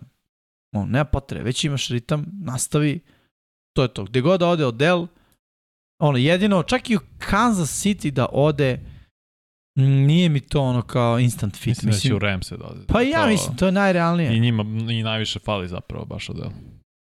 Da, i to bi opet bila priča, ono, game changer, došao je, promenio je, sigurniji su, bolji su i mislim, ono, meni ima smisla. Vidjet ćemo. Vidjet ćemo. Iskreno, to je jedna od ono, priča koja je pokrenuta još pre početka da. sezone. Kako vam izgleda Pikit? Kao ruki quarterback klasično. Pa izgleda kao, da, ruki quarterback, ali deluje kao film potencijal. Mada, viđali smo mnogo quarterbackova sa pristojnom prvom sezonom i nakon toga nestanka sa scene, ono, Baker A čak Mayfield, nije ni Carson sezona Wentz. ste igrao dve utakmice. Treba, Da. ja želim da vidim više, mislim ne želim da gledam Trubiskog isto. Hoću više Piketa, pa da vidim, znaš, ono, koliko je malo igrao ekipe, ni ne znaju ništa o njemu. Mm, I onda može malo da se prilagodi, ali deluje mi sposobniji od Trubiskog. deluje. Sos ili uh, Woolen, Sos Gardner ili Tarik Woolen za defanzivnog Da, igrača apsolutno. godine. Mislim, polako, ima vremena, ali I- igraju super jedan i drugi. 4% Woolen je lopte, već ono, mada na šta, blagi ono favorit je Senke koji uopšte nije ni biran, je ovaj Jones iz New Englanda koji su, Mm, najbolje isto- ocenjen. tako je, dečko grmi, startni je korner, ne priča se o njemu toliko, ali igra Pa dobro. dobro. To je kao JC Jackson priča, ono. Dok nije već. prošlo pola sezone, nije se pričalo puno o njemu. I onda odjednom kao top corner, top corner. Da li mislite da je Lawrence rešenje za Jackse i kada mislite da će Pederson moći da ih osposobi za Super Bowl run? Polako, druže. Daleko Možda su oni nikad. od play-offa, ne od Superbola. Možda Mislim da, nikad. mislim da Lawrence treba da ima celu ovu sezonu sa normalnim trenerom i sistemom da ga vidimo. Pljeskovi postoje, mislim, Mm. ono, pojavi se s vremena na vreme. neko dodavanje gde ga Tako je, da vidiš, ono. ok, ovaj dečko je ono, dobar quarterback, ali imaš situacije gde ono, Previše iskupljenih lopti. pa, Da, NFL je maraton, nije sprint. Tako da ti pljeskovi ne su znaš, simpatični, ali... Četiri izgubljene, mislim, Peyton Manning je imao najviše Mm. izgubljenih lopti u ruki sezoni i odgovorio je na to dobro. Ja ne, ali opet to je Peyton Manning. Opet i njegov mentalni sklop, njegova želja. Ne znam koliko Lawrence ima. Da, tad se toga. više čekalo. Tad Jeste, imao- da. Pa gledaj, ovde će, ovo je zapravo prva godina Lawrence, bit će on pet godina sigurno u Jaguarsima. Ja ove godine ne očekujem mnogo ni od njih, ni od njega. Sledeće godine sa Pedersonom u drugoj godini očekivanja su mi mnogo veće Mhm. iskreno. I onda idemo dalje, idemo. On je kad je bio u Fili, prva godina je bila nije, druga godina je već bila bolja, u, ono, bili su, da kažeš, ono, mnogo, mnogo dobar tim. Za dve godine je uspeo da napravi, ali imali su na nekim pozicijama veterani igrači. Jacksonville nema toliko veterani mm -hmm. igrača. Ali pojavljuju se, na primjer, Lawrence Kirk je već konekcija. Lawrence Marvin Jones je već konekcija. Iskoristi bekove, pojače ofanzivnu liniju, to, to je prvo što treba da uradiš. Znači da Lawrence može da sedi 5 sekundi. To mu treba. Odbrana već ima dobar pritisak, znači ajde da kažemo da, da manje više oni imaju igrače koji mogu da ih dovedu do neke priče da budu limitira i greške, da to treba vreme. Da. Da limitiraš greške, da to treba vreme. Znači Mhm. to je disciplina, to su trenizi, ponavljanja, utakmice, sve to Jag- Jaguarsi nemaju do sad. Kad se sve to desi, desit će se, ali sumnjam da to može brzo, preko noći. Mišljenje na Bradyjevo dranje na online. Mislim da smo rekli to. Pa da, ništa neobično, mislim. Brady to radio i ranije. S druge strane, ja sam online više volao se mene dere Brady nego se dere ovaj, kako se zove, ne Trubiski, nego ono, manje više bilo ko iz, iz Tampa. Eventualno bi prihvatio i Korneta, ali ostalo, Da. ne bih, ne da što su loši, nego ono kao, znaš, Drugi sebi ne bi dale ni pravo. Mislim, gledaj, ja mislim da niko drugi sebi ne bi Da, da, dao da, da. pravo da tako nešto uradi. A od, do, Mislim, to je normalno, ljudi. od toma to, se je- očekuje. Mislim. to, je, to je sport, znaš, ono. Nije, nije kao Brady se dere, ali njegova igra savršena, oni nisu savršeni. Što kaže Miksa, treba neko da te prodrma. Sad, ko može da opre do tebe, realno? Igrač si u NFL-u. Će da opre do tebe, ono, Scotty Miller. Mislim, realno neće, ali Tom Brady hoće. Sve i da ti on ne prija i da nije u pravu, bačiš da staneš i da se zapitaš. I uzročno je posledično. Online Drugo- igra dobro, Kotrbek igra loše, on je kriv. Da. Online igra loše, sigurno Kotrbek ne igra dobro. Da. Znaš, ono, Mahomes u Super Bowlu protiv 49ersa, sa svim onim dodavanjima paralelnim sa, sa zemljom, ono, Protiv Tampe. ispada. Online je Da, bio protiv kriv. Tampe, da. Online je bio kriv. Jeste. Nisi mogao da kažeš Mahomes je odigrao loše. On je To morao je da bacu odigra loše. ispada, ono, perfektna Da, da. lopta, razumeš, jer I hvatače nisu hvatali. Nisu, Da, da, ali to je znaš to. šta, ali zašto je morao da baca ispada? Ne, zbog ofenzivne Zbog linije. ofenzivne linije. I to je, i gledaj, ofenzivna linija je ono, mi smo krivi, šta radi GM i treneri, seci, seci, da. dovedi nove. Potrošni materijal. Celu su zamenili. Nažalost. Ru, ruki centar, Tuni, Levi guard, Brown levi tackle. i, i desno su promenili isto. Duvernay Tardif je ono, odlučio da, da se penzioniše, da se posveti medicini Mhm, i ovog je. što je bio desni tackle su isto poslali negde. Nije ni biti celu ofenzivnu su promenili od tada. Znači pet igrača su promenili. Za koliko? Dve godine. Da, da. To će verovatno da se desi u Tampi. Ako... Mada Jensen priča se da možda se vrati. To sam negde pročito. To bi bilo Da Odlična početak, vest. da krene nešto. A, sa kojim hvatačem bi Aaron Rodgers kliknuo na keca? Sam Sa Devonte Adamsom. Sam ni bio. se realno. Znaš, E, možda sa Odelom. ja možda. mislim da bi mogao sa Odelom baš. Mislim da, no, ono. Jer on je taj tip, ono, znaš. Njemu sad u ovom fazi karijere treba proverena priča. On će sa Odelom da nađe tajming. Znaš, to je par tvikova, ono. A, Da bacaš back shoulder ovde ili i- onda. isku- iskusan, ali ne potrošen. Što Beckham se baš ne uklapa u to. Da, da. Solidno je potrošen. Da, da, solidno. Zato mislim da možda i nije. Da, da. Ja, ja bih ono, našao nekoga ko je ono, iskusan, ima dve, tri godine produktivnosti. Ja bih rekao DJ. Moore. Ili, ne mislim da, da bi oni tradovali Ne Mike mislim. Thomas. Skoro, i ovako pričam. Mislim DJ Moore da, da je onako, da, da je kandidat.